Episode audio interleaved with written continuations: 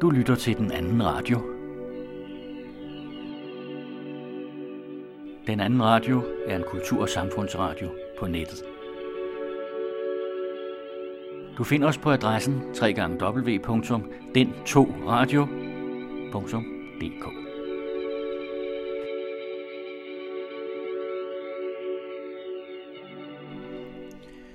Velkommen til den anden radio og til en buket af podcasts med kultur- og samfundsemner. Geomet har taget fat i dronningens næstfødte, der føler sig ydmyget af hendes beslutning forleden om, at hans børn ikke mere skal kalde sig prinser og prinsesser. Prinsen bor og arbejder i Paris, er fransk gift uden lomsmerter, arbejdet overkommeligt, god mad, fri adgang til fine salonger, men prinsen reduceres i samme øjeblik børnene nedjusteres af den eneste person, der kan gøre det, nemlig mor. Træets mest solide gren, der hidtil har været den tilsidesatte fyrstesøns forankring i kongehus, nation og selvfølelse, reduceres til noget kvistværk. Folk kan grine sig fordærvet over proportionerne i prinsens chok, mens en forstenet russer stikker ild til verden. Ikke desto mindre er dronningens beslutning set fra de ydmygede og reducerede ikke en spas, men et klart identitetstab. Dronningen skulle bare selv prøve at blive reduceret til grevinde af Bredgade. Det er ugens intermezzo. Mange forskellige mål skal opfyldes i forhold til vandmiljø, energi, klima, natur og biodiversitet.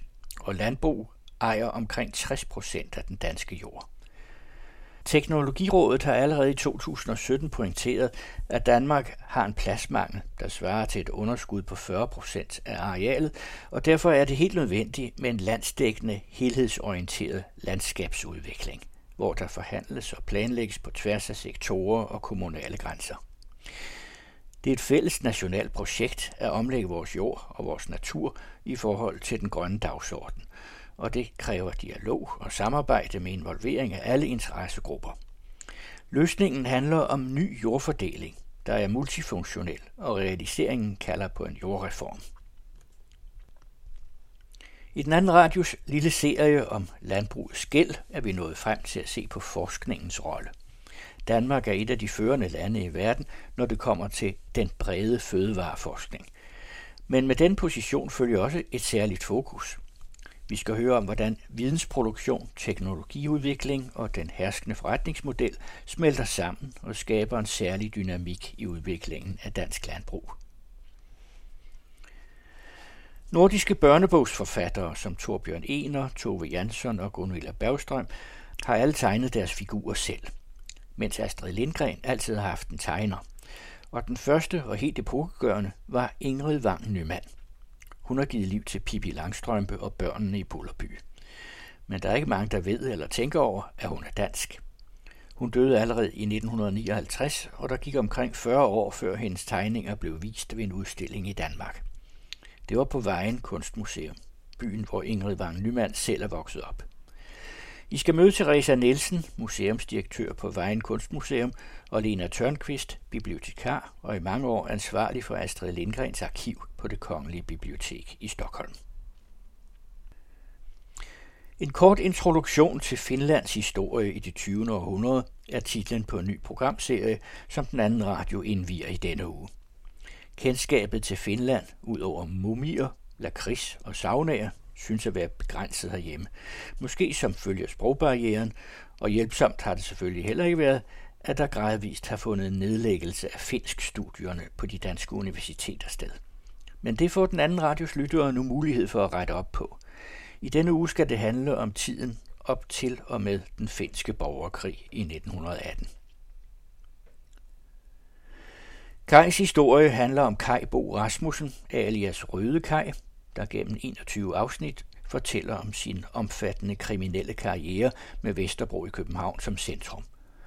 Her er afsnit 14, og her kommer han i fængsel, fordi hans kone har anmeldt ham. Han har et lille barn, og vi har tidligere ganske kort hørt noget om en ny pige.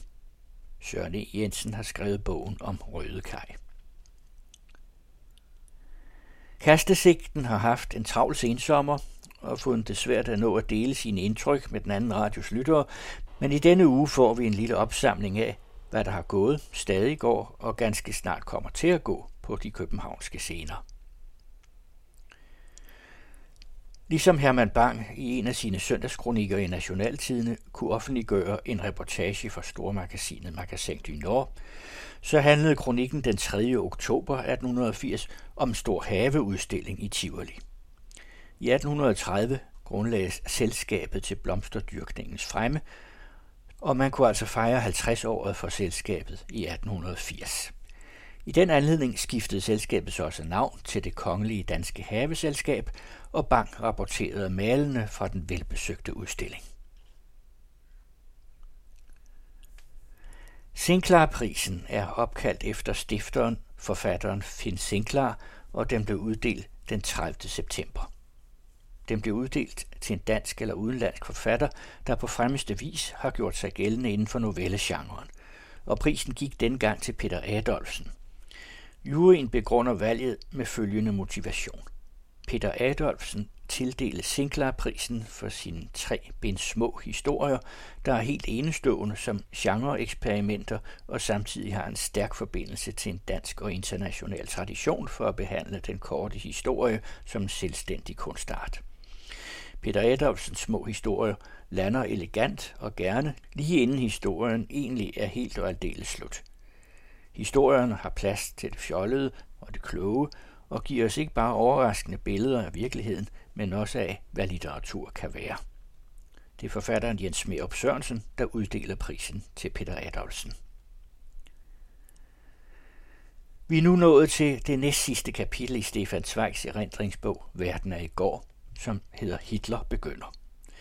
Fra sin bolig i Salzburg kunne Zweig med det blotte øje se over til førerens villa i Berchtesgaden og selvom han i starten af nazitiden stadig havde sin arbejds- og bevægelsesfrihed, var det jo ikke længe, inden han og alle andre jødiske forfattere fik deres bøger brændt og forbudt. Dog skulle Zweigs operasamarbejde med den største levende tyske komponist Richard Strauss, der også blev hyldet af nazisterne, volde den politiske elite store problemer.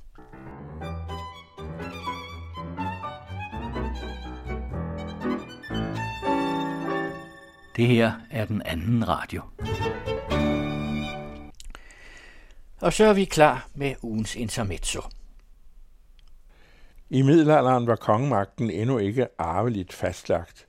Det lykkedes dog som regel at få kronen lirket på hovedet af ældste søn, hvis han ikke var helt umulig. Næstfødte sønner var problemet. En af de få borgere, eller rettere sagt regentkrige i Danmark, bryder ud efter 1241, den naturlige efterfølger til Valdemar Sejr, Valdemar den Unge, dør i en ulykke i 1231. I visen om dronning Dagmars død advarer den døende dronning kongen mod at dele riget. Mystisk nok, som om hun kendte unge Valdemars skæbne små 20 år senere. Kongen overhører advarslen. Herefter kommer striden til at stå mellem Abel, Erik og Kristoffer med broder og kongemor til følge i stor ynk og ulykke. Flerkongearrangementet er noget skidt. Kongerne skaffer derfor militær afsætning for yngre sønner, bedre endnu i kirken som abbeder i holdende klostre eller biskopper i rige stifter. Ellers sendte man de overflødige i andre kongers tjeneste og holdt dem langt hjemmefra. Drab i rettidig omhu på ambitiøse yngre brødre var selvfølgelig også en mulighed. Ufrivillig udstationering som militærattaché i Frankrig er i så henseende en opdateret udgave af tidligere tiders foranstaltninger. Retten til riget fratages utvetydige personer med adresse i den dynastiske blindgyde. Følelsen af tilsidesættelse er smertelig.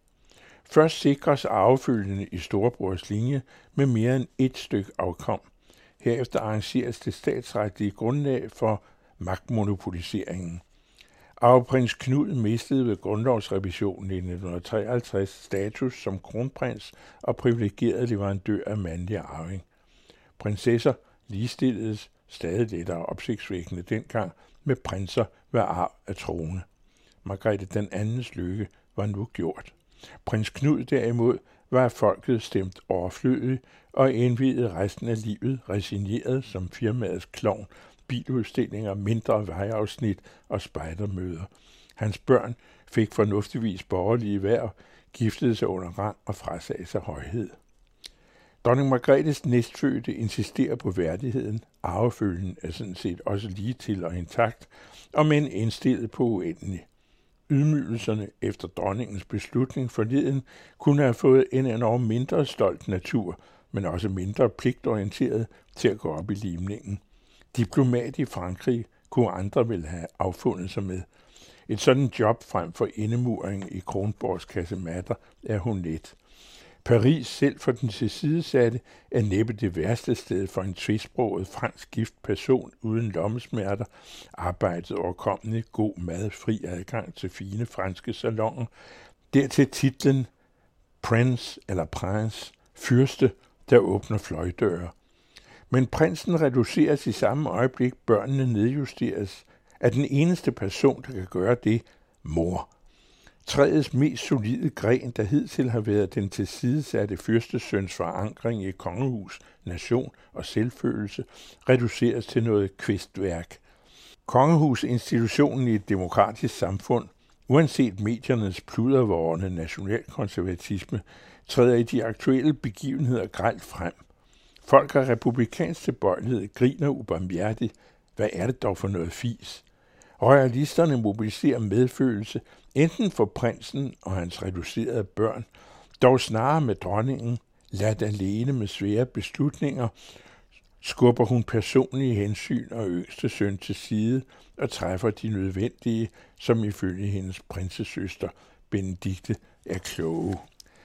Kongefamilien er en mærkværdig blanding af antikveret, selvoptaget narværk og på den anden side medlemmernes tabre forsøg på at fremstå lige præcis som sådan, og samtidig leve op til en nutidig virkelighedskrav om duelig nærhed til det folk, de ifølge selve indretningen er højt hævet over.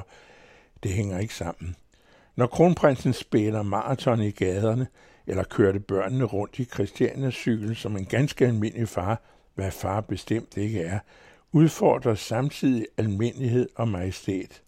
Hvad er de kongelige værd uden for slottets mure, frataget titler og ordner i kilovis, blottet for nævneværdige overensstemmelse mellem gerning og udmærkelse? Personer, der ifølge tradition og forfatning tiltalt som majestæt og højhed, er født, som H.C. Andersen betegner de fine.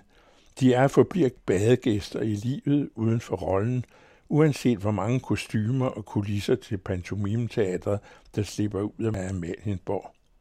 Kongelige bærer et kastemærke, hvis betydning de selv værner om. De nedarvede titlers værdighed udmåles i selverkendelse, pligt og identitet. Deri har arme prins Joachim, der forresten, når han ikke mundbævende hakker i det, er en glimrende mundtlig formidler. Deri har han ret. Folk kan grine sig fordærret, mens en forstenet russer stikker ild til verden, over proportionerne i prinsens chok – som dronningen nu siger, overraskede hende. Ikke desto mindre er dronningens beslutning set fra de ydmygede og reducerede ikke en spas, men et klart identitetstab. Dronningen skulle bare selv prøve at blive reduceret til grevinde af Bredgade.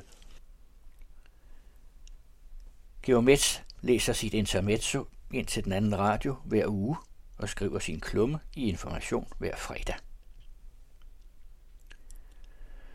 Grøn omstilling er et fælles nationalt projekt, og løsningen er en jordreform.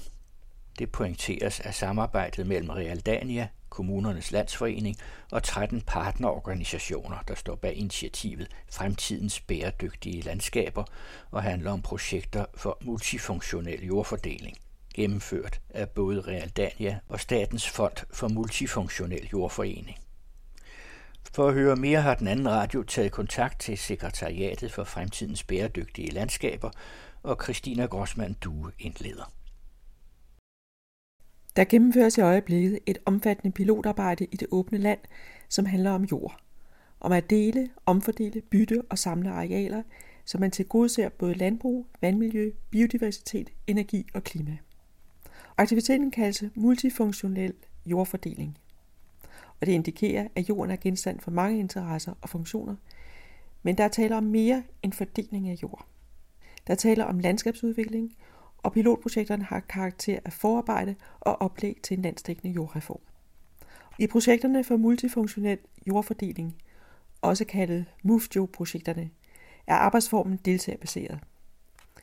Der forhandles og planlægges med aktiv involvering af lodsejerne og med inddragelse af lokale foreninger, erhvervsliv og lokale myndigheder. På engelsk kaldes arbejdsformen Collective Impact og på dansk Kollektiv Virkning. Både det at bruge Collective Impact som arbejdsmetode og starte multifunktionelle jordfordelingsprojekter blev igangsat af Realdania i 2014. Et stort initiativ blev organiseret sammen med Kommunernes Landsforening og 12 andre partnerorganisationer for landbrug og landdistrikter, for skov, jagt og natur, vand og spildevand, energi plus fritid og sport. Realdania etablerede et sekretariat med tre arbejdsgrupper, der skulle anvende Collective Impact-metoden inden for tre områder. Det var fremtidens bæredygtige landskaber, bygningsarven i landdistrikterne og rummelighed for alle. På området Fremtidens bæredygtige landskaber er Søren Møller formand, og Helga Grønnegård er sekretariatsleder, og hun fortæller her om opstart og valg af arbejdsform. Vi kan sige, at vi har samlet i det her Collective Impact-initiativ, der var det, at Realdania var ude ligesom også at spørge forskellige øh, samfundsaktører, hvis vi nu skal afprøve den her Collective Impact arbejdsform, for at få erfaring med den i dansk kontekst, hvor er det så, vi egentlig med fordel kunne sige, at der er nogle rigtig store samfundsudfordringer, hvor vi har brug for at samle nogle parter for at få øh, nogle fælles løsninger og nogle fælles viden. Og der er det altså med, med input fra omverdenen, at Realdanias fik at vide, prøv lige at se udviklingen af vores landskaber og det åbne land.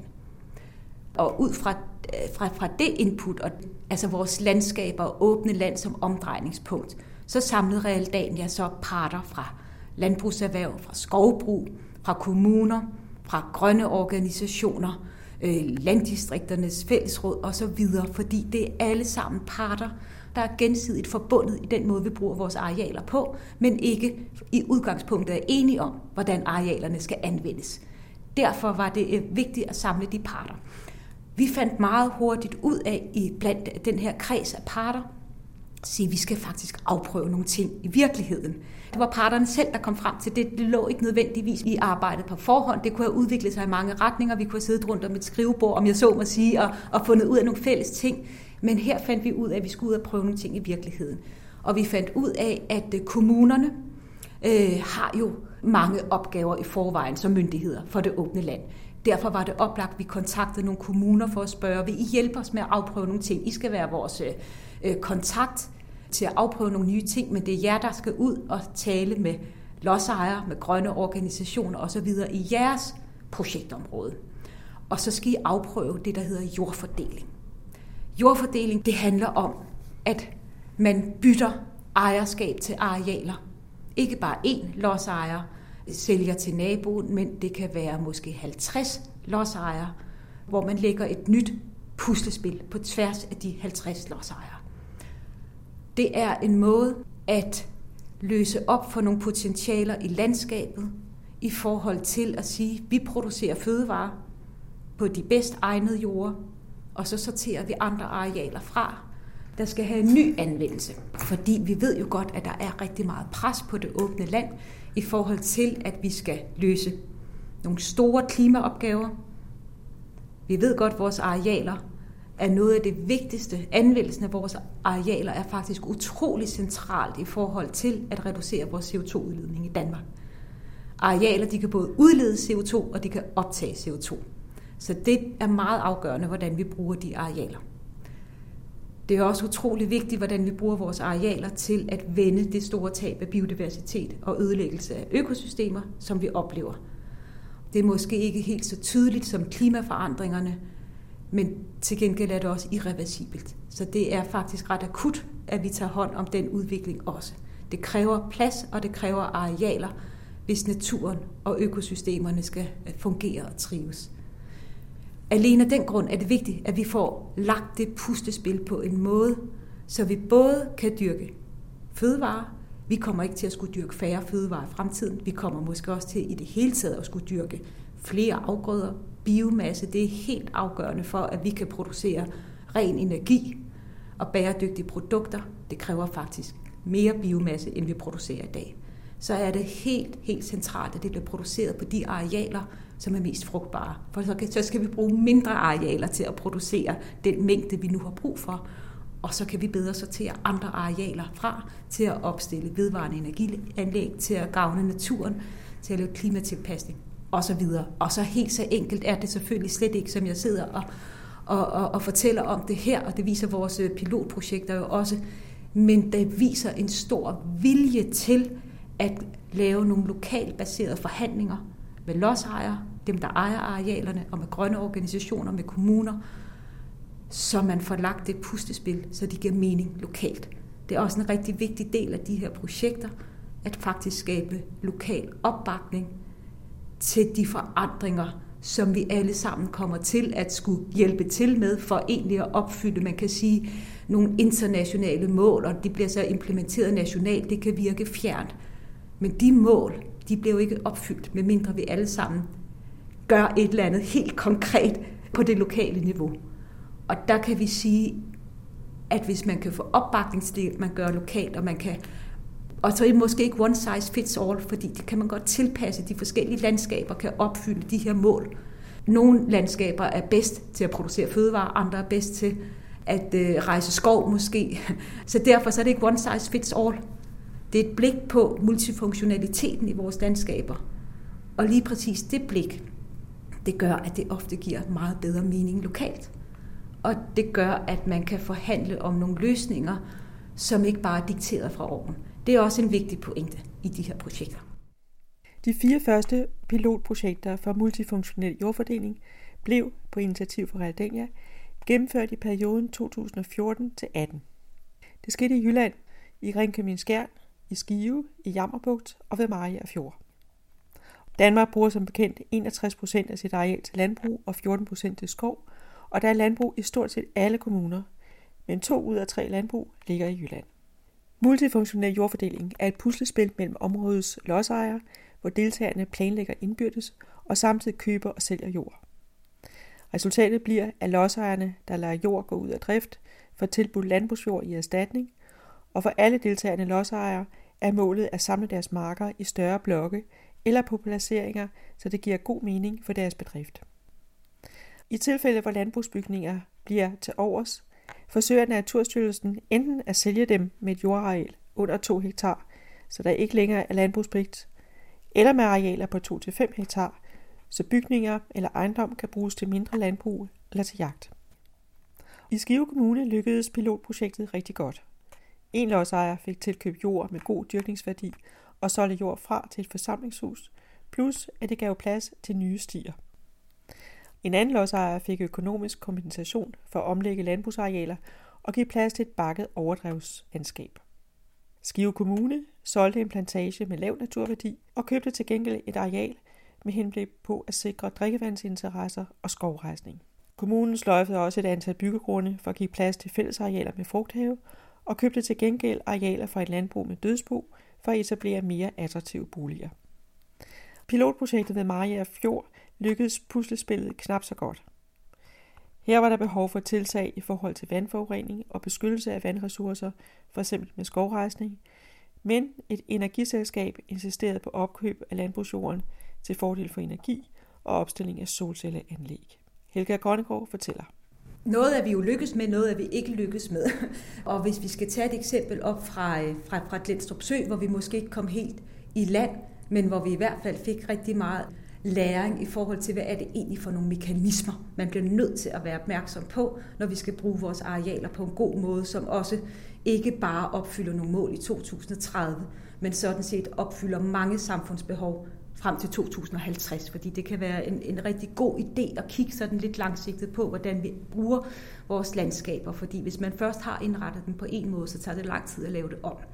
Og øh, der kan jeg nævne, at vi kiggede på... Øh, og hvor er vi henne? Glendstrup Sø? Det ja, der er, vi er op syd for, øh, for Hobro.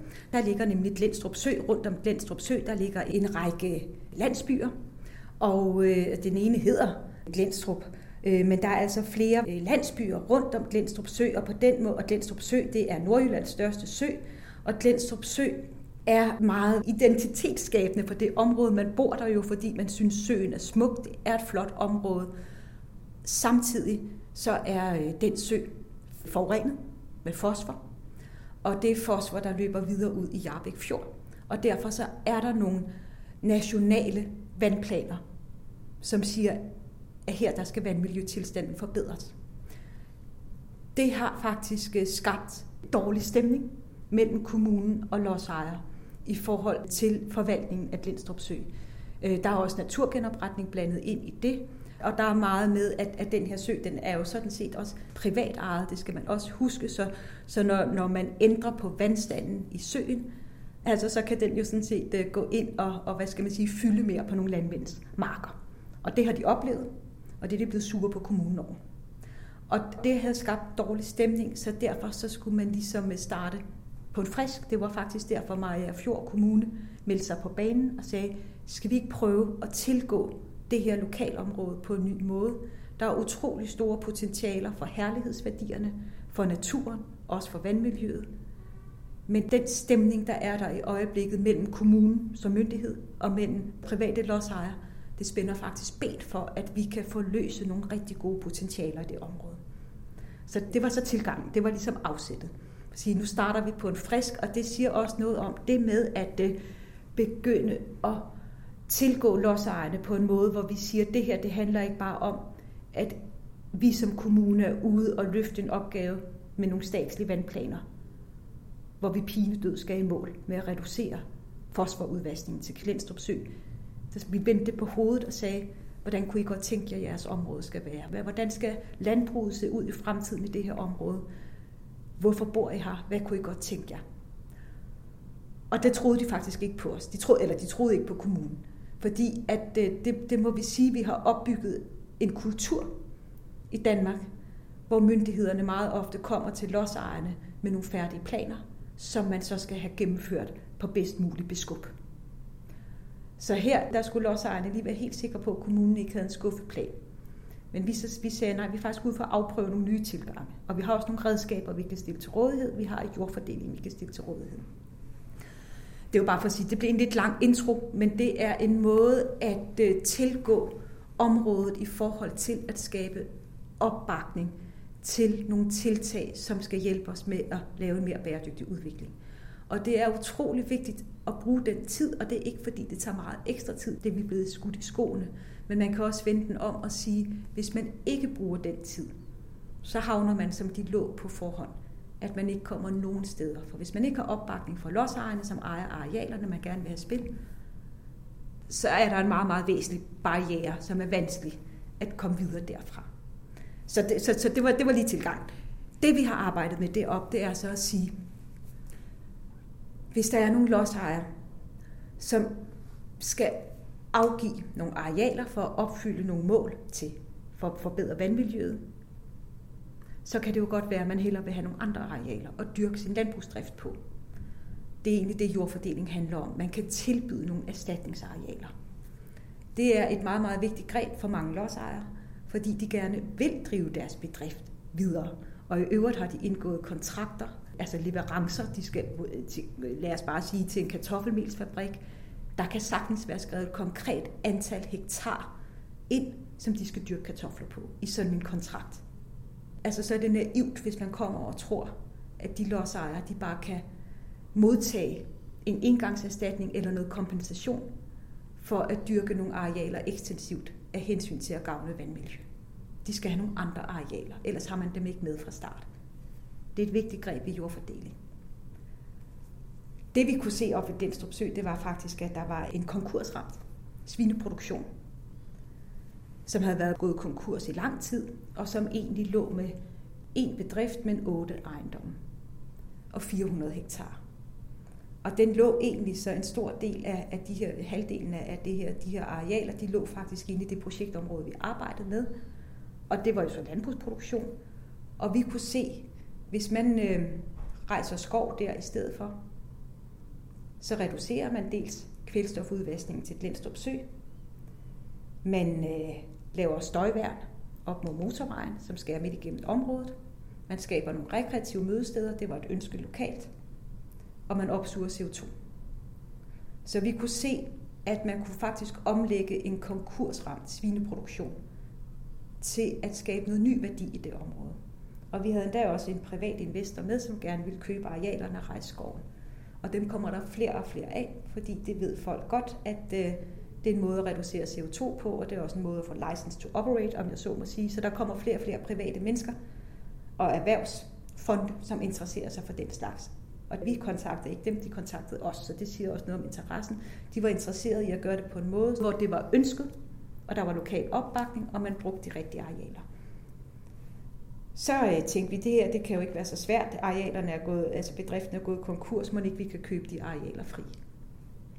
Så vi henvendte os til konkursboet, og det viste sig så, at de arealer, dem kunne vi måske få lov at købe. Det var kun halvdelen, så skulle de selv beholde den resterende halvdel, og kan man sige konsolidere den konkursramte svinebedrift på, på et mindre areal. Og det viste sig så, at vi kunne kun få lov at købe de arealer, hvis det var med betingelse om, at de fortsat kunne få lov at bruge dem til at udsprede gylde på. Og det er jo fordi, hvis du ikke har det antal hektar til at bringe din gylde ud på, så bliver du også nødt til at reducere antallet af, af de dyr, du har. Og så har du selvfølgelig, hvad skal man sige, et mindre aktiv i din svineproduktion.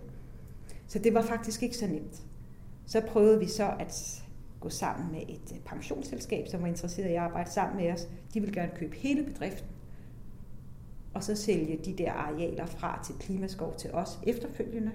Og så vil de selv få en forretning op på den resterende svineproduktion og drive det videre med et afkast. Det er jo derfor, de har en interesse i at gå ind i det her. Det kunne så desværre heller ikke lade sig gøre. Vi undrer os lidt over det. Vi har sikkert også, øh, det må vi jo sige, bagklodskabens lys har vi øh, åbenbart givet en for lav pris. Og det gjorde vi så, fordi der var nogen, der kunne give en højere pris, det siger næsten sig selv. Og hvem var det? Det var et energiselskab.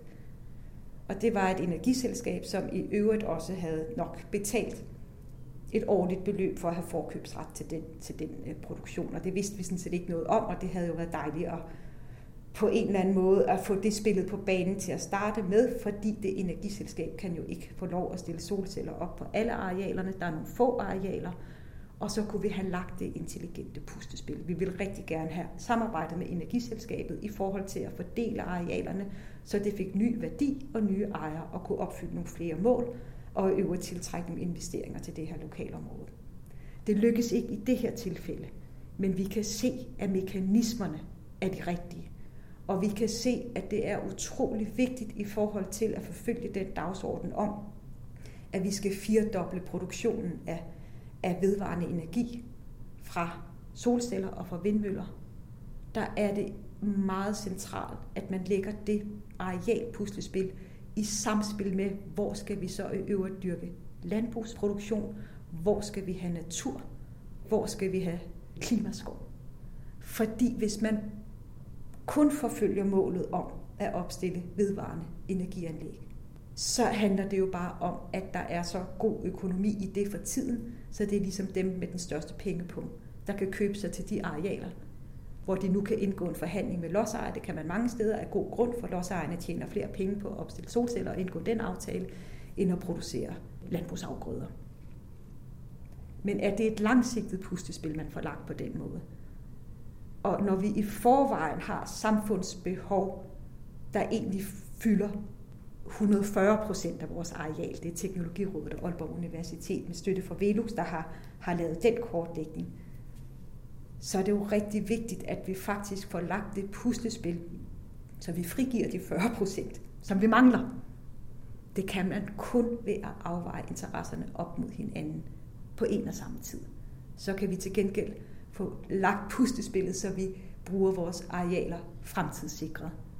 Som det er lige nu, så øh, stiller vi solceller op på nogle rigtig gode landbrugsarealer. Og det betyder bare, hvis forudsætningen er, at vi skal blive ved med at producere den mængde fødevarer og biomasse, som vi gør i dag, så bliver det bare rigtig, rigtig svært at finde de arealer, der så samtidig også skal tages ud til at opfylde naturformål osv. Og det er derfor, jeg siger, at det er lidt vigtigt, at vi kigger fremad på lang sigt, og vi tager den tid, det tager at lægge arealpustespillet. Det skal holde i hvert fald de næste 100 år, måske 200, sidst vi havde en reform i det åbne land, det var sådan set, da vi ophævede stavnsbåndet, og da vi ophævede landsbyernes dyrkningsfællesskaber og, og havde en landbrugsreform i, i, i 1780. Det tog lang tid om at rulle den igennem hele landet, men det var det, vi gjorde. Og vi kan stadig se resterne af den i det åbne land i dag. Men vi kan også se, at de strukturer, nu kalder på, at vi gør faktisk samme øvelse en gang til, for der er så mange samfundsbehov, der presser sig på. Så det er egentlig det, vi har afprøvet på helt lokal plan. Og vi kan se steder, nu lykkes det så ikke i det her tilfælde, det er også fordi, at man kan sige, at vi måske heller ikke rigtig gearet til at tænke samarbejde med private investorer, som det her tilfælde jo også var, med pensionsselskaber. Det er vi først lige begyndt på, at øve os på, hvordan er det, vi skal gøre det. Hvordan er det, vi skal koble de offentlige tilskudsordninger, vi arbejder med i dag, på en måde, så det spiller godt sammen med den interesse, den grønne interesse, som mange private virksomheder også har, og gerne vil poste penge i landskabet. Der er flere vilkår, som gør det relevant at arbejde med landskabsudvikling og jordfordeling. I dag er der omkring 8.500 heltidslandbrug i Danmark, ca. 7.700 konventionelle og ca. 800 økologiske. Hver producent dyrker i gennemsnit 200-250 hektar, men en del producenter dyrker langt mere. Det kan være 300, 500, 800, 1000 eller 2000 hektar. I mange tilfælde er det sådan, at de enten ejer eller forpagter jord fra mange tidligere landbrugsejendomme. Et landbrug, som nu drives med 300 hektar, omfatter måske jord for det, der i 1960 var 5-10 forskellige gårde. Bygningerne står der endnu, men gården har ændret status. Det koster masser af energi, transport og tid at køre rundt til de forskellige marker, og det er en af de vigtige grunde til at arbejde med jordfordeling og arrondering.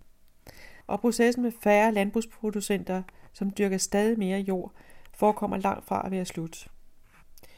Det er blandt andet udmeldt af landbrugets eget videnscenter SEGES, at 3-4.000 landbrug forventes at gennemføre ejer- eller generationsskifte frem mod 2025, hvilket svarer til hver tredje landbrug. En prognose siger også, at ca. 57.000 bedrifter med tilhørende bygninger vil blive til overs i den fremtidige landbrugsproduktion. Andre og mere konkrete krav og trapperne med den nye landbrugspolitik fra EU, der træder i kraft fra 2023, og blandt andet pålægger lodsejerne at udtage 4% af landbrugsarealerne for drift, samtidig med at landbrugsstøtten til arealerne opretholdes. Det er også forventet, at i løbet af 2023 kan der blive indført en lovpligtig beskyttelse af områder omkring vandboringer og forbud mod brug af pesticider og gødskning. Og øh, det er også sådan, at der er jo sådan set en meget høj gennemsnitsalder på de landmænd, der er i Danmark, så en tredjedel af alle danske landmænd, de står over for at forlade erhvervet eller lave generationsskifte på deres landbrug. Det kan man jo se som, øh, det er et vindue til, at der kan komme mange investorer. Det er også et vindue til, at man kan gøre tingene på nye måder. Men det kræver, at man, man er villig til det. Fordi det er faktisk en måde at gøre tingene markant anderledes på, når man står over for altså så stor en udskiftning, kan man sige. Og øh, der er både ønsker om store landbrug, og der er ønsker om små landbrug. Og det skal jeg slet ikke gøre mig til dommer over for, men jeg kan i hvert fald bekræfte, at det med, at vi har en lovgivning, som har brug for et nyt syn. Det er ikke kun landbrugslovgivning, det er også planlovgivning, det er naturlovgivning. Det er sådan set hele vejen rundt affødt af, at vi har nogle meget, meget ambitiøse politiske mål, vi skal nå, både af hensyn til klima, af hensyn til biodiversitet, af hensyn til fortsat sådan set at producere fødevarer.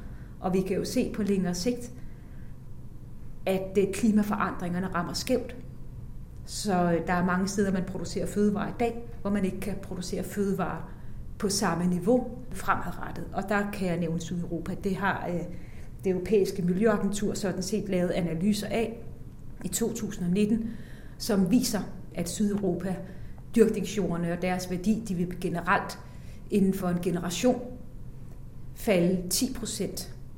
Men der er jo nogle regioner, for eksempel Italien og omkring Po-floden, som vi har hørt meget om i medierne denne sommer, fordi den udtørrede. Der er regioner i Italien, hvor dyrkningsjorden den vil miste en værdi på 80 procent. Og generelt kan man sige, at det tab, som hele Sydeuropa kommer til at have på deres øh, jordpriser, der vil tabet det vil være koncentreret præcis i Italien. Så det, og Italien, det er det land i Europa, hvor der er altså den tredje største befolkning. Og det er ikke for at være alarmistisk, men det er bare for at sige, at der er nogle lande med nogle, mange mennesker, hvor man producerer fødevarer i dag, som får vanskeligt ved at producere fødevarer fremover. Danmark bliver også ramt af klimaforandringer, og vi får meget mere ustabile vilkår for at producere fødevarer. Men vi er et smørhul, og der, øh, der øh, citerer jeg professor Jørgen E. Olsen fra, fra, fra Aarhus Universitet. Det er ikke noget, jeg selv, selv bare sådan griber ud af det blå luft, men det betyder bare, at vi skal tænke os rigtig godt om, når vi skal producere fødevarer, og at vi måske også skal have en vis, vi skal interessere os for, hvordan er det, vi bruger arealerne, for det er kritisk infrastruktur. Og det er det, fordi at klimaforandringerne kommer til at øh, have nogle effekter fremadrettet, som gør, at vi bør være ekstra opmærksom på det, fordi fødevareproduktion er nu øh, et, et basalt vilkår, vi skal have opfyldt. Og derfor altså, så skal man kigge lidt længere frem. Man bliver nødt til at tænke langsigtet. Vi kan ikke bare planlægge efter, at vi skal nå nogle klimamål i 2030, og jeg er udmærket klar over, at det er akut, og det er en vigtig dagsorden. Men vi bliver nødt til at kigge lidt længere frem, og vi bliver nødt til at kigge på, hvor er det, man producerer fødevarer hen i Europa og i resten af verden, og hvad betyder det for den danske fødevareproduktion. Og det er ikke fordi, jeg siger, at vi skal dyrke hvede i hele vores land. Det siger jeg slet ikke. Og det skal måske også heller være græs. Det skal jeg heller ikke gøre mig klog på. Men jeg kan bare sige, at vores arealer er eftertragtet til at dyrke fødevarer på, og det er der nok også nogle investorer, der finder ud af. Fordi at værdien som fødevare, altså hvis arealernes værdi i forhold til at producere fødevarer, den kommer til at stige, og den kommer til at stige ret markant. Jordpriserne i Danmark kommer til at stige med 40 procent. I Sverige kommer det til at stige 60 procent. Og det er, fordi de dyrker biomasse og træ i Sverige, vi dyrker fødevarer i Danmark. Det er der nok også nogle investorer, der har blik for, selvom at man lige nu tjener flere penge på at rejse solceller og vindenergi. Og det er derfor, at jeg siger, at vi bliver nødt til at have de lange lys på, og vi bliver nødt til at afveje interesserne op mod hinanden. Fordi hvis man først får lagt arealpustespillet, så er det vanskeligt at lægge om, og det er derfor, at vi kan stadigvæk se strukturerne fra, da vi lavede landbrugsudskiftning for 200 år siden. Det er langtidsholdbart, det vi laver i landskabet, og derfor er det bare ekstra vigtigt, at vi gør det intelligent. Parallelt med Real Daniels initiativ til de fire første projekter for multifunktionel jordfordeling, blev der arbejdet for at etablere en statslig fond til at gennemføre flere projekter. Og i løbet af 2018-19 vedtog Miljø- og Fødevareministeriet at etablere en sådan multifunktionel jordfordelingsfond under Landbrugsstyrelsen. Der kom 150 millioner kroner i fonden, og heraf 104 millioner kroner målrettet til direkte køb, salg og bytte af jord til et samlet areal på ca. 7.000 hektar. Med to ansøgningsrunder i 2020, to i 2021 og to her i 2022, har de enkelte kommuner i samarbejde med Naturstyrelsen kunnet søge om MUFTU-projekter, og sidste ansøgningsrunde kører til og med 31. oktober 2022. I løbet af de tre år har der været 16 ansøgninger, og 13 projekter er blevet godkendt, heraf 9 i Jylland, 2 på Fyn og 2 på Sjælland. Undervejs er det samlede areal blevet udvidet og kommet op på ca. 8.500 hektar. Der er gennemført evaluering og en rapport med opsamling og anbefalinger af libotrapperne. Det samlede initiativ for fremtidens bæredygtige landskaber og multifunktionel jordfordeling lægger op til en videre sammenhængende planlægning for det åbne land gennem planloven. Men hvordan skal arbejdet organiseres i og mellem kommuner, når det handler om landskaber, herunder for eksempel vandløb, der går på tværs af administrative grænser? Altså det er en vigtig pointe, det du siger med, at øh, bare fordi vi har nogle administrative grænser, myndighedsgrænser, så er det jo ikke sikkert, at det matcher egentlig med, hvordan at, øh, at, at vandet løber i landskaberne, og hvordan de, hvordan de sådan fra naturens side tager sig ud. Så det, det er en vigtig pointe. Det, som vi i hvert fald kan at det med at arbejde på tværs, det er også en rigtig vigtig pointe. Fordi at, øh, og nu er jeg egentlig lidt tilbage ved den her collective impact arbejdsform. Man kan sige ofte, når vi står og skal lave altså nogle store samfundsforandringer, som som sagt ingen part vil kunne løfte alene. Det kræver samarbejde på tværs af alle samfundsaktører. Men ofte så har vi jo en tendens til for at kunne overskue nogle problemstillinger og iværksætte nogle handlinger, som man kan måle på, som giver effekt, så nedbryder vi jo selvfølgelig kompleksiteten i det, vi gør. Og det er også helt nødvendigt. Altså det, det er vanskeligt andet, men man bliver nødt til at kigge på, hvordan er det så, de siloer egentlig arbejder bedre sammen. Vi kan ikke bare gøre det med blind for øjnene. Og, øh, og det, det er heller ikke fordi, jeg siger, at vi gør det i dag, men man kan i hvert fald sige, at lige præcis landskabet, som er så, sådan set egentlig så helhedsorienteret og skal opfylde så mange samfundsbehov, det lider under, at der er et ministerium, som har ansvaret for fysisk planlægning. Der er et ministerium, der har ansvar for klima. Der er et ministerium, der har ansvar for fødevareproduktionen. Der er et ministerium, der har ansvar for miljø og natur. Hver af de ministerier sidder og skal opfylde politiske ønsker at omsætte dem til virkelighed. Hvordan gør man det? Det gør man ved at lave nogle tilskudsordninger, der fremmer de handlinger, som skal opfylde de respektive mål. De tilskudsordninger de er så udviklet hver deres ministerium, men når de rammer ude i landskabet, så rammer de de samme mennesker og de samme arealer, men de spiller meget dårligt sammen. Og det er altså, så, så når vi er ude og lave multifunktionelle, helhedsorienterede projekter, som skal opfylde både mål for klima, biodiversitet, vandmiljø, det skal gøre det attraktivt at bo der og drive erhverv, og man skal også føle, at man som landmand måske får de her bedre erstatningsarealer, for til gengæld at aflevere nogle arealer, der så opfylder nogle samfundsmål. Hvis man skal have alt det til at gå op, jamen så skal du måske ud og arbejde på tværs af 10 forskellige, nu siger jeg bare tal, 10 forskellige tilskudsordninger, som der er strenge krav til, at man ligesom holder adskilt. Du må kun bruge de tilskudsordninger til at opfylde et mål ude i landskabet. Og du må jo ikke implementere de tilskudsordninger, så de ringer stillet, fordi du også skal opfylde nogle andre mål. og så er der øvrigt kontrol på alle tilskudsordninger, så der kommer jo nogle myndighedspersoner ud og kontrollerer i landskabet, hvordan foregår det her.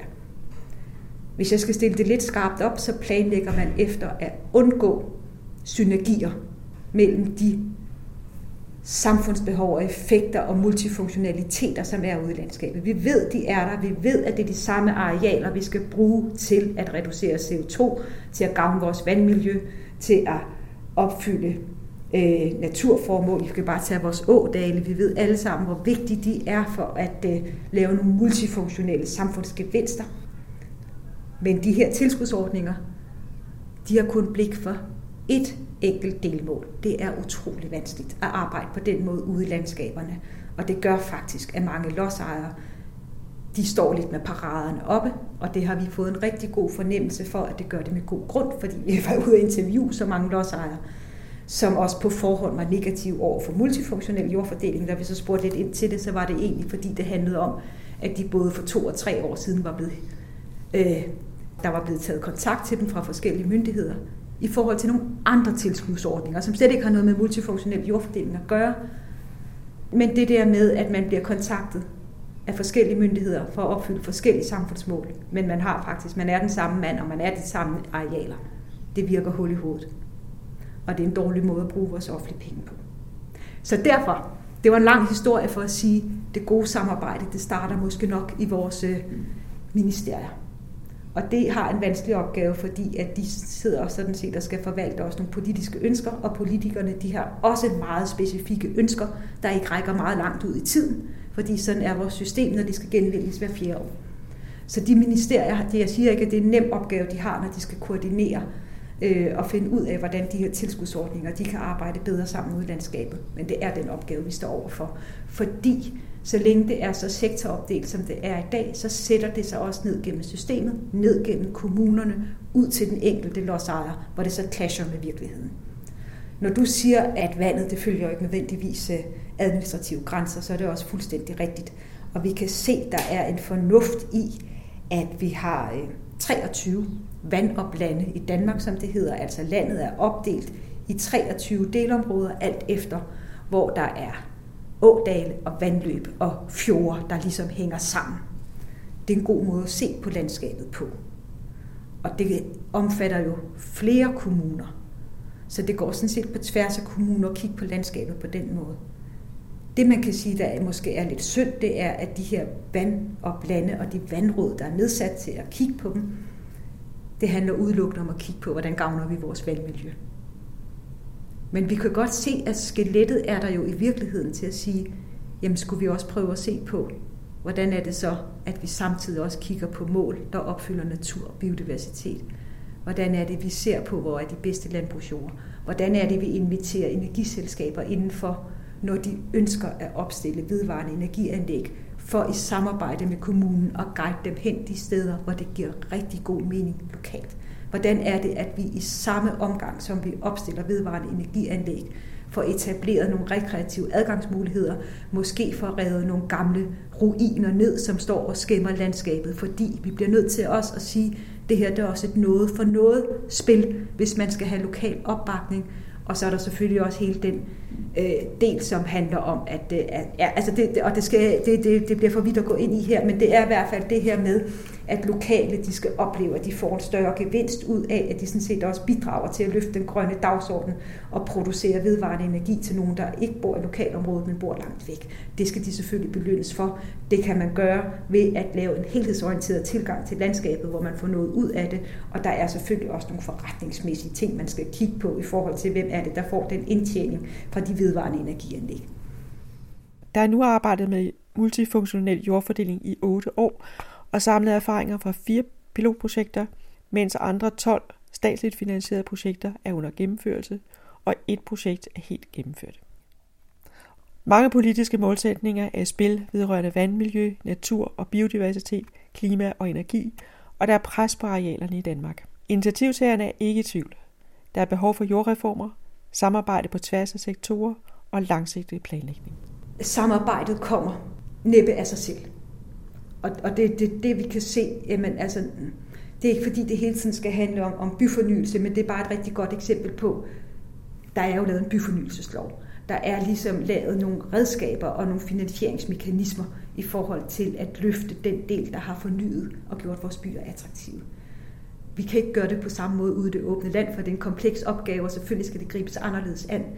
Men det er bare for at sige, ja, vi kan jo godt lave lovgivning og redskaber, så vi kan hjælpe den her udvikling fremad. Øh, og vi sådan set også sikrer os, at vi ser, altså at vi får set på tværs af de forskellige samfundsbehov, som alle sammen er vigtige at løfte. Vi skal bare passe på, at vi ikke gør det for isoleret, fordi så er det, at vi i sidste ende risikerer med dels at bruge vores offentlige penge forkert, dels at sløse med vores arealer, og er det noget, vi ikke har råd til, så er det at sløse med vores arealer, for vi har for få arealer forvejen. Dels så skal vi huske, at 60 procent af de danske arealer, de er altså ejet af private landmænd. Og hvis man gerne vil lave grøn omstilling med opbakning lokalt, så bliver man nødt til at gå ind og kigge på, hvad er det for nogle incitamenter, de private landmænd de har for at deltage i noget, hvor de skal omlægge deres produktion fra at have en produktion, de kan afsætte på, øh, på markedet til at tjene penge, så skal de jo pludselig til at indstille deres produktion på en måde, så man producerer, hvad skal man sige, nogle offentlige goder. Og det kan lyde enkelt, og det kan lyde nemt, men det er det altså ikke, når man samtidig har kreditinstitutioner indover, hvor man, som har pant i arealerne.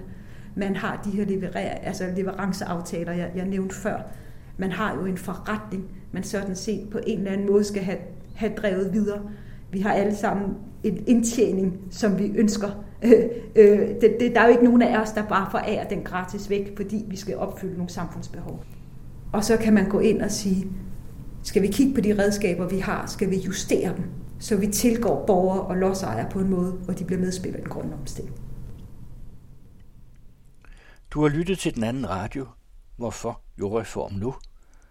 I mødte Helga Grønnegård, sekretariatsleder i Collective Impact, fremtidens bæredygtige landskaber. Udsendelsen var tilrettelagt af Christina Grossmann Due og er en del af serien om fødevareproduktionens natur og arkitektur – der produceres med støtte fra Drejers Fond og Merkurfonden. Den anden radio.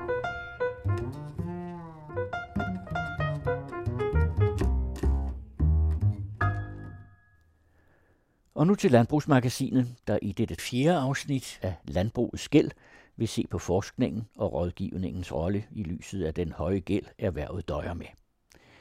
Der eksisterer en helt særlig stærk alliance mellem landbruget og de store hjemlige forskningsinstitutioner, der bidrager til at give dansk landbrug en meget høj faglighed og det lille teknologiske forspring, der gør os internationalt konkurrencedygtige. Men hvordan forholder det sig egentlig med muligheden for at forrente den teknologiske oprustning? Det er nogle af temaerne for dette afsnit. Vi giver ordet til Rasmus Blæde Larsen. Dette fjerde afsnit har som overskrift Forskerne og rådgivernes rolle.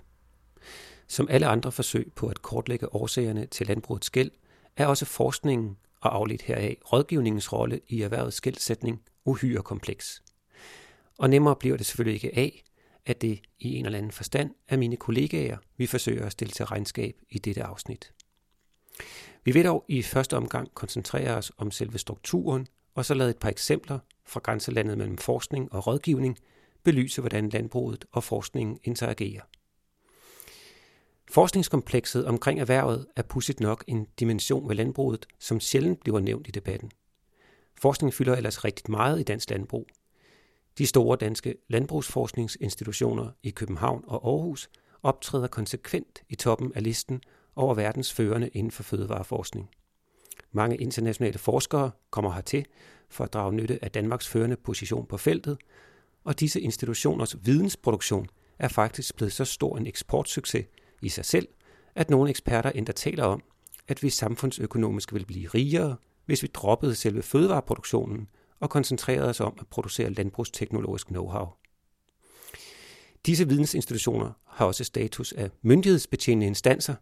Det er altså forskning herfra, der danner baggrund for de politiske rammevilkår.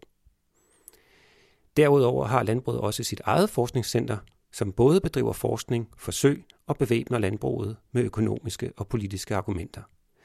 Det hedder i dag SEGES og har omkring 600 fuldtidsansatte og lige under en milliard i årlig omsætning. Det fremgår af Globaliseringsrådets notater, at landbrugsrelateret forskning modtog nær ved 50 procent af de samlede sektorforskningsmidler i 2005. Jeg har ikke kunne finde senere opgørelser, men IFRO skriver i en rapport fra 2014, Danmark er et af de lande i OECD, der bruger flest penge på den brede fødevareforskning, og det skal vi blive ved med. Dansk landbrugs stærke placering på de internationale markeder skylder den stærke alliance mellem forskerne og erhvervet sin succes. Men det er ikke uvildig forskning. Det er forskning, der er indlejret i interesseorganisationernes egne dagsordner, ofte bestilt til at undersøge specifikke kommercielle potentialer, og det er forskningsresultater, der underbygger rationalet bag strukturudviklingen og den dominerende forretningsmodel, som vi hørte om i sidste afsnit. Det er ikke en konspirationsteori. Det er en erkendelse, jeg har mødt blandt mine kollegaer på de her nævnte forskningsinstitutioner, og det medgav Landbrug og Fødevare faktisk også selv i et interview med Weekendavisen i februar 2016. Der er ikke fokus på alternativer eller nye værdikæder, allerhøjst justeringer og nye indpakninger og italesættelser af det gamle. Mange landmænd, jeg har talt med, peger på det faktum, når skylden i situationstegn for gældskrisen skal placeres. Man har blot fulgt eksperterne og rådgivernes råd. Da stort set al forskning i landbrugets forhold kommer fra dette forskningskompleks, vil man som oftest møde fakta, resultater og rapporter i landbrugsdebatten, der som afsender har forskere og institutioner, der enten er ansat i landbruget, har pant i at underbygge det herskende dogme, eller simpelthen er bestilt til at levere argumenter for, at vi skal producere mere. Mange husker nok, hvordan forskerne højst usædvanligt undsagde ministeren under balladen om fødevare- og landbrugspakken. Hvilket førte til, at den næste minister bekendtgjorde, at myndighedsbetjeningen fremover skulle sættes i udbud, at konkurrenceudsætte forskningen, som Lunde formulerede det. Og det er svært ikke at se en sammenhæng med det besynderlige hændelsesforløb, hvor en uafhængig forsker, betalt af Danmarks Naturfredningsforening, hudflettede konsekvensberegningerne bag Fødevare- og Landbrugsparken, og hvor de universitetsansatte forskere først gav ham ret i kritikken, hvorefter der blev indkaldt til krisemøde på Aarhus Universitet, og de selv samme forskere i de følgende uger stærkt kritiserede hans rapport.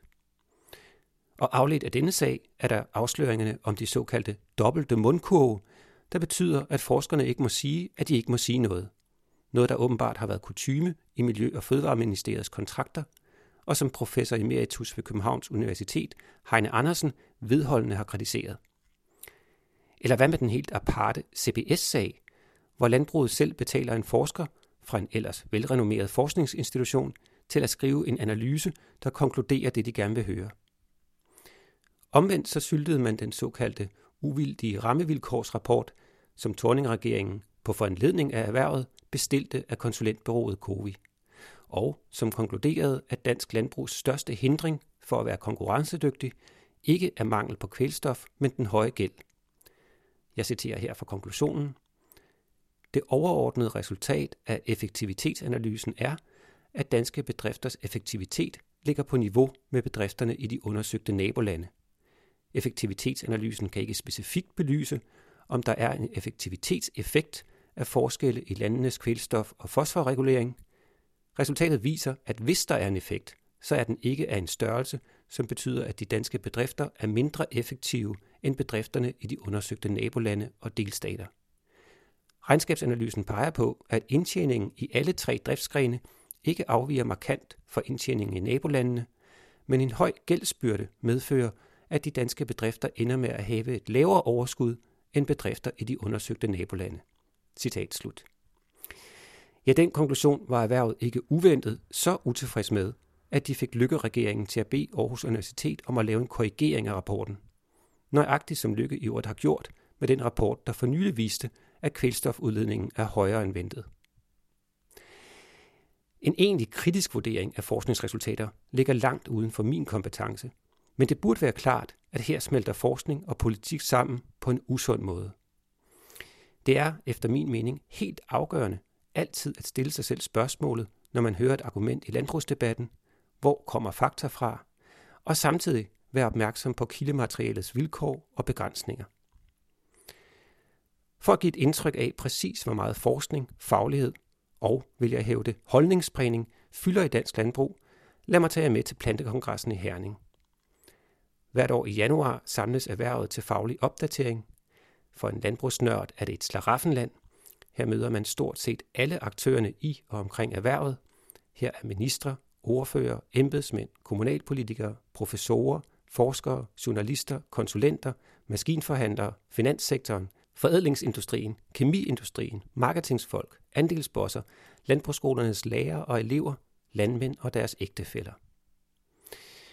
Oprindeligt var Plantekongressen tænkt som et årligt møde for planteavlskonsulenter og fagspecialister, der kunne bruges til at opkvalificere rådgivningen, både fagligt og med hensyn til nye regler, men over årene er det blevet til noget, der mere minder om en festival og en politisk markering.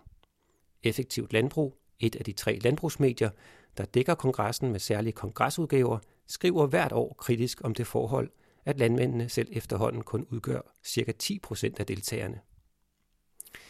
Hele torsdagen er der såkaldte faglige sessioner, hvor forskere, eksperter og landbrugets repræsentanter formidler et tema.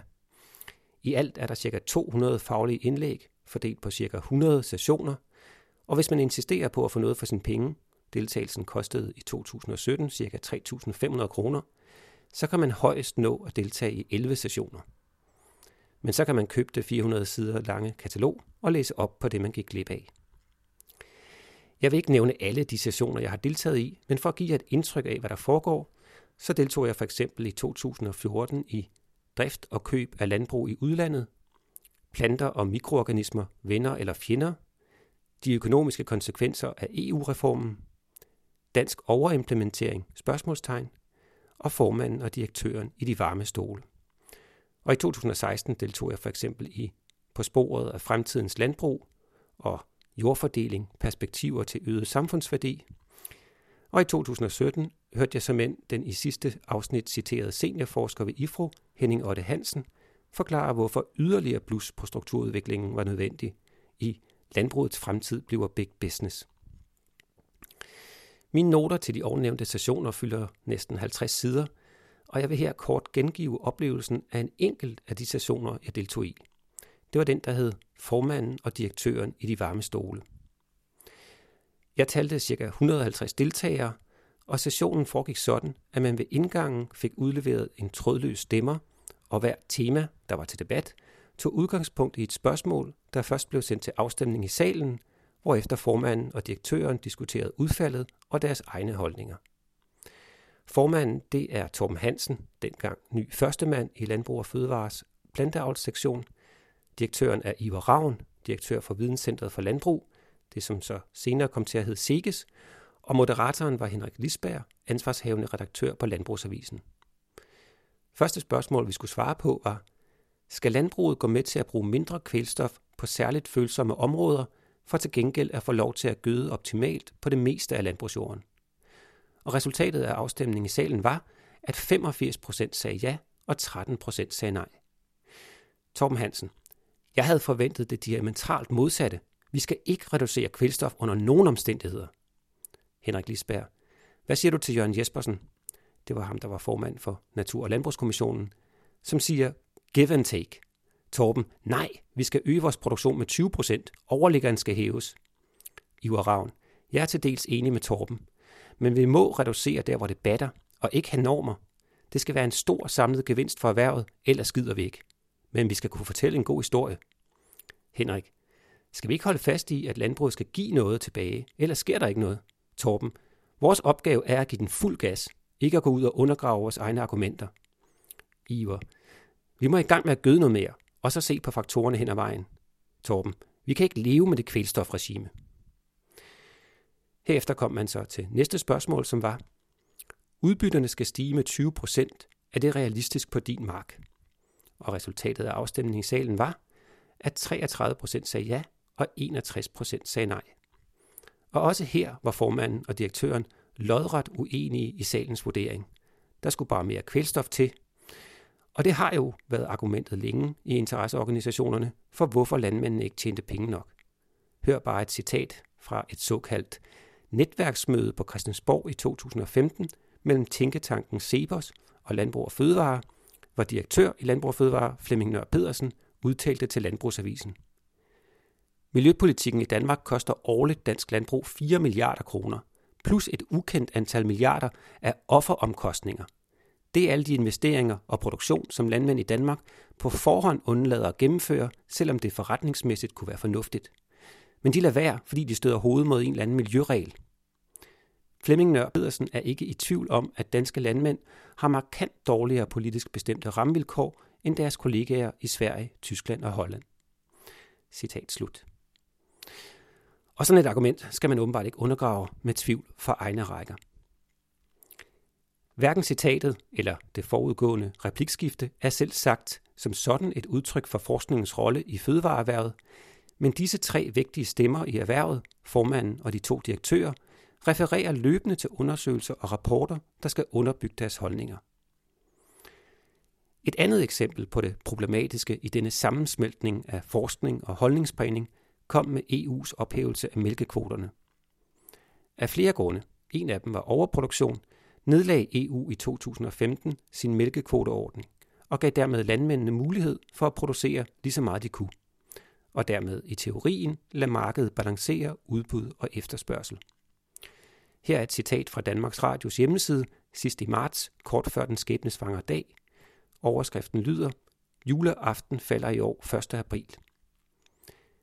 Mere mælk fra køerne er ensbetydende med flere arbejdspladser. 1. april hæver EU mælkekvoterne, og hos Landbrug og Fødevare forventer man, at det vil give 5.500 nye arbejdspladser landet over. Vi får lidt større råderum, når vi ikke hele tiden skal holde os op mod en kvote. Det giver en frihed, som vi ser frem til, siger landmand Niels Klovborg fra Tylstrup, nord for Aalborg. På hans gård med 1100 køer forventer han, at de nuværende 10 ansatte bliver suppleret med yderligere to, og at han kan anskaffe sig et par hundrede ekstra køer, når mælkekvoterne forsvinder. I Nordjylland forudser cheføkonom hos Landbrug og Fødevare, Thomas Søby, at det over de næste fem år vil betyde omkring 1000 flere jobs. Det er jo noget, vi har talt ned til, så det er jo næsten ligesom juleaften, siger han. Citat slut. Der var i rådgivningen ingen tvivl. Alle var enige om, at der bare skulle gives fuld gas, som Torben sagde på plantekongressen, og op til 1. april udvidet og udbygget de konventionelle mælkebønder, mens deres økologiske kollegaer blev opfordret kraftigt af deres økonomiske konsulenter til at lægge om for at udnytte mulighederne. Hvilket mange også gjorde. Hen ved 25 procent af TISES mælkevolume meldte sig ud og lagde om til konventionel produktion. Som de fleste vil vide, gik det lige modsat. Hundreder af danske mælkeproducenter herhjemme og 10.000 europæiske gik konkurs, fordi overproduktionen fik prisen til at styrtdykke. Og EU måtte igen, meget modvilligt, ind med store økonomiske krisepakker, der udbetalte ekstra penge til de trængte landmænd. Måske I husker logikken fra sidste afsnits præsentation af trædemøllen. Men at ligningen mere mælk giver større udbud, giver lavere pris, giver underskud, indtil halvdelen falder fra, synes at være logik for burhøns, træk det slet ikke ind i landbrugets kalkyler, og fik heller ikke efterfølgende nogen konsekvenser for rådgivningen. Et andet eksempel er månegrisen, det sidste årtis største forskningsmæssige satsning. Her er den tekst fra 2014, der lancerede hele projektet. Jeg citerer fra Natur- og Erhvervsstyrelsens hjemmeside. Månegrisen er en fremtidsvision om, at miljøhensyn, dyrevelfærd og øget svineproduktion kan gå hånd i hånd.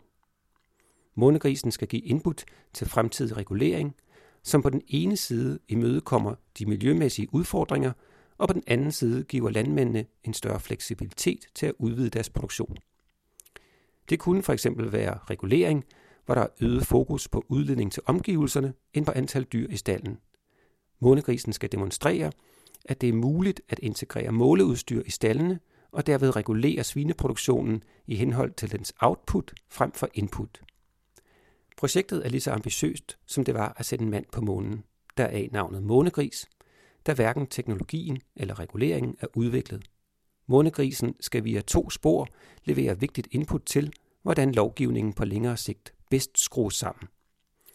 Så følger to bullet points, der i koncentreret form beskriver målsætningerne i projektet. Ny teknologi, udvikling af teknologi, der tager højde for dyrevelfærd, optimerer udnyttelsen af ressourcer i produktionen og gør det muligt at måle, hvad svineproduktionen udleder. Og bullet point 2. En månegrisstald. En modelstald, der med de nyeste teknologier demonstrerer, at det er muligt og rentabelt at måle og minimere svineproduktionens belastning af miljøet, dyr og omgivelser. Stallen forventes at stå færdig i 2016. Citat slut. De første månestalde påbegyndtes dog først i 2017, og så vidt jeg er orienteret, gik en konkurs, andre opgav, og kun én stald er i dag i funktion. Problemet må antages at have været, at der ingen likviditet hos svinebønderne var til dette eventyr. Det der var, var det økonomerne kalder negativ reinvestering i produktionsapparatet fra 2009 til 2017. Hvilket ifølge landbruget selv har ført til en markant forringelse af konkurrencedygtigheden, eller det har i hvert fald været en ofte hørt bekymring, men den vender vi tilbage til i sidste afsnit af Landbrugets Gæld. Uanset månegrisen er ny teknologi dyr. Bedrifternes handelspris er steget i en grad, der gør det svært at se, hvem der skulle købe den. Andre end eventuelt en nabo, der stadig har vokseværk. En gennemsnits landbrugsejendom koster i dag ca. 55 millioner kroner, en svineejendom en hel del mere, og der handles ejendommen for over 120 millioner kroner. Og man kan godt indimellem få fornemmelsen af, at danske landmænd i nogen grad bliver spændt for en teknologivogn af forskningsinstitutionerne. Det synes eksemplet med månegrisen i hvert fald at være en indikation af. Alt dette har med næsten fatalistiske sunkingerskridt ført os frem til en situation i landbruget, hvor en landmand ikke længere kan honorere de kapitalkrav, der kræves for at drive et moderne dansk landbrug. Og når gælden er så høj, er det svært at se, hvordan bankerne kan forsvare at låne endnu flere penge ud hvad enten det gælder køb eller investeringer i teknologi. Der synes altså kun en sidste udvej, hvis landbruget ikke skal nedlægges, men udvikles, og man samtidig skal forhindre, at erhvervet imploderer under sin gæld. At få eksterne investorer ind. Det var også den konklusion, politikerne nåede frem til, måske efter at have læst de økonomiske vismænds rapport, som vi citerede i sidste afsnit, måske ikke. I hvert fald fik vi først landbrugslov nummer 31 og senere lov nummer 37, der ophævede alle begrænsninger for denne type investering. Ja, i baggrundsteksten til lovforslaget var embedsmændene endda så pædagogiske at kalde det risikovenlig kapital. Men der har indtil dags dato ikke været risikovillig kapital, der vil løbe så stor en risiko. Finansfolk er jo ikke dumme. Loven har reelt endnu ingen betydning fået for økonomien i dansk landbrug. Og i min analyse var det derfor forudsigeligt, at man vil følge op med fødevare- og landbrugspakken, netop for at gøre endnu et forsøg på at tiltrække investorerne. Måske I kan huske, at jeg i afsnit 1 citerede Landbrug og Fødevare for at hævde, at parken med et slag havde gjort den danske landbrugsjord 40 milliarder kroner mere værd. Men selv efter dette papirboost til økonomien i landbruget, har investorerne mildest talt været fodslæbende. Måske fordi de laver deres egne analyser. For uanset hvilke briller man ser erhvervets økonomi med, kan det konstateres, at landbrugets evne til at forrente investeringerne i perioden 1992 til 2012 gennemsnitligt har ligget 1,2 procent under den reale lånerente. Ja, det skrev IFRO i en rapport i 2014. Og det er netop dette lidet attraktiv afkast, der holder investorerne tilbage. Og bare for at perspektivere dette tal, i samme tidsrum, altså 1992 til 2012, er antallet af heltidsbedrifter faldet fra 35.420 til ca. 11.000 og er i dag faldet til under 10.000. Hvad vi her har præsenteret er en beskeden kortlægning af, som i så mange andre landbrugssammenhænge, hvordan forskning, lobbyisme og politik smelter sammen, henter legitimitet hos hver andre og præger, hvis ikke ligefrem sætter rammerne for den måde, man diskuterer udfordringerne på. Men det gøres, som vist her, ofte i modsætning til den egentlige økonomiske virkelighed, erhvervet står i. Lad os derfor afslutningsvis høre et citat fra en af de få forskningsbaserede bøger, der rent faktisk gik imod den herskende konsensus om landbrugets forretningsmodels velsignelser. Bogen udkom i 1991, samme år som den i sidste afsnit citerede bog om landbrugets placering i samfundet, og er forfattet af Niels Gros, samt med grundige økonomiske beregninger, foretaget af professor i økonomi ved Handelshøjskolen, i dag professor ved CBS, Michael Møller. Jeg interviewede Michael Møller med henblik på at få et indblik i datidens debat, særligt mellem de forskellige økonomiske faggrupper. Og hans erindring om debatten dengang er ganske illustrerende for perspektivet i dette afsnit. Den var ikke eksisterende. Her er, hvad han svarede på spørgsmålet om, hvad der havde fået ham og Niels Gros til at skrive bogen. Det irriterede os lidt, at forrentningerne var så lave, og at der var så lidt rationelt fornuft i landbrugspolitikken. Det var nok det, der fik os i gang. Men forskere bliver hurtigt trætte af at beskæftige sig med noget, hvor man ingen gennemslagskraft får. Sådan er det med landbruget. Interesseorganisationerne fik det, som de ville. Citat slut. Konklusionen i bogen lyder jo sådan her, og jeg citerer. Det er nok en kendskærning, at landbrugspolitikkens egentlige målsætning ikke erkendes i større omfang. Ikke så få landmænd, både små og store, står sammen i en opfattelse af, at landbruget er et af de få liberale erhverv, som er tilbage. At de ville klare sig glimrende, blot det ikke var for den urimelige konkurrence fra lande med bedre subsidier, bedre jord og bedre vejr, og at landmænd møder mangel på forståelse fra politikere og forbrugere.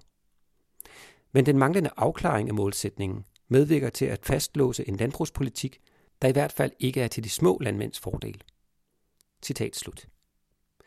Og så krydser vi vores spor igen. For hvordan kan det være, at landmænd og deres repræsentanter går med på disse unoder?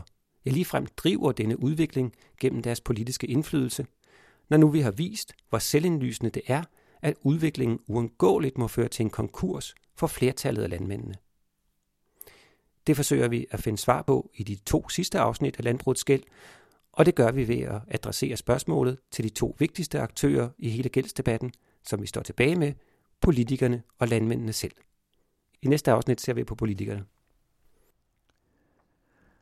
Landbrugsmagasinet redigeres af Rasmus Bledel Larsen. Den anden radio. I anledning af Jens Andersens nyligt udsendte biografi om Astrid Lindgren, bringer vi en udsendelse om Pippi Langstrømpes tegner Ingrid Wang Nyman. Der er ikke gjort meget ud af at omtale denne betydningsfulde, men temmelig oversete tegner i Jens Andersens bog. Derfor genudsender vi nu udsendelsen produceret til Radio Norden for nogle år siden. Medvirkende er Teresa Nielsen fra Vejen Kunstmuseum og Lena Tørnqvist, bibliotekar og i mange år ansvarlig for Astrid Lindgrens arkiv på det Kongelige Bibliotek i Stockholm.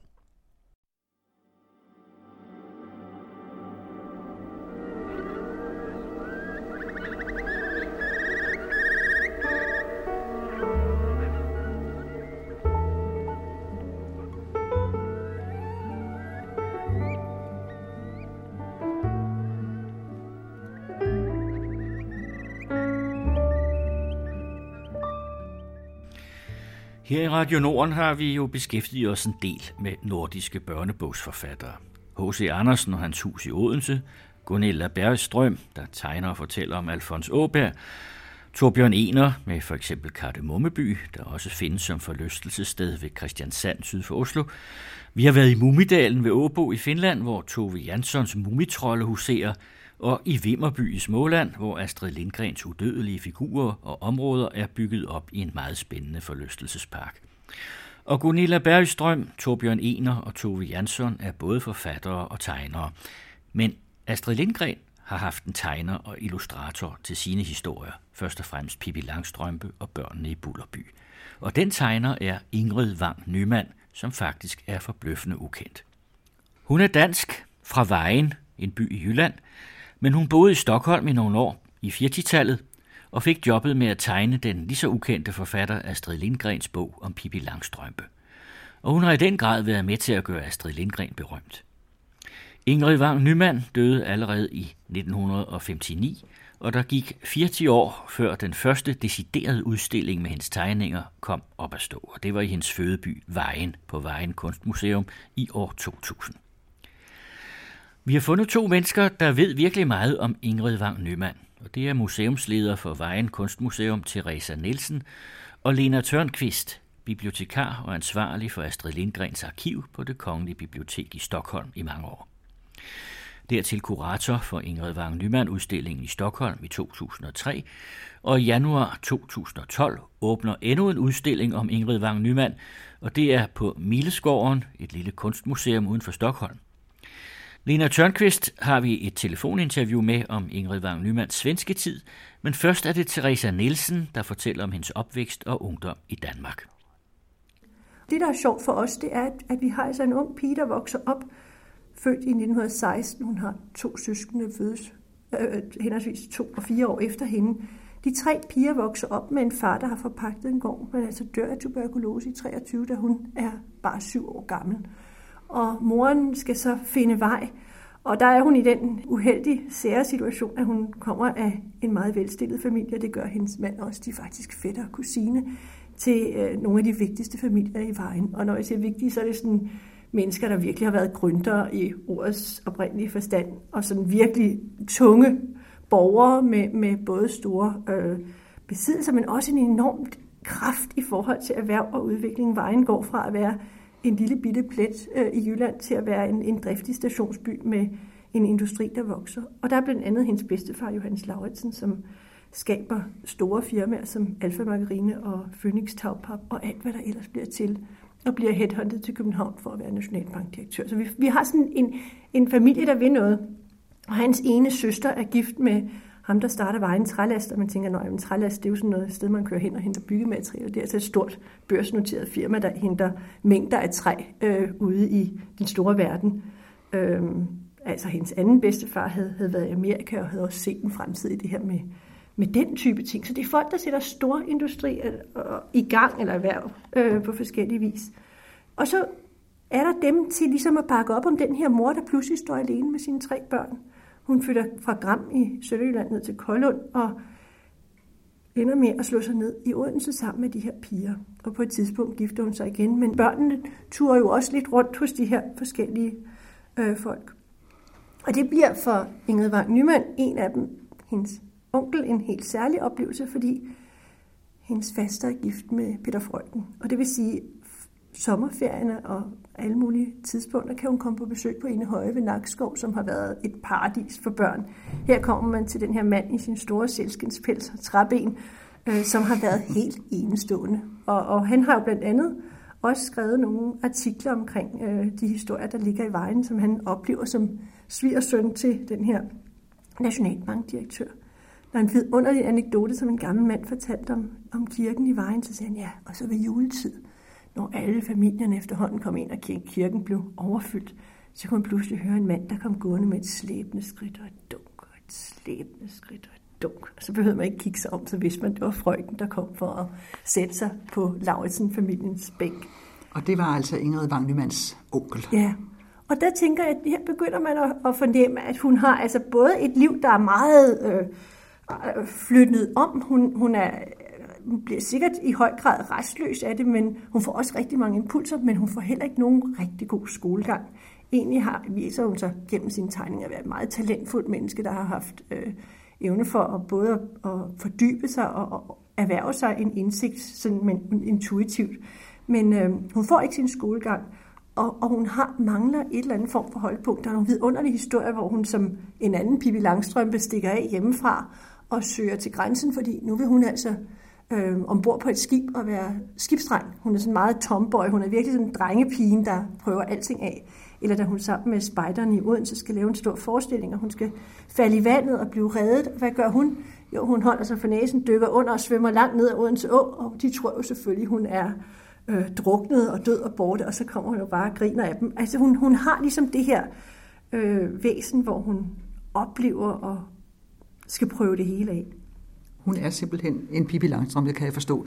Og hun så også sådan ud, ikke? Og var rødhåret og lang og ranglet. Jamen, hun, hun er i høj grad, altså da hun har fået manuskriptet øh, fra forlaget på den dengang ukendte Astrid Lindgrens nye bog, der bliver hun som også ret ubeskrevet øh, illustrator sat sammen, og det hun læser må jo simpelthen være noget, hun fuldstændig forstår. Hun er vokset op som den her forældre, ikke forældreløse, men faderløse pige, og hun kender til det her at være vild og uregerlig, og, og, og kan måske netop med blandt andet onklen og de andre impulser identificere sig fuldstændig med det. Så den her rødhårede, øh, frække, kække, øh, livskraftige pige, det, det minder i høj grad mm.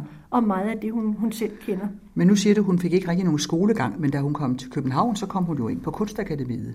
Ja, det vil sige, det gjorde hun ikke umiddelbart. Hun kunne søge til København, og hun ville gerne noget med sine hænder. Hun er utrolig dygtig til at både at modellere og male og tegne. Det hele kan hun. Men hun søger ind på akademiet i 35, men bliver ikke optaget.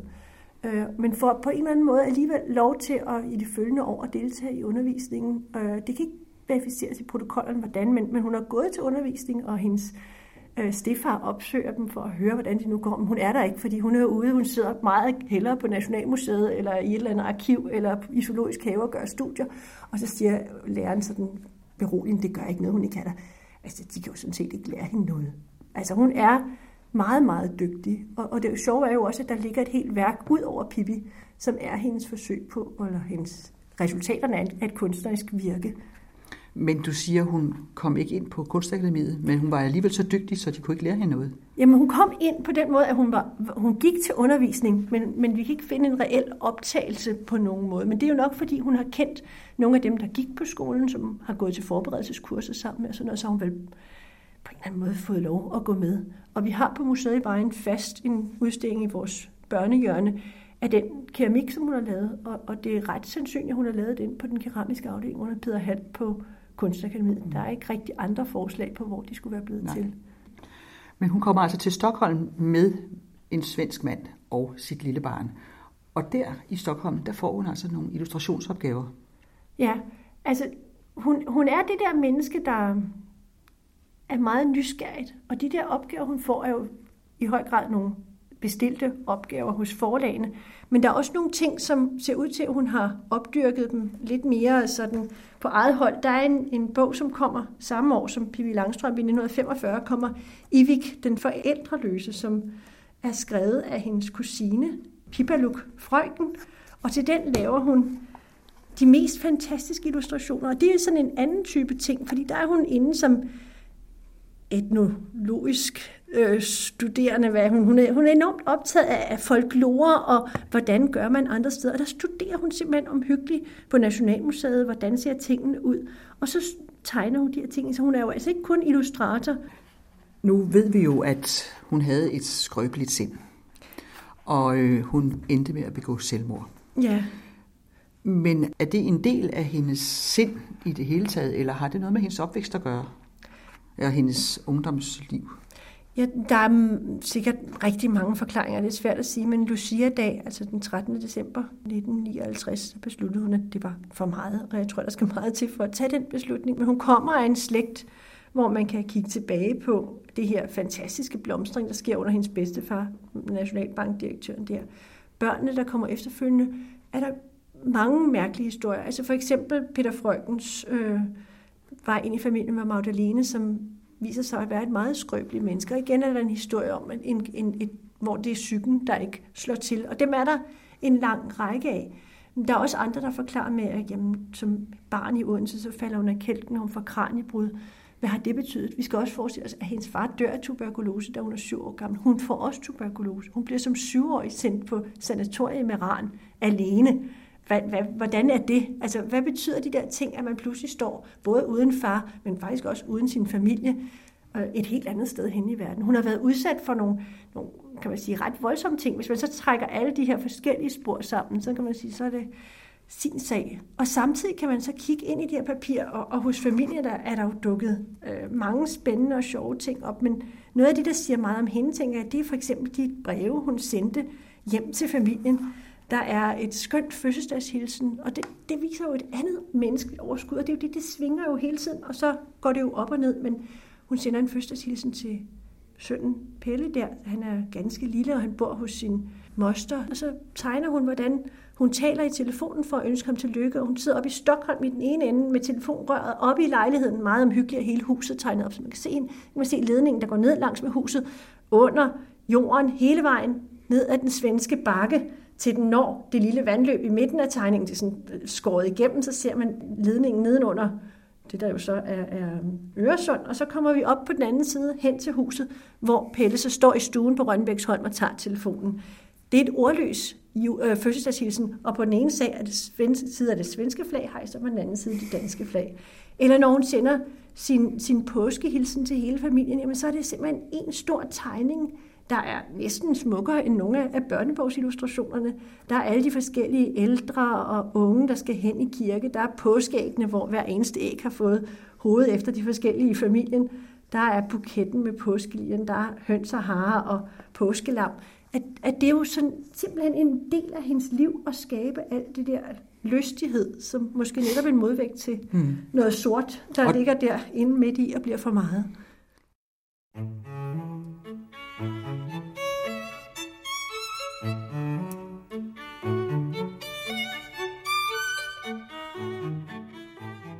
Det var Teresa Nielsen, museumsleder på Vejen Kunstmuseum, der fortalte om tegneren Ingrid Wang Nyman, der voksede op i Vejen, siden begyndte på Kunstakademiet i København og så flyttede til Stockholm med mand og barn, og den side af tegnerens liv fortæller Lena Tørnqvist nu om i et telefoninterview, og først spørger vi om, hvorfor hun egentlig ikke er særlig kendt.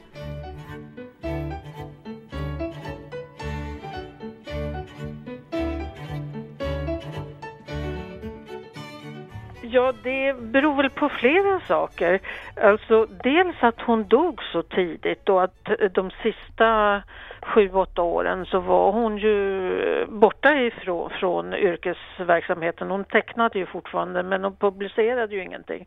Och sen att Eh, hon, eh, hon försvann till Sverige. Hon har alltså bara en enda bok som är publicerad i Danmark och den kom inte i Sverige förrän för ett par år sedan. Och det är en dansk utgåva av Rödhättan. Så att eh, och hon, jag tror att hon ansågs väl vara en svensk illustratör eftersom det var här hon var verksam. Och på sin tid var hon ju väldigt känd i Sverige. Det var hon ju för att hon, hon gjorde ju de här böckerna Astrid Lindgren men hon gjorde ju mycket, mycket mer. Bland annat gjorde hon den läsebok, den ABC-bok som jag lärde mig läsa i. Så vi var ju alla väldigt välkända med hennes bilder. Men vi brydde oss ju inte som barn om vem som hade tecknat dem. men vad skete der egentlig, da hun forlod København og var blevet skilt og havde det lille barn? Så flyttede ja, hun til Stockholm. Hvorfor gjorde ja, hun det? Hon, hon, hon träffade, när hon, hon följde ju olika kurser på på, eh, Konstakademin i Danmark och då, då träffade hon den här svensken eh, eh, Arne Nyman. Och sen eh, vet jag ju inte, för det har jag inte hört i detalj, men eh, hon blev väl med barn som man sa på den tiden. Mm. Och då gifte de sig. Men eh, de hade tydligen inte sådana förhållanden. De flyttade ju inte ihop utan hon bodde ju kvar hemma på Grönvang på Jylland mm. medan han flyttade till Stockholm. Och inte förrän 1942 när sonen var två år flyttade hon till Stockholm.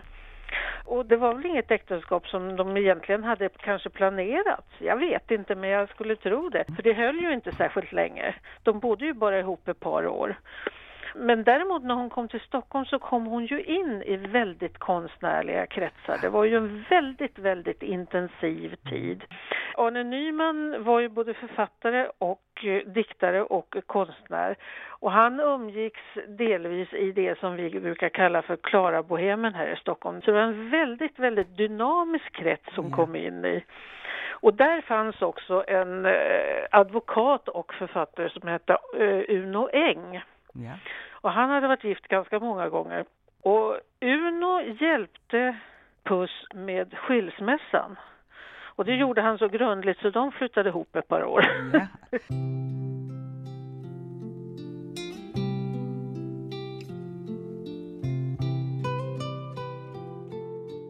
då kommer jag tillbaka till, till Uno Eng. För en av Uno Engs före detta fruar, som hette Galli, hon jobbade på ett tidningsförlag och hon hade kontakter överallt.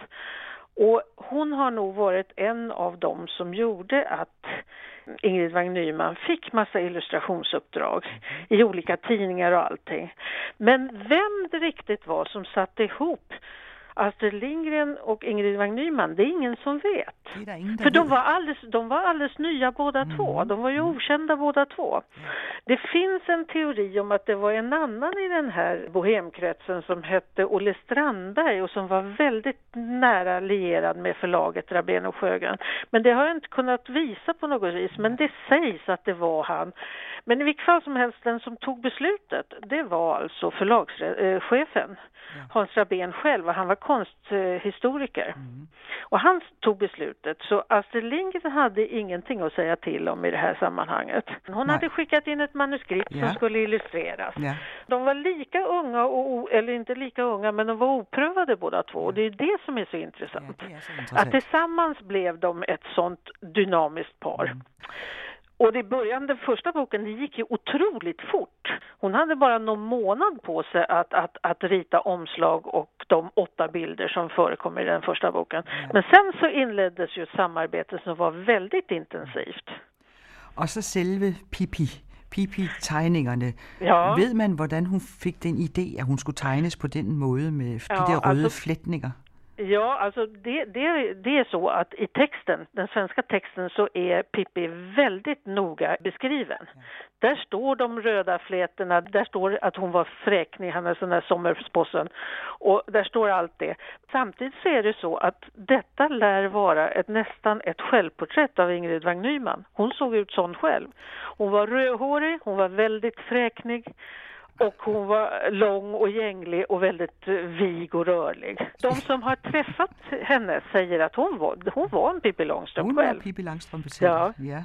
Så tegnede hun så altså alle de tegninger, vi kender af Pippi, og derudover også børnene fra Bullerby.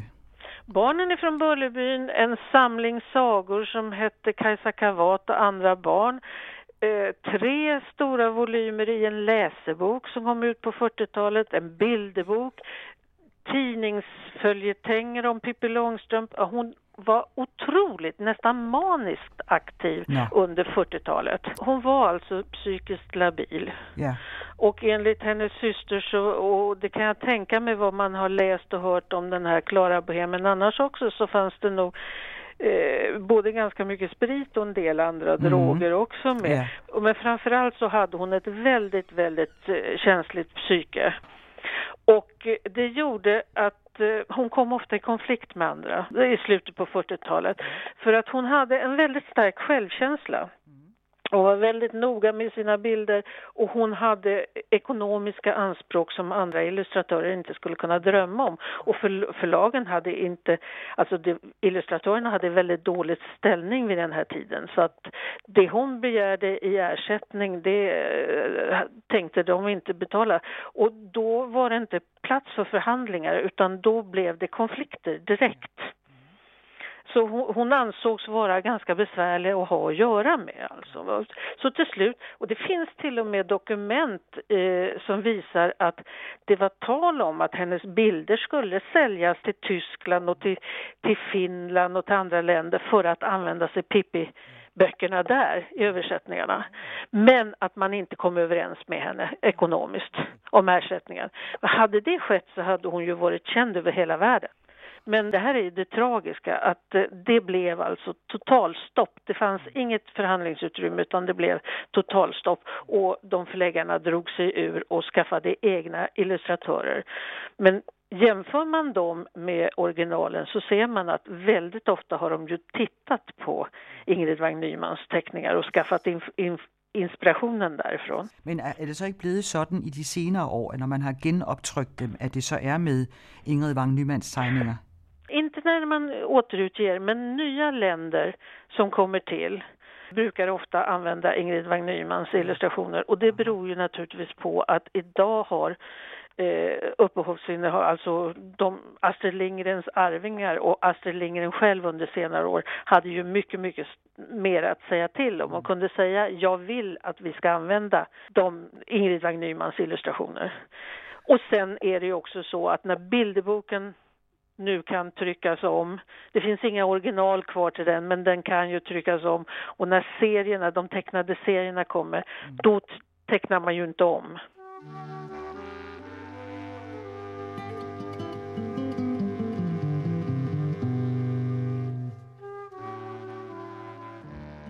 Vil du så her til sidst fortælle øh, om, hvad der skete, da Ingrid Wang Nyman kom tilbage til, til Danmark og altså var syg og havde opgivet mm. Stockholm? Hvad skete der så med hende? Eh, hon återvände till Köpenhamn och hon bodde hos eh, släkt och vänner. Och en av hennes eh, släktingar hade ett eh, pensionat i Köpenhamn som hon bodde på bland annat. Och hon reste runt, hon, hon målade bland annat porträtt på flera släktingars barn, alltså kusinbarn och sådana saker.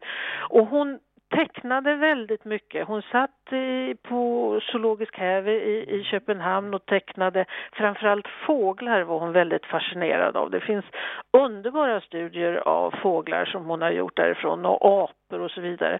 Så hon fortsatte att arbeta och sen fick hon 1957 uppdraget att omvandla Pippi Långstrump till tecknad serie. Och det höll hon på med de två sista åren och det är ett jättearbete med tanke på att hon då gick hos en psykolog, mådde ganska dåligt och var ofta deprimerad. Eh, så, så är det ett fantastiskt jobb hon gjorde för det är ju många, många bilder hon har tecknat där. Eh, och den kom, kom ut i en barntidning här i, i, i Sverige. Och den har sen givits ut i bokform också. Det är sex olika seriealbum med, med, med eh, hennes illustrationer som har översatts till väldigt många språk. Och det gjorde hon alltså ända till i oktober 59 var hon sista gången i, i Sverige och i den 13 december, Lucia-dagen här i, Stock, i Sverige, så tog hon sitt liv i Köpenhamn.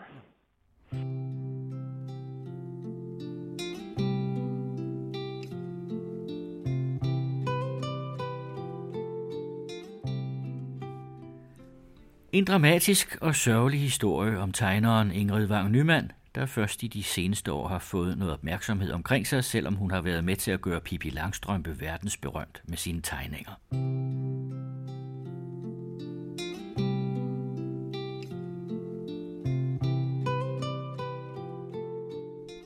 Lena Tørnqvist var kurator på den udstilling om Ingrid Wang Nyman, der blev vist i Stockholm i 2012, Teresa Nielsen lavede i 2001 den første udstilling nogensinde om Ingrid Wang Nyman på Vejen Kunstmuseum. Kirsten Røn og Carsten Farve havde tilrettelagt, og i de kommende uger genudsender vi fire udsendelser med børnebogsforfattere fra Norden, Torbjørn Ener, Gulina Bergstrøm, Astrid Lindgren og Tove Jansson. Her kommer første afsnit af en lille serie om Finlands nyere historie. Vores medarbejder Rasmus Blæde Larsen – har higet og søgt i gamle bøger, nye rapporter, moderne museer, varme saunaer og ikke mindst findernes egne fortællinger for at give dette personlige indblik i vores skandinaviske broderfolk højt mod nord i det 20. århundrede. Det hele begyndte i sensommeren 2021, da jeg læste Kjeld Vestøs Nordisk Råds litteraturprisvindende roman Luftspejling 38. En fin læseoplevelse, men langt mere end indholdet var det det, der ikke stod i bogen, der vagte min nysgerrighed. For hvad ved vi egentlig om Finland? Ja, jeg kan jo tage fejl. Måske ved lytterne mere, end jeg tror. Men mange af de i Vestøs bog forekommende intriger var mig gådefulde. Hvad skete der egentlig under borgerkrigen i 1918? Og særligt, hvad skete der i årene efter? Hvordan kunne det lade sig gøre, at finnerne forsvarede sig succesfuldt mod den sovjetiske overmagt under vinterkrigen i 1939, hvordan hang det sammen med, at man året efter allierede sig med Hitler? Og hvad er det egentlig, der foregår mellem de der konspirerende finlandssvenskere i bogen? Var der og er der en svensktalende magtelite i Finland? Da jeg begyndte at opsøge svarene på disse spørgsmål på nettet i historiebøger og opslagsværker, til at begynde med egentlig bare for at tilfredsstille en orienteringsløs undren, ja, så åbnede der sig en hel række af nye, for mig ukendte besynderligheder og Finland blev langsomt en slags besættelse for mig. For hvordan pokker var det lykkedes denne unge nation, fra ruinerne af nederlaget i 2. verdenskrig, at nå frem til toppen af stort set alle de statistikker, vi bruger for at måle velfærd, velstand og vilkår for livskvalitet med. Det var disse spørgsmål, jeg satte mig for at finde svar på her i sommer, da jeg cyklede fem uger rundt i Suomi i Finland. I sig selv et navn, der altid har mystificeret mig, for betyder Suomi ikke Finland, og hvorfor skal denne pleonasme dog stå alle vegne? Heldigvis fandt jeg hurtigt svaret på dette. Og hvis de, kære lytter, ikke allerede kender årsagen til pleonasmen, og alle de andre ting, jeg her har nævnt, ja, så håber jeg, at de kan drage nytte af nogle af disse etnologiske perspektiver på vores nordiske broderfolk, som jeg vil præsentere i denne lille programserie. Det bliver selv sagt ikke et fyldesgørende panorama af Finlands historie i det 20. århundrede, og ydermere er de fleste af perspektiverne på de historiske begivenheder, jeg bringer til tors, subjektive synspunkter, som finder har delt med mig i supermarkedet, i toget, på biblioteket, ved middagen, i teatret eller selvfølgelig i saunaerne. Men helt grebet ud af den rene lappiske luft er indholdet dog heller ikke. Jeg har læst en diger afhandling om borgerkrigen, et halvt dusin fagbøger, dykket ned i offentlige rapporter, samt læst så mange skønlitterære værker, jeg kunne nå. Inden jeg altså i august cyklede op og hørte findernes egne versioner, som denne sommer naturligvis var præget af naboens rumlen med krigstrummerne. Mest betydningsfuldt for forståelsen og tilrettelæggelsen har dog været besøget på Finlands mange og stærkt anbefalesværdige museer. Det nye borgerkrigsmuseum i Tampere, Postmuseet samme sted, Nationalmuseet i Helsinki, de arktiske museer højt mod nord, samt de mange lokalhistoriske museer undervejs på turen gav generøst fra sig af viden.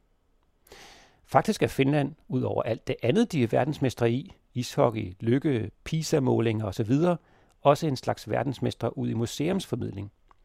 Hvilket ikke er noget, jeg bare finder på. Det lærte jeg på universitetet i faget museologi, og fik nu bekræftet ved selvsyn denne sommer. Ja, da jeg fik chancen for at dele nogle af mine optegnelser med min gamle professor på etnologi, i hu kom han, hvordan at hans far, selv etnolog og inspektør på Nationalmuseet, havde fortalt, hvordan finnerne havde kastet sin kærlighed på netop etnologien i efterkrigsårene, og altid søgte at komme på forsiderne af fagtidsskrifterne, allerhelst sammen med nogle etnologer fra andre nordiske lande, drevet af et stærkt behov for anerkendelse som et folk og en nation, udløst af krigsulykken og tabet af de østlige territorier efter 2. verdenskrig. En historie, som det finske medlem af den olympiske komité også fortalte mig, men det kommer vi til. Endelig ville skæbnen også, at jeg en af de sidste dage på turen blev inviteret til middag med Kjell Vestø, og fik chancen for at snakke med ham om alle de dimensioner af hans land, som Luftspejling 38 havde åbnet for mig. Det er selv sagt et omsaggribende projekt at fortælle et lands historie, også selvom Finlands som selvstændig nation ikke er så lang endda.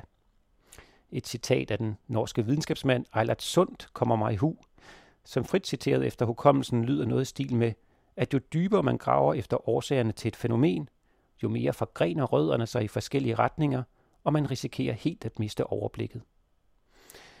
Og med denne vejledende formaning i baghovedet, vil jeg i dette og de næste programmer forsøge at samle min indtryk til en forhåbentlig nogenlunde meningsgivende mosaik af Finlands historie i det 20. århundrede, men altså, som allerede nævnt, med vægt på de selvoplevede fortællinger, finderne har delt med mig.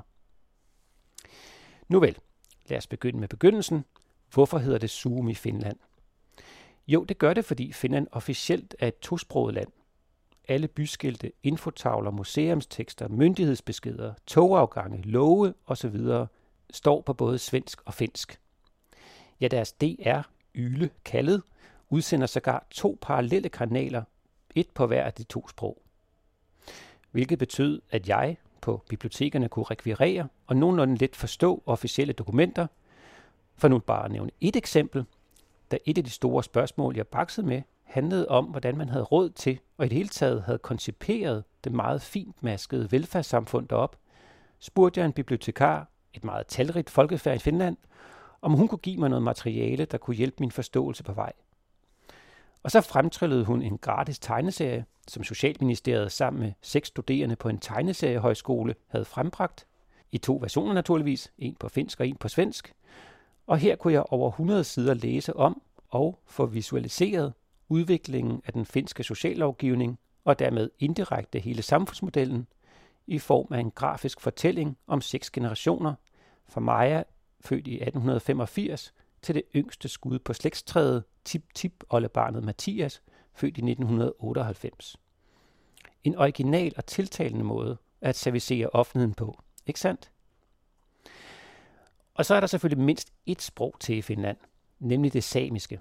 Og her er der selv sagt ikke tale om kun ét sprog. Samerne fordeler sig på mange etniske grupper med hver deres sprog, Og netop sproget er en meget væsentlig, hvis ikke eksistentiel del af den samiske identitet.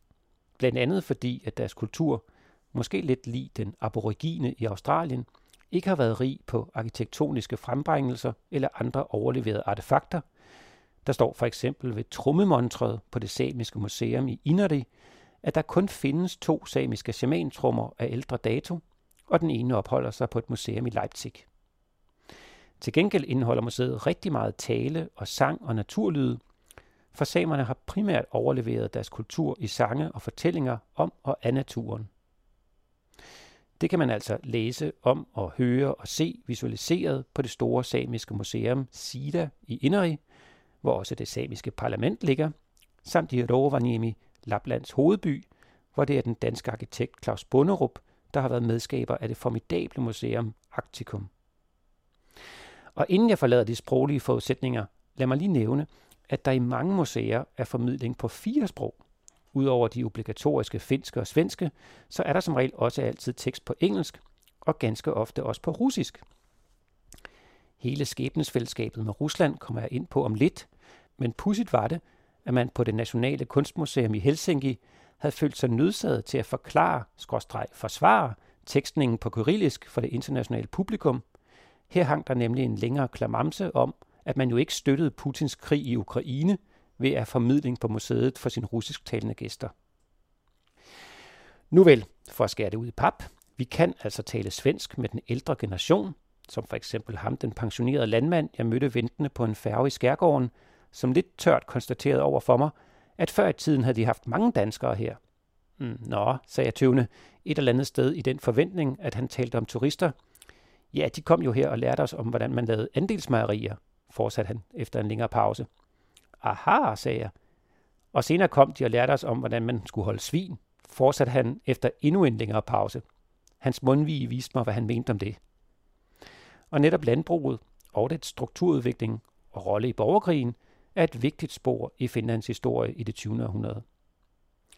Eller engelsk med de unge, der alle synes at tale sproget, som var det deres modersmål, som for eksempel klimaaktivisterne i den helsinkiske afdeling af Extinction Rebellion, som helt naturligt afholdt deres arrangementer på engelsk, og fortalte mig, at ved siden af alt det andet finderne er rigtig gode til, så er de det mest CO2-forurenende folk i Europa, og de unge finder hører bestemt ikke til de mest klimabevidste.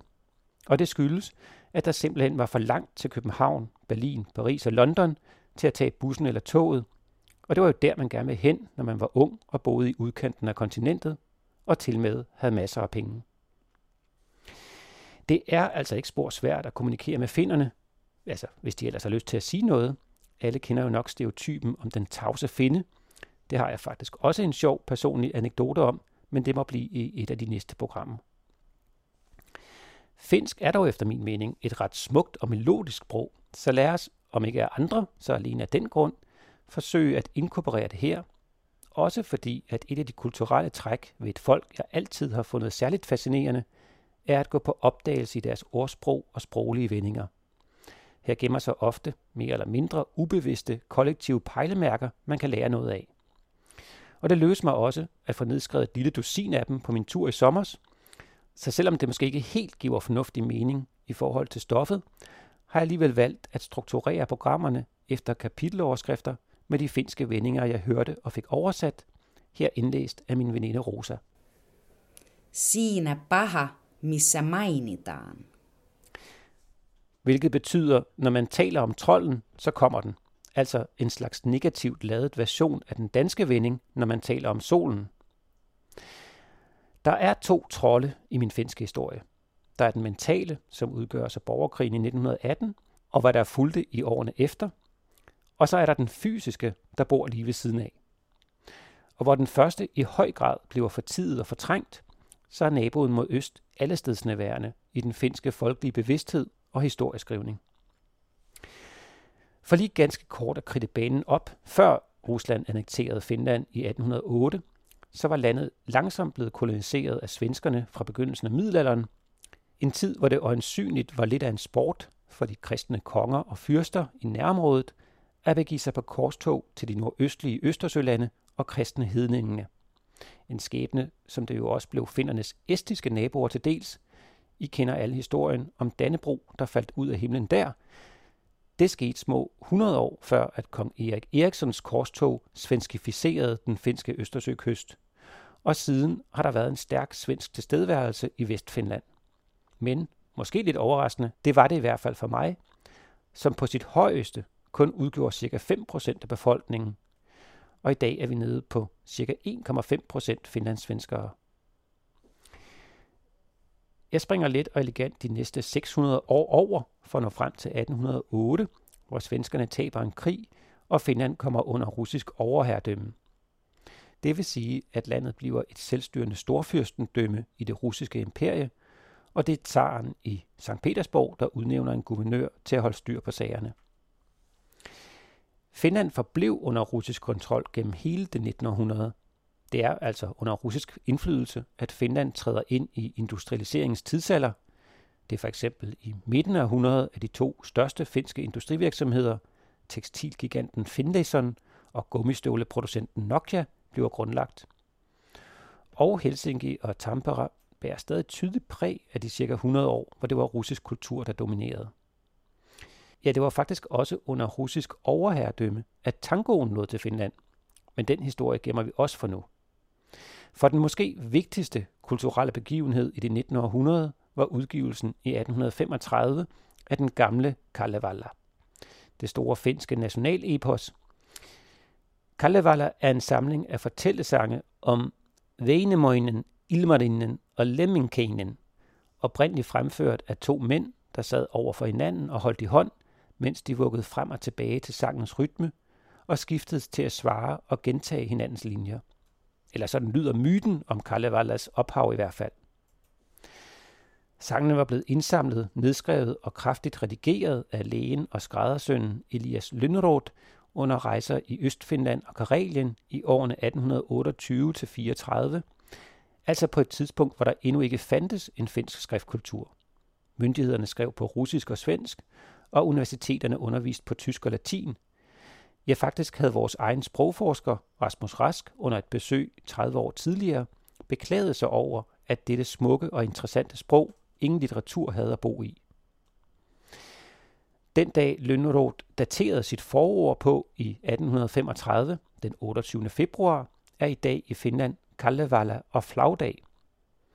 Eller med oversætterne Hilga og Bent Søndergaards ord i jubilæumsudgaven i anledning af findernes 100 års selvstændighed i 2017. Udgivelsen af Kalevala fik en revolutionerende kulturel betydning. Den bidrog afgørende til dannelsen af myten om en særlig finsk national identitet. I Kalevala forløstes den finske folkesjæl kunstnerisk. Citat slut.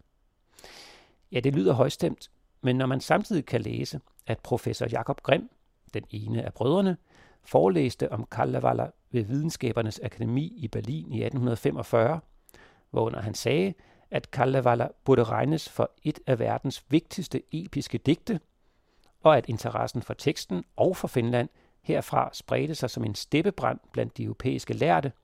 En af dem var i øvrigt en vis J.R.R. Tolkien. Ja, så låner det citatet legitimitet, synes jeg. Og for god ordens skyld, så er det den nye Kalevala, udgivet i 1849, også af Lynroth, men drastisk udvidet med mere end dobbelt så mange sange end forgængeren, der i dag regnes for den egentlige Kalevala. Lad os få en smagsprøve. Her hører vi første vers af første sang. Mine tanker kredser om det. Lysten driver mig til værket, til at give mig til at synge, at begynde med at kvæde, til at sprede slægtens sange, til at synge ettekvædet. Ordene i munden smelter, talen falder let, den flyder, løber hastigt over tungen, deler sig mod mine tænder.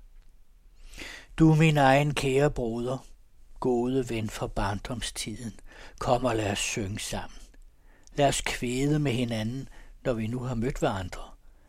Kommet fra to verdenshjørner. Sjældent møder vi hinanden. Vi er ikke ofte sammen her ved disse arme grænser, her ved Pøjas øde marker.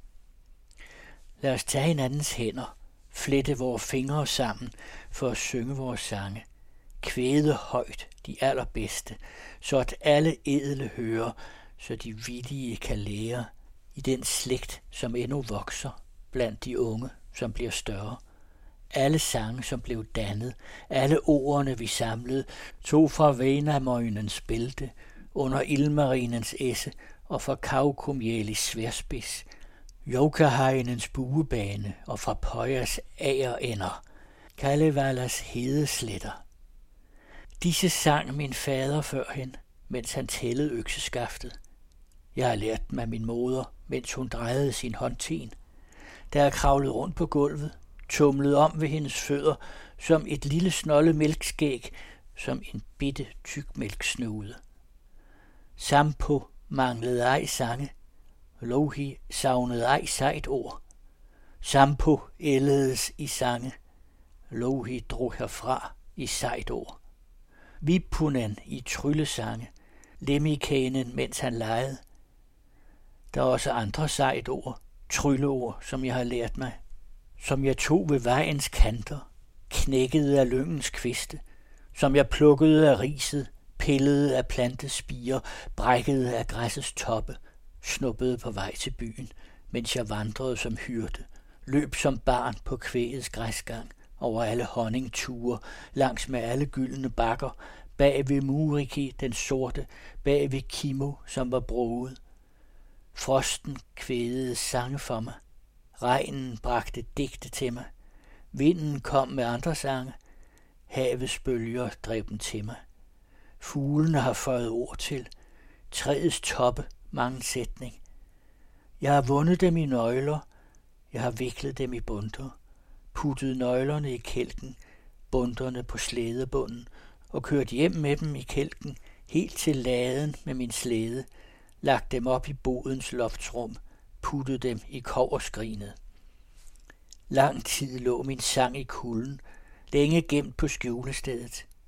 Skal vi tage dem ind fra kulden?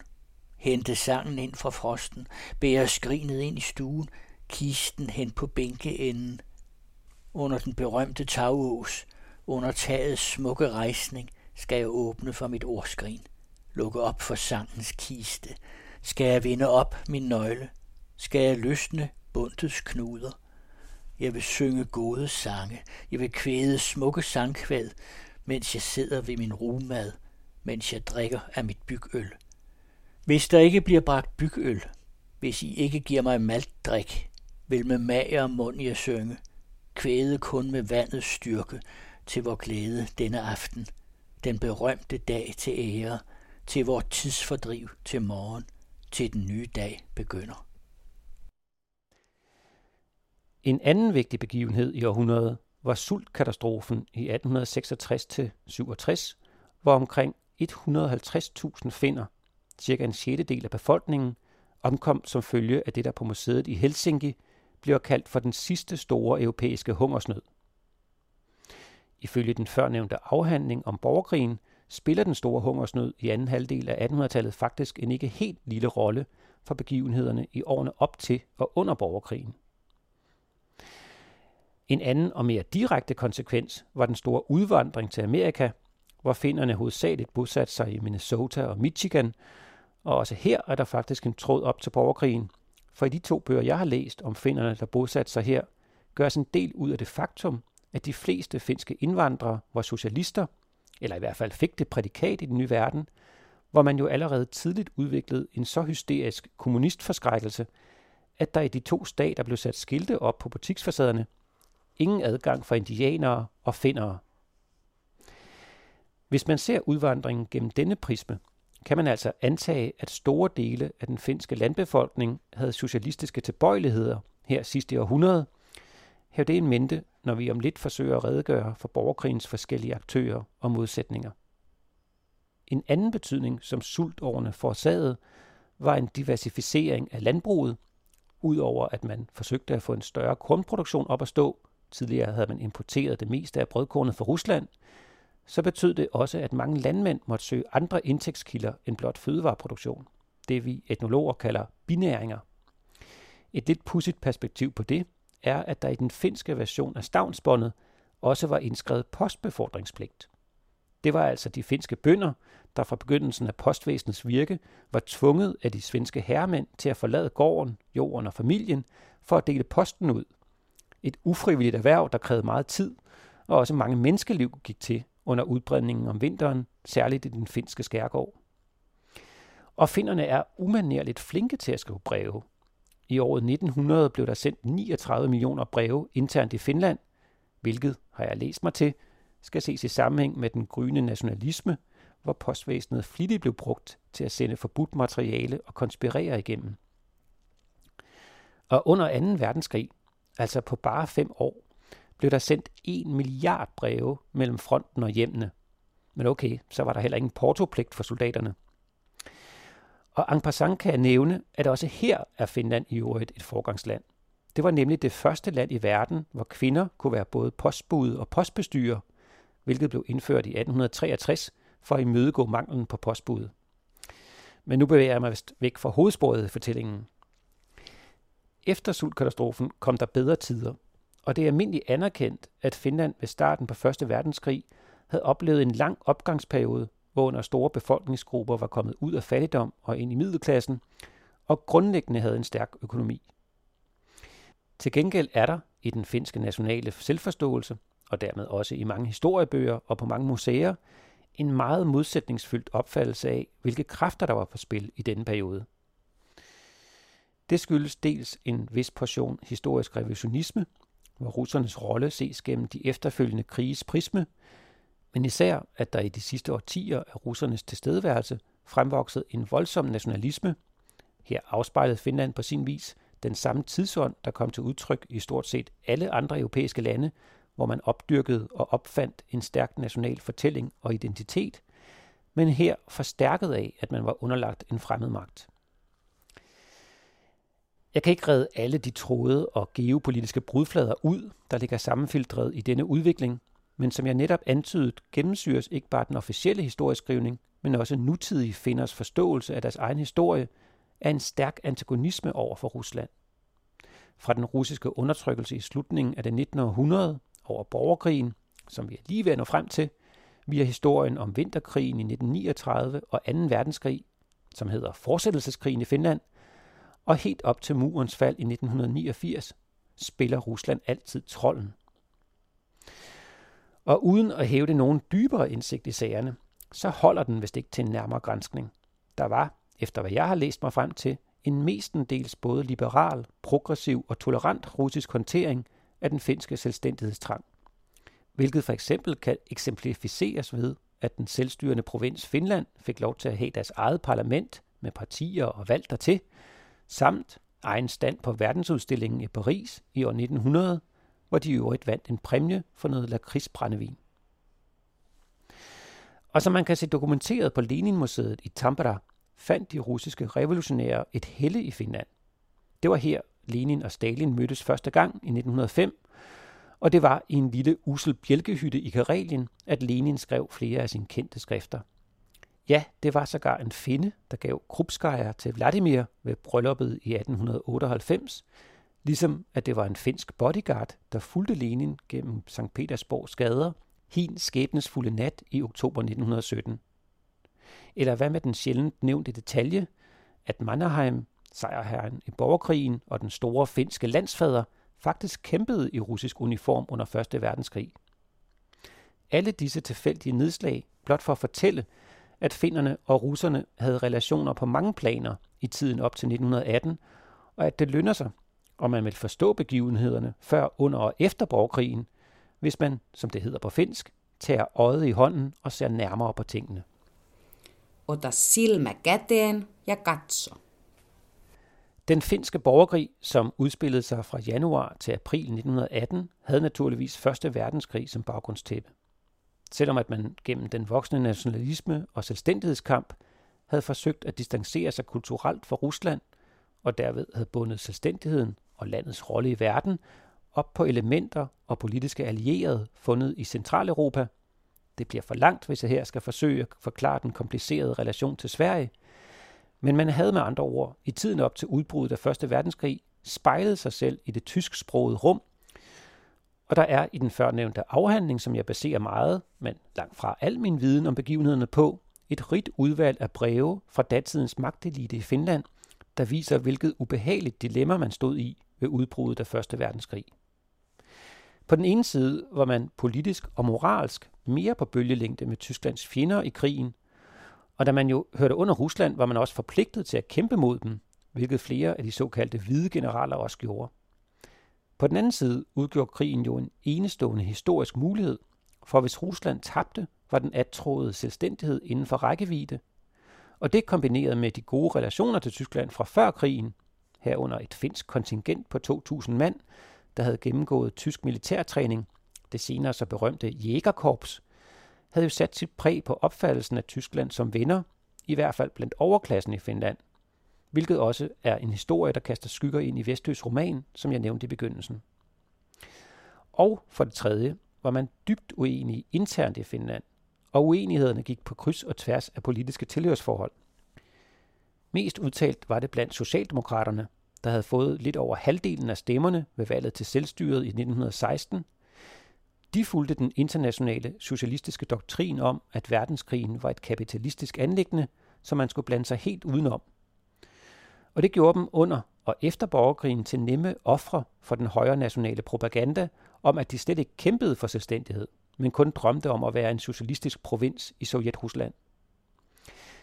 Socialisternes modpåstand om, at det i virkeligheden var de hvide, der ønskede at bevare status quo, havde ikke samme gennemslagskraft i den finske befolkning, og da de hvides underhåndsaftaler med tyskerne aldrig materialiserede sig, og de jo selv som sejrherrer kunne skrive historien, ja, så lod de i eftertiden i nogen grad, som om at de aldrig havde fundet sted. Alle disse dilemmaer og dimensioner, og flere til, kan man altså læse om i datidens brevveksling, men landskabet var faktisk endnu mere komplekst. For hen ved 93 procent af den finske befolkning var på dette tidspunkt bosat på landet, og enten landmænd, fiskere eller skovhuggere, og udgjorde på en og samme tid det egentlige demokratiske flertal og proletariatet.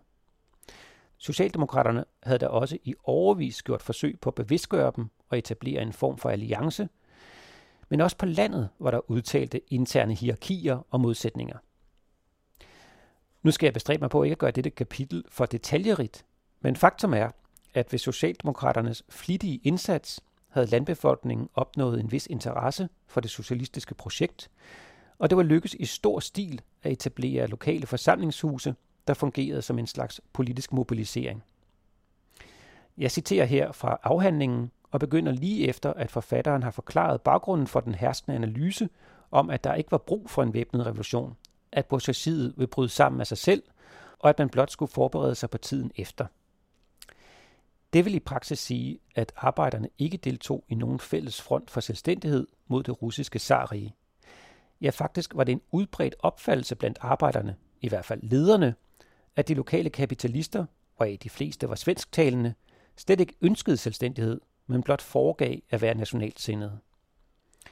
Det er ligeledes vigtigt at forstå, at arbejderne udgjorde et lille mindretal rent befolkningsmæssigt i omegnen af 5%, og langt den største befolkningsmasse udgjorde sig landbefolkningen, der arbejdede på små husmandsagtige brug med feudale træk, altså hvor huslejen blev betalt med arbejde hos de store jordbesiddere, og så selvfølgelig skovhuggerne og alle andre beskæftigede med at udnytte de endeløse skove. For uden jordbesidderne og husmændene var der en tredje klasse på landet, som antalsmæssigt var langt større end de to andre, og som havde allerstørst grund til at gøre oprør, nemlig kalene, daglejerne og tygenet. Med andre ord, de besiddelsesløse. Men disse mennesker var dels så pressede af hverdagens realiteter, dels kunne de ikke læse, så i stedet for at alliere sig med dem, så allierede man sig med husmandsklassen, som dog for langt de flestes vedkommende var gudsfrygtige og derfor let blev fremmedgjort af den marxistiske materialisme. Trods det religiøse skisme, så lykkedes det alligevel at få stablet 911 socialistiske forsamlingshuse på benene overalt i den finske provins i disse år. Citat slut. Der er altså god grund til at formode, at da borgerkrigen bryder ud, hører et stort flertal af finderne til på venstrefløjen. Men at Ruslands nye magthavere endnu ikke har haft tiden til, eller interessen for, at veksle rollen i den finske befolkningsbevidsthed fra at være undertrykker til at være de undertryktes allierede. Og ydermere er de finske socialistiske lederes overbevisning om, at der ikke er brug for en væbnet opstand, med til at pacificere de ressourcer, der kunne have vundet borgerkrigen. I flere bøger og på Borgerkrigsmuseet i Tampere får man at vide, at en af de vigtigste, hvis ikke den vigtigste årsag til, at socialisterne trods overlegenhed i antal taber borgerkrigen, er, at langt de fleste aldrig havde haft et gevær i hånden før, og at lederne er fuldstændig uforberedte på at skulle organisere en hær. Nå, men inden vi når til selve borgerkrigen, så er der jo først sket det, at Socialdemokraterne i Rusland har påbegyndt deres revolution. Og i december 1917 beslutter Lenin sig for at give finderne det, de drømmer om, selvstændighed. Det er i øvrigt en kuriøs historisk detalje, at Danmark var blandt kun otte nationer, der anerkendte den nye nation fra begyndelsen. Og grunden hertil skal angiveligt ses i lyset af Tysklands store indflydelse på landet, og ikke mindst dets militær. Tallet 8 går sjovt nok igen i Kim Leines bog Afgrunden. Dem, der har læst den, kan måske huske, at den begynder med en hvid finsk oberst, der rejser rundt i Danmark for at være frivillige til at bekæmpe de finske bolsjevikker i begyndelsen af 1918. Obersten kommer i bogen tilbage med otte unge danskere, der dog ikke når frem til fronten, før en borgerkrig er forbi, men ikke desto mindre, i lejende skildring, udviser et fanatisk had til de røde. I tiden mellem udbruddet af den russiske revolution, den finske selvstændighed og borgerkrigens begyndelse, en periode på cirka tre måneder, sker der en masse ting og foregår en masse intriger. En spøjs, men ikke almen kendt detalje, er, at de finske højre nationale, også kaldet de hvide, ved forhandlinger i Vasa indgik en hemmelig pagt med tyskerne om, at man imod militær assistance vil indføre monarki i Finland, og at den første finske konge skulle være prinsen af Hessen. Og han blev faktisk udråbt af de hvide, en absentia, som konge af Finland i oktober 1918, nu under navnet kong Frederik Karle. Men tyskernes nederlag i verdenskrigen kort efter gjorde en egentlig kroning umulig, og han valgte selv at abdicere i december, uden nogensinde at have besøgt sit kongerige. Socialisterne, også kaldet de røde, ventede naturligvis militær assistance fra deres trosfælder i Rusland, men bolsjevikerne havde hænderne fulde og slet ikke kontrol over hjemmefronten, hvor situationen jo forblev flydende helt indtil 1921. Og en anden væsentlig faktor for udfaldet af den finske borgerkrig var, at de udstationerede russiske soldater, indkvarteret på kaserner overalt i Finland, og som jo i princippet var de eneste bevæbnede styrker i landet, et Finland, der indtil dagen før, om man så at sige, havde været en del af det zaristiske Rusland. Ja, her kunne de russiske officerer af gode grunde endnu ikke vide, om hverken den finske selvstændighed eller revolutionen hjemme i Rusland ville lykkes, så de valgte over en kamp at forholde sig neutrale i borgerkrigen. Uanset styrkeforhold, motiver, historiske tilfældigheder og mere eller mindre legitime historiske paralleller til den spanske borgerkrig små 20 år senere, så blev de røde hurtigt løbet over ende. Det afgørende slag blev slået ved indtagelsen af Tampere allerede i slutningen af april.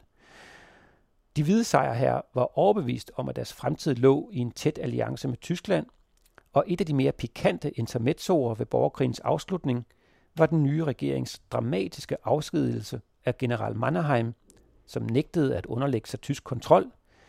Ikke at noget tyder på, at han var imod den tyske konge eller indflydelse på finsk politik generelt, men han ville ikke finde sig i at have nogen, der skulle bestemme over ham og hans militære dispositioner, tyskere eller ej. Ja, så æreskrænkende fandt han forslaget, at han tilmed forlod Finland i protest, og derfor var at finde i Stockholm, da Første Verdenskrig sluttede, og både Tyskland og den hvide finske regering kollapsede, og hvorfra han kunne vende hjem og blive Finlands første frie præsident, og i dag er hans navn synonym med finsk selvstændighed. På min tur rundt i Finland i sommer spurgte jeg mange om netop borgerkrigens historie, betydning og rolle i nutidens Finland. Her fortalte en ældre mand, at hans professor på universitetet i Helsinki i 1980'erne måtte tage til Danmark og Københavns Universitet for at forske i borgerkrigen, fordi at de nationale arkiver var under lås og slå, og at man slet ikke kunne stille spørgsmål til den officielle udlægning. Og det harmonerer ret godt med, hvad Kjell Vestø selv svarede, da jeg spurgte ham. Allerede i folkeskolen, sagde han, kunne jeg fornemme, at der var noget suspekt ved den måde, man underviste os i borgerkrigen på. Og da jeg kom på gymnasiet, kunne jeg opleve, hvordan lærerne direkte stod og løg for os. Det var det, der vagt min nysgerrighed. Og drivkraft, kunne man tilføje, for mange af Kjelds bøger er skrevet med afsæt i borgerkrigen, og flere af dem lå faktisk på Borgerkrigsmuseet i Tampere, som i parentes bemærket er ganske nyt. Det er kun fire år siden, at finderne, og os andre har fået muligheden for at opleve en museal officielt sanktioneret formidling af de tre måneder i 1918. 100 år skulle der altså gå, og stadig har man indtrykket af, at museet går på listefødder. Så stærk er den spaltning, krigen forårsagede. Lad os slutte dette lidt rodet indblik i den finske borgerkrig med, hvordan Upton, forfatteren til den afhandling, jeg har læst, sammenfatter begivenhederne her i min oversættelse. Finlands historie fra marts 1917 til maj 1918 fortæller om en svær og farlig situation, forvandlet til en regulær katastrofe, som følge af en kombination af eksterne påvirkninger uden for Finlands lederes kontrol og deres egne, såvel som deres støtters fejl. I teorien ville det have været muligt for Finland i 1918 at opnå selvstændighed med andre landes accept og sit eget folks demokratiske medvirken. Dette land ville have været et pacifistisk, neutralt og skandinavisk demokrati med gode forudsætninger for økonomisk, social og kulturel udvikling. Det ville have nyt godt af alle de store magters velsignelse og begge sider i verdenskrigen. I stedet var Finland i maj 1918 et samfund hervet af bitterhed og had, både mellem arbejderne og bourgeoisiet og internt mellem fraktioner blandt sejrherrene og taberne. Selvstændighed var blevet proklameret, kæmpet for og så bevidst kastet til side. De røde, socialisterne, ville have været en satellit af Sovjetrusland, og de hvide en vasalstat under det tyske kejserrige. Det er givet, at ikke bare flertallet af de hvide finder, men mange andre ville have foretrukket et tysk overherredømme frem for et russisk, men det de fik var en karikatur af en selvstændig stat. De hvide sejre viste sig at være hul.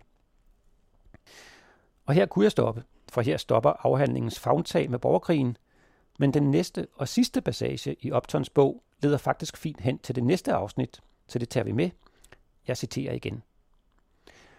Og alligevel er nutidens Finland 60 år senere et pacifistisk, neutralt, skandinavisk demokrati, der fuldt ud har realiseret sit potentiale for økonomisk, social og kulturel udvikling. Ja, faktisk er det et af de mest succesfulde lande i den vestlige verden. Og Finland nyder godt af alle de store magters velsignelse. Men årene indimellem har set bestialske interne stridigheder og en uheldsvanger krigsførelse. Ja, der har været perioder, hvor Finland synes at have været tæt på en virkelig katastrofe. Uanset hvor længe historikerne nørder og diskuterer, vil det aldrig blive afgjort, om denne lykkelige udgang kunne have været opnået 30 eller 40 år tidligere, uden de fortærende lidelser, det finske folk måtte igennem efter 1918. Men den blotte tilstedeværelse af denne mulighed retfærdiggør, at man vender tilbage til begivenhederne de afgørende få måneder, da så meget af Finlands fremtid blev bestemt. Der må være noget at lære derved, som alle kan profitere fra, om end det slutligt må være op til den enkelte, hvad dette kan være. Historikerne kan kun i tale sætte mulighederne. Ja, sådan slutter Upton næsten poetisk sin afhandling om den finske borgerkrig, og her slutter også det første afsnit af den anden radios lille serie om Finlands historie i det 20. århundrede. For som man siger på finsk, Nyt tästä lähtee vaan pimenemään ja pimenemään. Hvilket betyder, fra nu af bliver det bare mørkere og mørkere. Et ægte finsk udsagn, hvis I spørger mig. Og dybest set er det mere, hvad der fulgte i tiden efter end selve borgerkrigen, der har efterladt Finland med et svært traume. Der stadig spøger i den finske folkesjæl og medvirker til, det er i hvert fald min oplevelse, at der selv i dag lever flere generationer af finder, som ikke har nogen oplyst forståelse af begivenhederne dengang. Hvilket giver mig anledning til at minde lytterne om, at der jo kom en slags forord til denne programserie i form af kastesigtens deltagelse i Tamperas Teaterfestival. Her var netop forestillingen Niskavori en kommentar til mørkelygten i finsk historie, og som jeg linker til på hjemmesiden. Næste gang skal vi høre om årene 1918 til 1945. Programmet var researchet og tilrettelagt af Rasmus Blæde Larsen, og det var mig, Carsten Farov, der læste op af Kalevala i Bent og Hika Søndergaards oversættelse. På hjemmesiden kan I finde en liste over de kilder, der er brugt, sammen med links til relevante hjemmesider. Den anden radio. I dybden. I bredden i højden. Public Service Radio om kultur og samfund.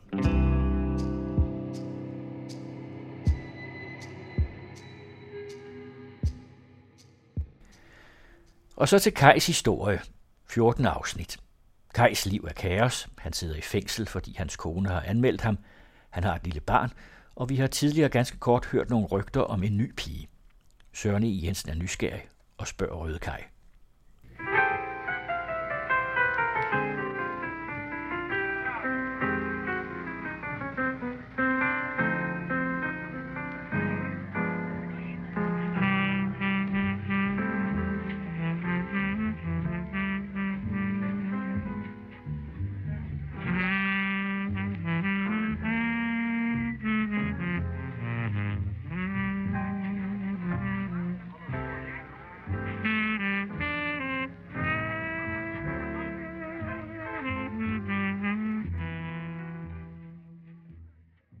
Før præludinerne, før dommen og det hele, der har du jo kortvarigt arbejde, civilt arbejde et sted, hvor du møder en pige, ikke?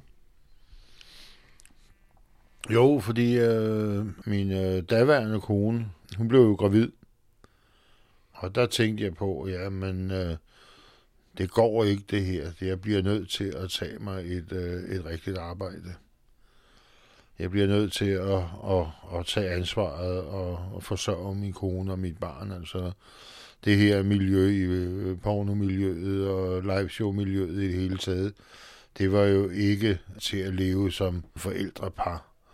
Der synes jeg, at der ville jeg godt øh, gå ud og så tage mig et arbejde, tjene min, min månedsløn og, og, og så prøve at leve et øh, ganske naturligt liv.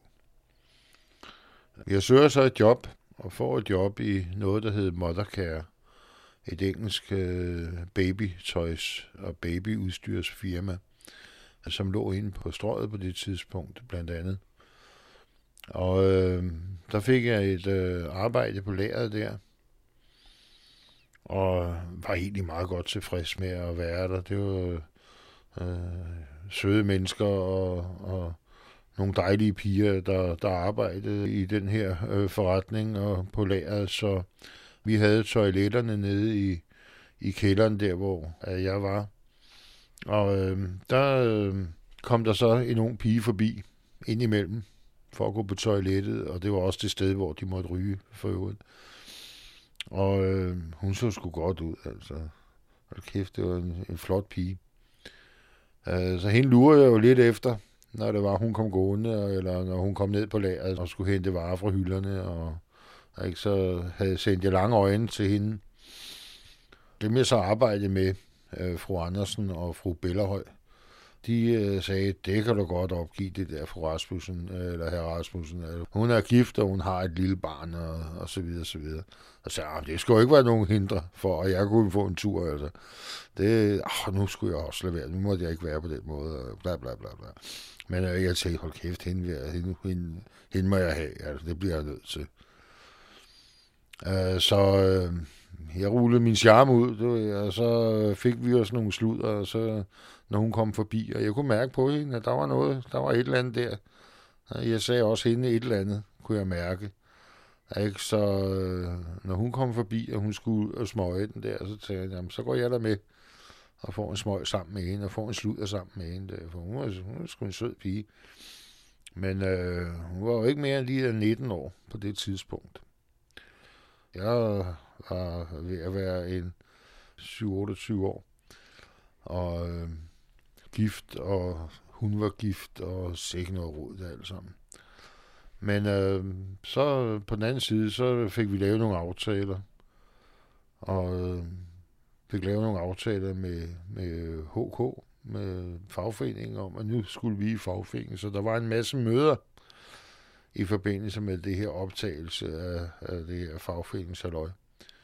Og øh, dem gik jeg jo glad med til, ikke? Så havde jeg jo undskyldning over for min kone, og hun havde undskyldning over for sin mand. Ikke? Og vi begyndte så småt at, at flette fingre, og vi begyndte så småt at, at kisse misse i krogene, og til så mødet der den 1. februar øh, 1975. En måned og halvanden før min datter hun blev født, der var vi til øh, møde øh, i HK. Og for første gang så øh, var vi sammen der og, og, og rigtig kissemissede. Og det var nede på, for det ikke skal være løgn, på Café Politigården.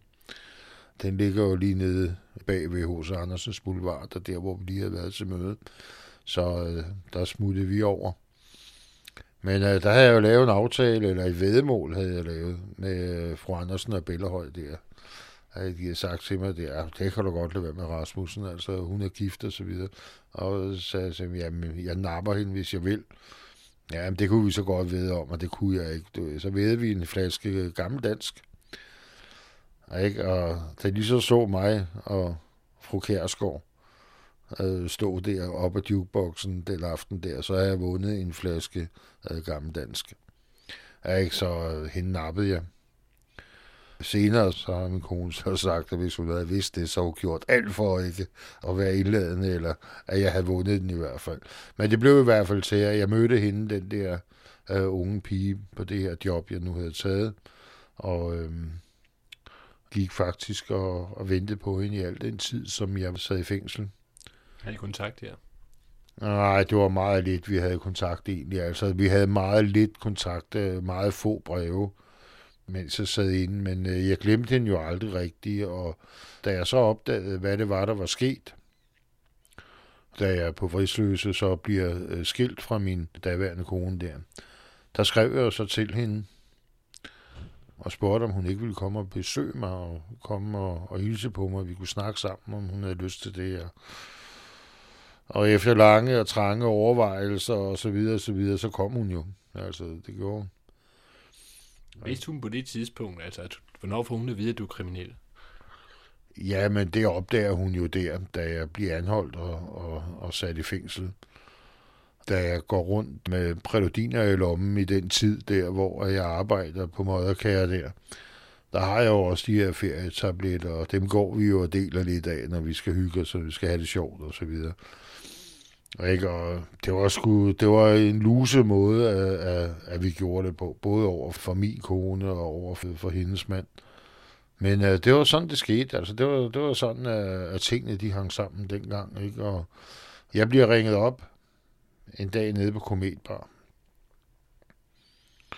Det er så fru Kærsgaards mand, herr Kærsgaard, der ringer ned til Kometbar og siger til mig, at de sidder over på, øh, på Hard Rock Café, om jeg ikke har lyst til at komme over og drikke en sjus sammen med dem. Jo, det, det kan jeg da godt, øh, hvis det skulle være. Ikke? Og, så jamen, jeg er der om en halv time eller sådan noget lignende. Og tænker jeg, da jeg ligger rør på, du, nu skal jeg have røv fuld, altså. Nu har han fået ud af det her, ikke? Altså, der, der er uler i mosen, det her, det passer sgu ikke, vel? Så jeg tog en af rødderne med, og så tog vi over på Hard Rock Café, og så skulle vi lige spotte en gang. Hvem var Ruden? Ja, Ruden, det var Henning. Det var en, der hed Henning. Uh, ham tog jeg så med over. Og øh, kigger ud over tingene sådan, du kender det, når man kommer snigende ind på et værtshus, og man lige skal se, hvor er røvfulden henne. Ikke? Altså, hvor, øh, hvor står de med kølerne for at banke derned. Ikke? Og så der sidder et øh, glad ægtepar ved et bord og vinker, kom herover, kom herover. Og jeg siger, ah, der, så er der sgu nok ikke noget. Du, jeg, du, jeg har altid, altid mistroisk, altid. Jeg, jeg er ikke den der, der lige løber ind i, i en, øh, i en spand fuld øretæver. Men øh, ja, vi går over, og jeg hilser på manden der. Han er en utrolig flink fyr, ikke? Susanne der, hun sidder der også. Øh, og jeg tænkte, det var sgu mærkeligt. Vi sætter os ned. Hvad vil I have at drikke? Og han går op, du, og Sanne og jeg, vi sidder og begynder under bordet og sidder og flette fingre med. Og jeg tænkte, det her, det går aldrig nogensinde godt.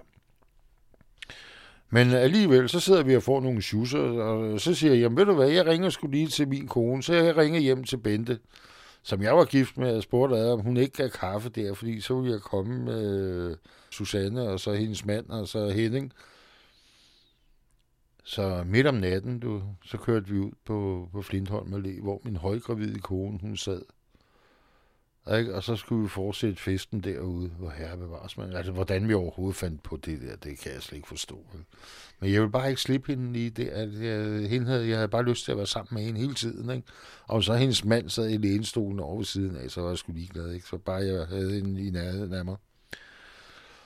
Men øh, så skulle min kone føde, og, og min elskerinde, som gik ind på Møderkær, gik og samlede øh, penge ind til barselsgave til hende, og jeg synes, det var noget forfærdeligt råd det alt sammen, så jeg blev fyret derindefra på grund af for meget fravær. Jeg skulle passe mit øh, kriminelle miljø nede på Vesterbro. Ikke? Altså, jeg kunne ikke holde mig væk fra det. De der øh, småpenge, jeg kunne tjene i løn ved at arbejde en hel måned derinde, dem kunne jeg lave dernede på en weekend, altså, hvis det var, at, at det gik godt. Eller, så jeg var som bare glad for, at jeg var kommet ind i HK der. Nu kunne jeg så betale min, min fagforening, og så, øh, når der var gået et halvt år, så kunne jeg få arbejdsløshedsunderstøttelse. Jeg tror ikke, det var et halvt år. Fik jeg dem efter tre måneder. Jeg tror, jeg fik dem lige med det samme. Lige snart jeg kunne få dem, så lå jeg mig fyre derindefra. Og ikke fordi, så kunne jeg jo få min arbejdsløshedsunderstøttelse, og så kunne jeg gå og lave kriminalitet ved siden af. Og, ikke, og så havde jeg penge nok alligevel. Og så var det så, blev Linda født, ikke? og øh, vi skulle passe vores, øh, vores barn, og det hele, det kørte i skud og mudder for mig på det her tidspunkt. Og så var det, øh, at præludinerne, de kom på banen, og øh, så kom det så, at jeg blev anholdt der i oktober-november måned.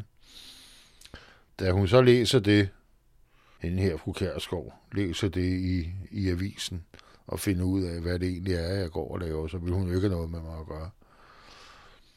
Ja, for hun ville ikke have, have med sådan nogle mennesker at gøre som mig, altså. Det var simpelthen, øh, det var så langt fra hendes, øh, hendes måde at leve på, så det ville hun ikke. Så øh, der gik det jo så øh, lidt i stå, og alligevel så øh, var det hende, jeg tænkte på hele tiden, mens jeg var derinde. Udover at jeg havde tænkt på min kone lige der og blev anholdt, fordi nu var jeg væk fra hende, og jeg var væk fra min nyfødte datter, og øh, det var ligesom om, at hele min tilværelse, den gik jo i opløsning altså på det. Da jeg så opdagede, hvad det egentlig var, der, der var hent, og hvad det var, der var sket. Så i første omgang, så tilgiver jeg jo min, øh, min kone det, hun havde gjort. Men øh, det var for sent. Det var, det var ødelagt. Alt øh, var ødelagt ved det her. Ikke? Så jeg beder om at få en øh, samtale i amtet og få øh, forældremyndigheden over min datter, og, og hun skal så forsvinde langt fanden i vold væk fra mig hjem. Og vi havde i mange år øh, en aftale om, at hun skulle holde sig mindst 10 km væk fra mig. Jeg ville ikke se hende, jeg ville ikke have noget med hende at gøre, jeg ville simpelthen ikke høre fra hende. Vel? Og det overholdt hun i stor udstrækning. Altså, hun flyttede til Viborg og kom tilbage til København og fandt en fyr her og flyttede sammen med, som hun så forsøgte at brænde ind, blandt andet. Så det har været noget, det var noget omtumlet øh, tilværelse lige der. Men øh, efter jeg var kommet lidt over det inde i, i fængslet og så videre, så fik jeg så ringet til, eller skrevet til Susanne her, om hun ikke godt ville komme ind og snakke med mig. Og jeg var indstillet på at at opgive alt, hvad jeg tidligere havde lavet for at kunne få en pige som hende. Det skrev du? Ja, ja, det var jeg jo indstillet på. Jeg var indstillet på at starte et nyt liv op. Jeg var indstillet på at komme ud af alt det her øh, skidt, ikke?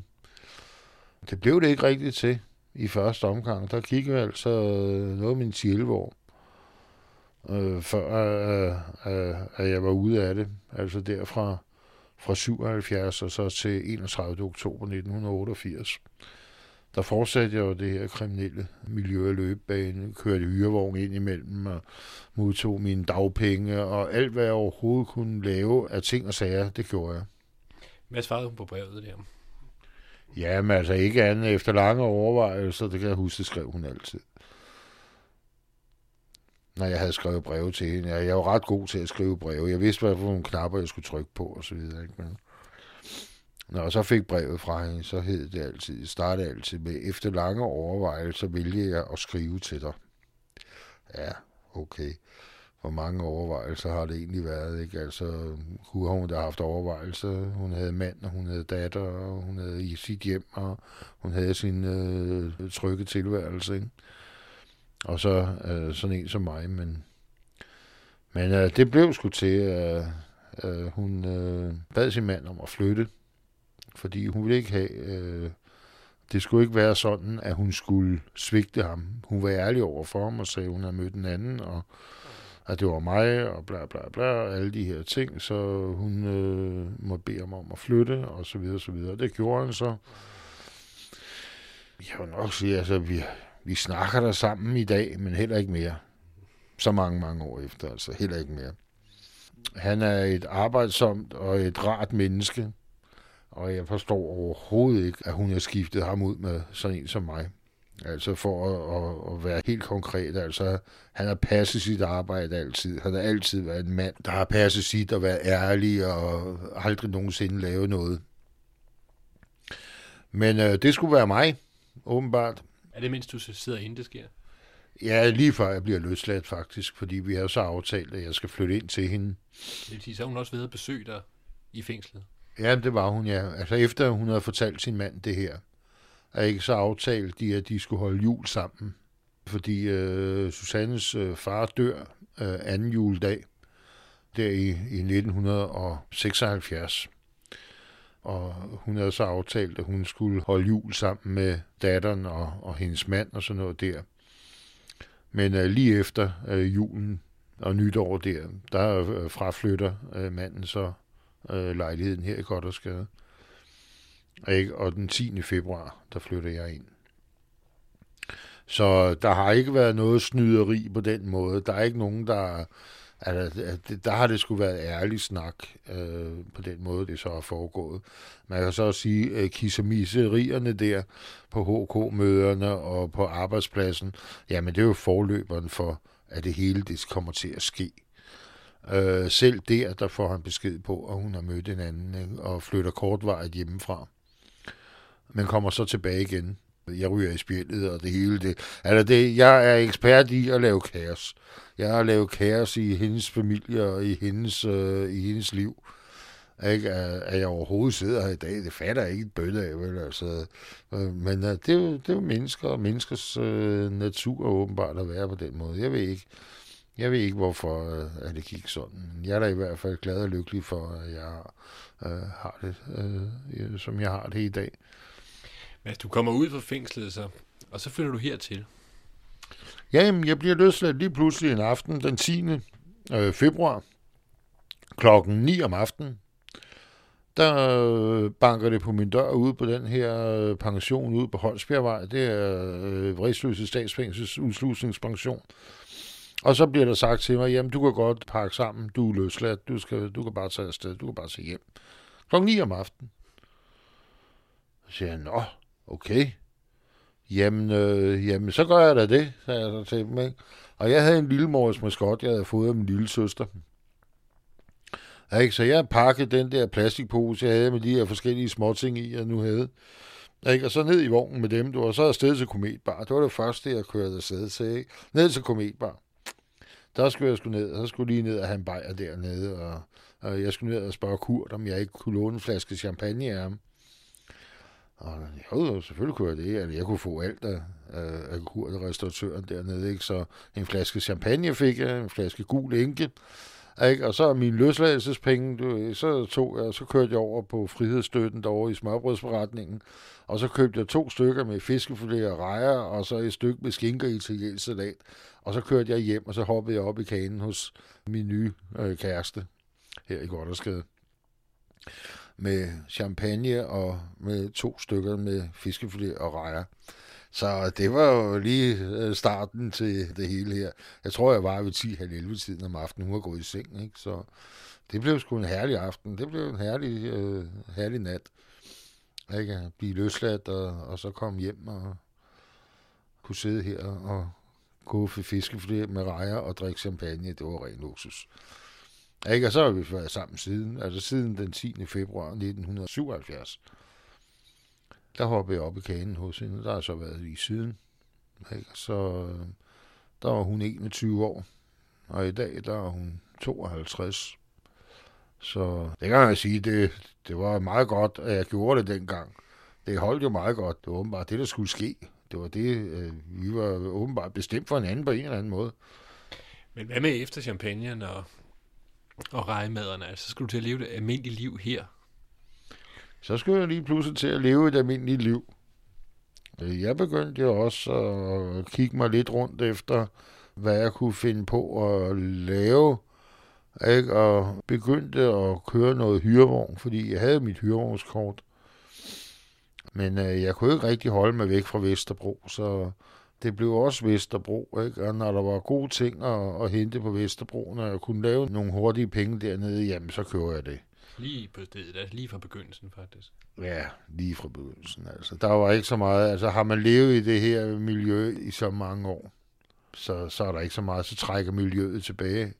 Luderne, lommetyvene, øh, alle de øh, platnummer, hælervarerne, altså alt, hvad der overhovedet kunne omsættes i penge, det skete dernede. Ikke? Så øh, det gjorde jeg med stor glæde. Og det vil også sige, at hun fik da nogle oplevelser dernede, den nye fru Rasmussen der. Ja, ikke? Der var, hun havde det også lidt sjovt. Altså at kunne blive hentet og lige frem værtshusets, ikke værtshusets dronning, sådan en pjat, men øh, var i hvert fald øh, den, der var Rødekajs kone. Det var der en vis prestige i. Selvom øh, en, en masse dernede, de så var efter hende for at, at fortælle hende, hvor lang tid hun troede, at hun kunne gå rundt og ikke skulle gå på gaden og lave penge. Men øh, det havde aldrig nogensinde været øh, tanken med, med den her pige. Det var slet ikke sådan en pige, at jeg havde mødt her. Det var en pige med, med ben i næsen, en, der vidste, hvad hun ville, en, der var ansvarsbevidst, en, der ville noget over for sin, øh, sit barn, og ville noget over for mig. Hun ville have mig ud af det her. Altså, hun ville, øh, hun ville stoppe det her. Hun ville øh, leve et ganske almindeligt liv. Men øh, det fik hun ikke. Ikke sådan lige med det første. Hvad sagde hun til mødet med det miljø der? Nå, men altså, øh, hun kunne ikke rigtig sige noget. Altså, herregud, øh, pigen, hun var 9 eller 21 år. Ikke? Og jeg var, jeg var 30. Jeg havde den der lidt rå attitude, og der var sgu ikke nogen, der skulle komme her. De fik nogen på hovedet, ikke? Eller, altså, jeg var en råd. Simpelthen en råd. Luderkæl, øh, hæler, øh, ja, whatever, kald mig, hvad I vil. Narkohandler. De var bange for mig på det her. Prestigen i, i det her, det var jo, man, man satte sig i respekt på nogle helt andre værdigrundlager, end man normalt vil sætte sig i respekt for. Ikke? Her der var det næverne, der talte, eller øh, pengene, der talte. Øh, altså jo flere penge du havde, jo bedre kunne du øh, klare dig igennem de her ting. Jo bedre handler kunne du gøre, jo bedre kunne du øh, ligesom, altså prestigen den var øh, oppe. Ikke? Og når du havde haft sådan noget som uh, Club lige over på den anden side af gaden, hvor øh, det her værtshus det lå, jamen så vidste de jo, hvor mange penge der havde været. Der havde været så mange penge i lommerne, så, øh, ja, så de ikke kunne være der. Så mange penge, som øh, de aldrig nogensinde øh, havde set dernede. Vel, så, så prestigen, den er der sgu, når man begynder at fylde plastikposer op med 100 lapper og, og 50'er, altså med penge, fordi man ikke kan have dem i lommen. Altså, så, så er der respekt om en, altså, det må jeg sige. Og det var der. Men det er også det, så beslutter jeg for at blive gift. Altså alle steder på kometbar. Ja, ja, men det var det sted, jeg kendte, ikke? Og det var et sted, hvor alle mine venner var. Så havde de ikke så langt, når de skulle komme til fest og så videre, ikke? Så det gjorde vi skulle på kometbar. Jeg havde det her for mig selv, det her værtshus. Det lukkede ved restauratøren simpelthen den lørdag, hvor vi blev gift. Og, øh, og så holdt vi bryllup der. Jeg fik Ole, han, øh, han lavede maden, og Jan og Aki serverede, og vi havde en herlig dag. Vi havde et dejligt bryllup. Et dejligt, dejligt bryllup. Vi havde et skægt, og vi havde et og vi havde et helt bar, at vi bare kunne drikke fra. Ikke? For mig var det en dejlig dag. Altså, min familie var der, Susannes familie var der, ikke? Og, at det så ikke lige frem var øh, Angleterre. Nej, kunne nej, men det var det sted, hvor jeg kom fra. Ikke? Det var der, hvor jeg hørte til. Ikke? Og, det var her, jeg havde mine, øh, mine venner og, og, og bekendte. Ikke? Det kan sgu godt være, at svigermor ikke synes, at det var det allerflotteste sted, hendes datter blev gift, men altså, øh, hun fik mig, ikke? Det må de jo så være glade for, på en eller anden måde. Ikke? Så det var okay, ikke? Vi havde det fedt, vi havde det sgu godt, ikke? Efter den tid også, ikke? Der, der kom jeg også dernede hele tiden. Altså, jeg blev ved med at, at, at være der, ikke? Og, og lave mine numre, ikke? Og, Og øh, så begyndte jeg så at komme lidt mere på Nørrebro, efter øh, Snotten han var blevet løsladt, og ikke, så begyndte jeg at trække lidt over det der, og så begyndte nye idéer at opstå. Nye, øh, nye øh, store forretninger begyndte at, at vise sig lidt i, i horisonten. Altså folk, de kom jo og besøgte mig efter jeg var blevet løsladt, og så var en røde ud igen. Du, lad os komme hjem og se, hvad der sker. Han har flyttet sammen med en dame ude på Nørrebro, ikke? Og ikke helt Nørrebro, men næsten.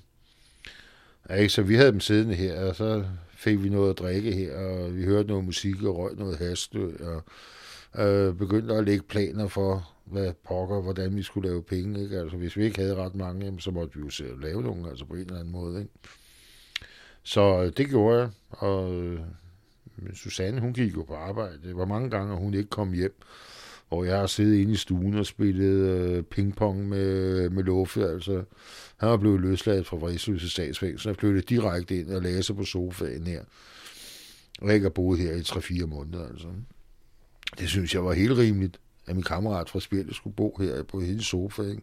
og spise med her, ikke? Og han sad, og han sang børnesang for datteren, og det gik sgu fint, ikke? Hun elskede ham, altså, for uh, han så sig af hende om morgenen, ligegyldigt hvordan at Luffe var kommet i seng, ikke? Så øh, det var alle tider. Men så var det så, jeg begyndte at køre afsted med kilo hassegangen til Stockholm, eller til Malmø, eller hvor jeg nu kunne se, at, at jeg kunne få en ordentlig skilling for et kilo has i forhold til, hvad den kostede her i København. Så det gjorde jeg der, og der startede jeg stille og roligt op med at, at, at, at sælge øh, lidt igen og, og komme afsted med, med noget hashandel.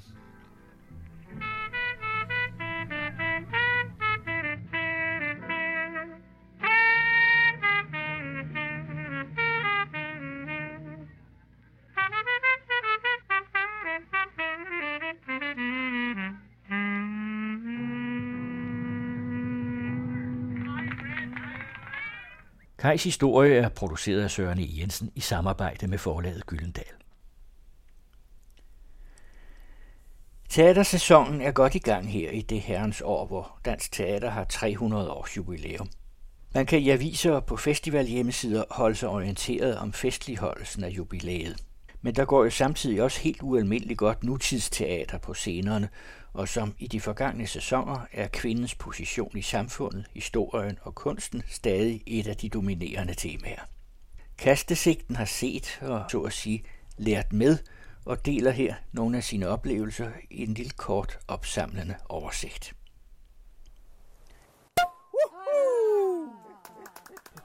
Bravo! Kastesikten. Kastesikten. Kastesikten. Tervetuloa Kastesikteniin! Kastesigten har den seneste måned været inde at se Baking Race på det, der før hed Teater Grob, og nu har skiftet navn til Blågårdsteateret. Gertrud svarer igen på Husets Teater, Mørkt forår på Betty Nansens satellitscene Edison, samt fodbold, fodbold, fodbold og den vælsindede i skuespilshuset. Tiden har dog ikke været nådig over for denne kritikers mulighed for at beskæftige sig mere indgående med forestillingerne, så vi nøjes i dette lidt amputerede program med at fortælle lidt overfladisk om oplevelserne, for dog trods alt at give lytterne mulighed for at skynde sig ind og se de stykker, der må vække interesse, når de nævnes ved navn her. Baking Race var en sjov og opdragelsesmyndet pastis over bageprogrammer og kolonihistorien, men den går ikke mere, så den springer vi over. Næste stykke på Nørrebrogade bliver tilbage til for evigt af Line Mørkeby, kendt blandt andet fra de to vellykkede teaterudgaver af Skam på Avenue T, og som har premiere den 20. oktober. Mørkt forår var en flot genreblandende iscenesættelse af den kvindelige kultforfatter Unika Syrens selvbiografiske værk af samme navn, men det stykke er desværre også hoppet af plakaten, uden at jeg nåede at anbefale det. Næste stykke er Spilleren, som har premiere den 7. oktober. Gertruds var igen er langt det bedste af de stykker, jeg har set denne sæson. Det er Liv Helm, der synes at forløse både sine egne og tidsåndens ambitioner om at kaste et nyt og kritisk lys på kunstens kvinder. I denne omgang altså Hamlets mor, dronningen af Danmark. Det er der kommet et originalt stykke teater ud af, hvor dronning Gertrud, spillet eminent af Christine Albæk Børge, reflekterer over både Hamlets tagen sin egen vigtighed for givet, kvinderollen i Shakespeares stykker mere generelt, og i et særdeles vellykket metagreb ved at reflektere over sin egen rolle som kvindelig skuespiller i dette lille ensemble, hvilket bliver gjort ved, at hun læser op af sin dagbog for prøverne. Al denne refleksion kunne nemt have givet stykket et tungt præg af essayistik eller lidt didaktisk. Nu skal vi lære at se verden med kvindelige øjne. Men dels er Christina Albæk Børges tanker og refleksioner virkelig uprætentiøse, mangefacetterede og fascinerende i deres umiddelbarhed.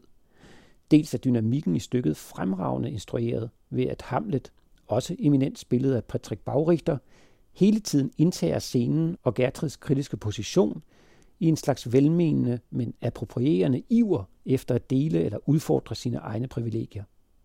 Og derfor fungerer kammerspillet rigtig fint som et spejl af vores samtid. Der er mange fabelagtige og overraskende scener i Gertrudsvej igen. Og scenografien af Christian Friedlander spiller veloplagt med som en tredje stemme i stykket. Der er også elementer i stykket, der efter min mening ikke fungerede helt så strygefrit, som man kunne have håbet, men selv disse friktioner gør faktisk bare det hele endnu mere værd. Og man går ud af husets teater og rundt i sin blindt mandsdominerede verden lidt mere seende, med en stor bunke uregerlige Gertrud-krummer, for nu at parafrasere Trille. Jeg kunne sagtens have brugt en helt kastesigte på Gertrudsvej igen, men summa summarum, gå ind og se det, det går ind til 15. oktober. På det kongelige skuespilshus ved havnen kan man se Henrik Sklarnis energiske fodbold, fodbold, fodbold. Men det var ikke nogen anbefalesværdig oplevelse, vi gik ud af teateret med. Der var simpelthen ikke kælet nok fra replikkerne, der ofte lød lidt klodset og kunstige, ligesom at hele sidehistorien om VM i Katar ikke var bundet særlig elegant sammen med den øvrige handling. Men måske er jeg bare ikke interesseret nok i fodbold til at være den rigtige linjedommer her, Fodbold, fodbold, fodbold går med ujævne mellemrum frem til den 28. november. Inden ved siden af, på den store scene, kan man se Katrine Wiedemanns spilopmager-version af Holbergs Den Vælsindede. De to, Wiedemann og Holberg, går godt i spænd, og det stjernespækkede ensemble rummer flere virkelig tilværdige skuespilspræstationer.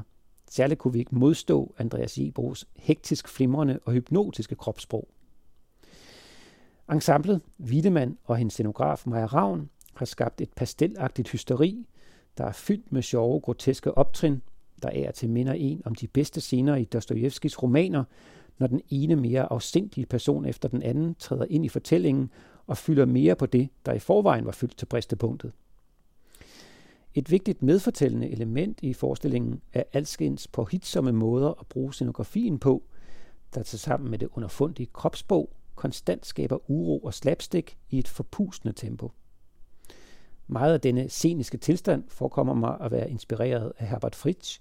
Fritz, der jo også tog fagtag med Holberg på det kongelige for et par sæsoner siden med Maskerade. Men denne inspiration, hvis den har fundet sted, er kun et plus i denne kritikers bog. At den vælsindede bliver sat op netop nu, har selvfølgelig med teaterets 300 års fødselsdag, som vi også nævnte sidst, at gøre, og hele den aktuelle dyrkning af teaterets betydning og Holbergs geni er velkommen, men i nogen sammenhæng også lidt ukritisk fremført. Personligt synes jeg, at Holberg måske har skrevet fem virkelig gode stykker, og den vælsindede er ikke et af dem. Stykket starter veloplagt, og den vidige dialog sidder stramt som et korset i scenerne, og hele tiden med en genkendelig palette af menneskelig dårskab, men løber langsomt tør for idéer, og hen imod slutningen også en egentlig retning på fortællingen. Og man sidder efter tæppefald tilbage med en stille ærgelse over, at de gode takter i første akt ikke fandt en værdig afslutning. Men trods denne stille ærgelse, som altså ikke skyldes hverken Wiedemann eller skuespillerne, der virkelig giver den gas, så er den vælsindede af samme årsag alligevel værd at løse billet til. Alene for at se Jebros præstation er alle pengene godt givet ud. I har indtil 3. november. De næste premiere er, som nævnt, Spilleren på Betty Nansen den 7. oktober, København på det kongelige den 13. oktober og tilbage for evigt på Blågårdsteateret den 20. Og ude på Vesterbro, på Teater Sorte Hest, kan man fra den 22. oktober se et stykke om den franske forfatter og feminist Simone de Beauvoir. Ja, gå kun blot til lyst eller ej, ind og se forestillingerne selv. I hørte Rasmus Blæde Larsen, og på hjemmesiden er der links til alle de aktuelle forestillinger. I Farovs klassikere læser jeg for tiden fra Herman Bangs søndagskronikker i Nationaltidene, vekslende temaer, og den 3. oktober 1880 stod der en reportage fra en stor haveudstilling i Tivoli. Et apropos til udstillingen i Tivoli. Man har med sjælden enstemmighed erklæret haveudstillingen i Tivoli for en ubetinget succes. Fagkundskaben, der har formået at vurdere anstrengelserne, som har hidført resultatet, har følt sig lige så tilfredsstillet som publikum, der hovedsageligt har måttet beundre masserne, rigdommen og arrangementet i det hele resultatets skønhed, og fra alle sider har haveselskabet modtaget levende anerkendelse. Vi uindvidede har dvælet så at sige ved den rent ydre side af denne udstilling. Vi har beundret navnlig massen af herr Fløjstrups planter, mesterskabet i blomsterbizarreriet hos enkelte af vores største blomsterhandlere, blomsterbizarreriet, til det synes i det mindste så, at blomstersammenstillingen mindre er en kunst, hvad den kunne være, end en slags virtuositet, hvor den tekniske færdighed gør kunster. Man vil således sikkert have lagt mærke til adskillige af de i bazaren udstillede blomsterkunststykker. Smagen i de her koks og fosses dekorationer. Vi har lidt tantaluskvaler for en grosser Webers frugter, som vi har smagt uden at turde røre dem. Har beundret drueudstillingen i bazaren, og særligt mærket os herr Havschilds samling af sukulente planter, en besynderlig specialitet, der inden for gartnerkunsten kun kan besidde få dyrkere. Vi har måttet holde os til dette, dvæle ved opfattelsen af det maleriske, respekten for størrelsen, og vi har hverken kunnet vurdere fremskridtene eller fastslå Danmarks stilling på hortikulturens ene mærker. Men glædeligt er det da, at fagmænd, som har formået dette, har følt sig lige så tilfredsstillet som vi, og at, så vidt man kan se, den videnskabelige side af udstillingen har gjort et lige så gunstigt indtryk som hvad man kunne kalde det repræsentative ved det nu kongelige selskabs jubilæumseksposition. Foruden det rent ydre, det som har tiltalt vort syn og vores smag, er der dog måske endnu en enkelt side af sagen, som har vagt opmærksomhed også hos de uindvidede skare. Udstillingen har været et talende vidnesbyrd om den stigende luksus på blomstermarkedets område – og selv den flygtigste besøgende har ikke kunne undlade at lægge mærke til, hvor store kapitaler der opereredes med på et felt, der udelukkende tilhørte luksusen, og hvor man for nogle år siden endnu var europæisk set, end også meget langt tilbage. Til den luksus i blomster, hvor for eksempel de voldske etablissementers daglige udstillinger og nu også deres opsatser i Tivoli vidner, og som i udlandet alt i lange tider har spillet en så betydelig rolle, kendte vi for 10-15 år tilbage meget lidt. Og hvad dekorationsfaget angår, skyldes det vel hovedsageligt her Fløjstrups i de senere årringer betydeligt voksede forretninger, at vi også her er kommet så hurtigt med og allerede har fået noget nær europæisk snit. Udstillingen har for adskillige haft sin hovedinteresse ved at vise luksusens stigning på dette område, ved at konstatere, hvor betydelige kapitaler kunstgartnerier beskæftiger – og give et begreb om, hvilke utrolige summer, der her omsættes. I grunden er vi danske ikke anlagt på luksus, og i reglen er luksus os fremmed. De for hvem luksus er depravation, ville sige, at vi tværtimod er alt for luksuriøse, og andre ville påstå, at det kun er de små forhold, de små formuer, kun mangel på evne, ikke mangel på lyst, som hæmmer vores landsmænds luksussyge. Disse sidste har ret og men på en anden måde, end de selv mener. Til det er vor mangel på evne, som holder luksusen nede, men vel at mærke ikke mangel på formue, på midler, men mangel på evne til at forstå luksusen, til at hvile i den, have den nødig som livsbetingelse. Luksus er ikke rigdom, og man kan vise sin luksustrang uden at være rig, men hemmeligheden er netop den, vi forstår ikke luksus, og vi trænger ikke til den den bliver aldrig en bestanddel af vort liv, og selv mennesker, som er opfødte i den, og som derfor modtager den som en vane, nyder den ikke, fordi de ikke forstår den. Det går med luksus som med smag for musik. Ligesom langt fra alle er musikalske, således gives der mangfoldige mennesker, hvem luksus altid forbliver hebraisk. Og der findes atter andre, som, hvad skal jeg sige andet, forstår den, trænger til den. Vi danske er i denne sammenligning de umusikalske. Man ser det overalt, frem for noget sted i arrangementerne af vores værelser. Grevinde du Châtel, hvis mand som bekendt en kort tid var fransk minister her, og som gjorde så meget en opsigt, fordi hun rev tre vægge ned i Hotel d'Angleterre, skal have sagt om København, at man nok havde møbler, men man møblerede ikke. Og uden fornærmelse, ytringen er slående sand. Vi møblerer ikke. Se et af vores værelser. Nogle stole langs væggen, et bord foran sofaen, et bogskab, et gulvtæppe og nogle repsgardiner, stole til at sidde i, et bord til at læse ved, en sofa til at sove middagssøvn på, et bogskab til at sætte bøger ind i og tage nøglen af igen, gardiner til at skygge lidt for solen og under tiden et klaver til at spille på. Overflødige møbler? Ingen. Jeg besøg en gang med nogle landlige damer et kabinet på en af vores herregårde. Ejerinden var østrigerinde, og kabinettet var møbleret.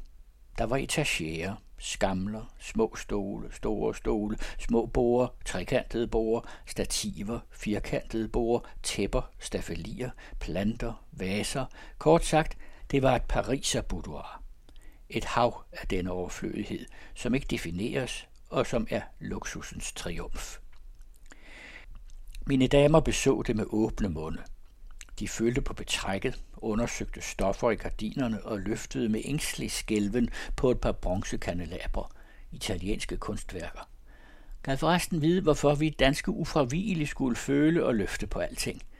Så efter mærkerne på væggenes malerier. De fik slet intet skønhedsindtryk. De dvælede slet ikke i eller ved indtrykket af velvære. De vurderede stasen – Dæk et pragtfuldt spisebord med opsats, blomster, blomsterglas, glaserede frugter, konfiturer, glas og skåler, og jeg ved hundrede mod en, at deres gæster aldeles ikke opfatter skønheden, slet ikke føler den ubestemte velbehagelighed ved bordets pragt. Endnu, mens de trækker handskerne af, har de vejet hver gaffel, vurderet hver skål og med øjnene slugt konfekten. Mine damer gik det lige sådan i herregårdskabinettet. De satte i tankerne det hele til auktion – og misundelsen førte auktionshammeren. Og så, da vi skulle til at gå, løste den ene af dem alles fælles bundne tanke ved at sige som et punktum, der som balsam kunne mildne misundelsens sår. Ja, og hvad er det så til? Jeg se, det er netop sagen. Hvad er det så til? Det er ligesom musik, litteratur, skønne kunster og gurkesalat til for dem, som forstår sig på det. Og vi forstår os i reglen slet ikke på det. Det velvære luksus skænker er et vist ubestemt, og hvor natur vil bestandig omsætte dette ubestemte i mere bestemmelige faktorer. Jeg ved, at sagkundskaben har fundet meget fortrinligt på den snekerudstilling, som for øjeblikket er åben i udstillingsbygningen, og at det danske snekerarbejde overhovedet er særdeles fortrinligt, og det kunne aldrig falde mig ind at strides med dem, der forstår, hvad jeg aldeles ikke har forstand på. Men det synes mig dog, at selve den udstilling fortæller noget nær det samme om vort forhold til luksus. Jeg tvivler ikke på, at alle disse møbler er udmærket, netop holdt i stilen, smagfulde og hundrede andre ting, men ville det være alt for formasteligt at sige, at de måske var for samvittighedsfuldt holdte? At man, når man var et ægte barn af moderne luksus, måske ville savne de små afvielser fra stilen, der så at sige gør den fuldkommen. De små variationer, de fine nuancer, som nogle gang er luksusens liv. At man som elsker af overflødighed, der er luksusens væsen, i de monterede kabinetter, karakteristisk nok alle eller hovedsageligt alle spisestuer og herværelser, den massive, tunge og kolde luksusens tumleplads, forgæves søgte så at sige luksusens åndepust i det hele arrangement. Man finder for eksempel aldrig de små udefinerlige småmøbler, møblementets bagateller, hvoraf der i Brysler-udstillingens værelser vrimler, og som er den sande luksus dækkebørn. Der findes dog i København folk, der møblerer deres lejligheder, som til med møblerer dem luksuriøst. Men disse mennesker konstaterer måske endnu tydeligere end vi andre, at vi i grunden er fremmede for luksus. Ikke trænger til den. De opfylder deres hus med luksusvidundere, eller rettere, de lader deres tapisserer gøre det og så udelukker de samvittighedsfuldt sig selv fra den luksus, deres forfængelighed har skabt. De murer sig inde i et tavligt bagværelse med gamle møbler, og uden at forstå eller trænge til luksusen, benytter de den som et skilt for deres rigdom. Til de mennesker, som ikke bryder sig om luksus for at hæve deres vellevende, kunne godt sætte meget pris på den, fordi den kan tjene deres forfængelighed. Men netop dette at luksus næsten altid er os et middel, for eksempel til at gøre opsigt, sjældent et mål. Lad det for endelig at vende tilbage til haveudstillingen blive let forklarligt, at blomsterluksus har taget et så betydeligt opsving. Denne slags luksus er just bestandig, eller i det mindste oftest, af en ydre repræsenterende natur, og der kunne vi fuldt ud være med til at bruge penge uden at tælle og bære udgifter uden at regne, til at vi ikke tæller eller regner, vil let blive klart ved nogle tal. Lad os først for et øjeblik dvæle ved dekorationsgartneriet, der på udstillingen spiller en så fremtrædende rolle, og hvor navnene Fløjstrup, Foss og Kok hæver sig i første række. Det er umuligt at skaffe opgivet, hvor mange dekorationsplanter, der er udstillet på Tivoli. Selv det enkelte firma kender ikke tallet på sine egne samlinger. Hvad der ikke kan undre, når man erfarer, at et af disse firmaer, der allerede har fyldt det halve etablissement med interimistiske buketter, forleden, da udstillingstiden blev forlænget, og enkelte gartnere, der ikke havde gjort regning herpå, blev nødsaget til at trække deres samlinger bort, påtog sig at udfylde hullerne og kørte op et nyt batteri af vækster, der til syneladende ganske erstattede, hvad man havde borttaget. Og opgivelserne ville bune af unøjagtigheder. Men hvilke tal, der her er tale om, og hvilke summer alene dekorationsgardneriet, hvis driftskapital hovedsageligt forrentes ved leje af planter, sluger og må forrente, det kan man vel gøre sig et begreb om, når man hører, at et enkelt firma i Tivoli alene af dekorationsplanter har udstillet for en 25.000 kroner. Ingen ringsum. Og hvor til benytte sig alle disse planter, som man store og små til sammen må tælle i 10.000 vis. Naturligvis først og fremmest til store offentlige festligheder, hvor man, som ved børsmiddagen for Nordenskjøl, har givet arrangørerne carte blanche, og som vel er den bedste indtægt for de herhenhørende firmaer, men en indtægt rigt nok, som aldrig ville kunne bære en forretning, siden Nordenskjøl ikke hvert år kan finde en ny Nordpol at gennemsejle, eller kommunen hvert år en nygift prinsesse at gøre gilde for. Sådanne arrangementer kunne støtte en forretning, ikke bære den. Det må de daglige indtægter bestride, det vil sige abonnement og dekoration. Man ved jo, hvad der forstås ved abonnement. En gartner påtager sig en sæson igennem at pynte et vindue med blomster og planter, som den, der abonnerer, lejer og som erstattes med nye, når de er medtagende eller visnet. Et sådan vinduesabonnement er ingen absolut billig historie. En 20-30 kroner per måned, og i den gode tid kunne dog de forretninger, som excellerer i denne branche, have en 20 abonnementer så indtægten der er ikke så ganske ringe. Det var abonnement. Dekoration spiller som naturlig er dog den største rolle.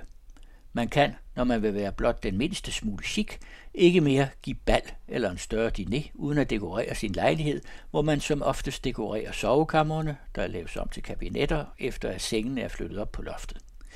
Men en sådan dekoration fordyrer ballet betydeligt, især efter man har kastet vrag på de obligatoriske fire lavbærtræer der før prydede balsalens fire hjørner og fordrer masseanvendelsen af blomster og planter. Den almindelige pris for en ordinær dekoration af en trappegang, et par omdannede sovekammer og en balsal er omtrent 100 kroner. Men man stiger i vort Faubourg Saint-Germain ofte til det firdobbelte og går under tiden de 1000 kroner meget nær. Hvad der ikke må undre, når man hører, at visse grevelige porte for at være fuldt dekoreret fordrer i det mindste ca. 200 store og små planter at en meteor på vores selskabelige himmel, som den ovenfor nævnte grevinde du Châtel, under disse omstændigheder på en aften kunne give adskillig mere end de højst lønnede af de embedsmænd, som herr Mondberg i sin valgtale benævner de rige, har at leve af i et helt år, vil kun synes naturligt. Og i den gode del af sæsonen har de betydeligere forretninger hver dag et par dekorationer at besøge. Man danser meget i København fra jul til påske. Så er der dekoration af kirker til bryllup og begravelse, dekoration ved alle de tusind lejligheder, hvor man kan prale med en luksus, som ellers ikke har nogen værd eller høre med i deres liv, som udfolder den. Til netop dette er endommeligt for denne dekorationsluksus ved højtidlige lejligheder, og netop derfor kan den brede sig så stærkt hos mennesker, der udfolder luksus kun for næstens skyld. Langt større summer sluger dog naturligvis blomsterluksusen i sine utallige forgreninger – Først og fremmest hvilke kapitaler nedsænker vi dog ikke årligt i jorden på kister, der langt fra altid gemmer levningerne af vores kære, hvem det har været sådan trang at medgive en sidste hilsen i nogle hurtigt visnende blomster. Man rutter i vores tid med ligkranse, lige så stærkt som et visitkort, og når man, som jeg i dette øjeblik, har for sig opgørelser fra adskillige forretninger, der velvilligt har opgivet mig visse tal, får man et stærkt indtryk af, hvilken udvikling denne kransemani har taget. Man sender kranse til mulige og umulige, ligesom i visse kredse, hvor man gensidigt ruinerer hinanden ved at give fødselsdagsgaver, ruinerer hinanden, fordi den ene bestandig vil overgå den anden, og derfor stadig lægger til på gavernes værdi. Således også her. Disse oprindeligt så smukke vennehilsner til afdøde, nogle simple blomster, bragte med venligt sind, er i virkeligheden blevet til en byrdefuld gaveudveksling, hvor den afdødes familie modtager blomster i hundredvis af kroner, som nedgraves i jorden, og hvor luksusen, her trædende i den gensidige forfængelighedstjeneste, driver sit vildeste spil. Det er ikke længere muligt at stille en kiste frem, som ikke er skjult af blomster, og selv på mine besøg på Vestre Kirkegård og på Sistens Kirkegårds 4 kroners kapel har jeg fundet kisterne så vidt muligt belagte med kranse. Værdien varierer, men selv den fattigste bringes dog nøde i jorden uden med en 5-6 kranse. Og et almindeligt menneske, hvis liv måske har været adskillige for pint af næringssovernes tårne, begraves ligefrem i roser. Og sender fremmede så ikke så mange kranse, at man mener at kunne være det bekendt, køber man dem selv. Jeg har på assistenskirkegård hørt en samtale mellem to koner, hvor i den ene skulle have en søn begravet. Hun havde pansat alt sit tøj for at købe fem kranse – hun kunne kun påregne fem fra bekendte, og mindre end ti ville hun ikke have. Det var mor, som begravede sin søn, og måske var det delvis moderkærligheden, der ville give sønnen det bedste. Men mange bringer de samme ofre kun for forfængelighedens skyld, og for dog at kunne være med i en luksus, som i de højere lag antager ligefrem gigantiske dimensioner. Eller hvad mener man vel om, at en nogenlunde anset mand ikke kan komme i jorden uden med en 50 kranse på sin kiste? Hver krans lavt anslået til en 5 kroner. Eller en begravelse i aristokratiet eller det højere bourgeoisi fordrer et kontingent af gennemsnitligt over 100 kranse, iblandt man finder rosenkranse midt i november og kæmpemæssige palmeblade året rundt. Blomstergaver, hvor det under tiden kan dreje sig om 100 af kroner for hver enkelt gave, og som bestandig repræsenterer en værdi af en snes kroner i gennemsnit.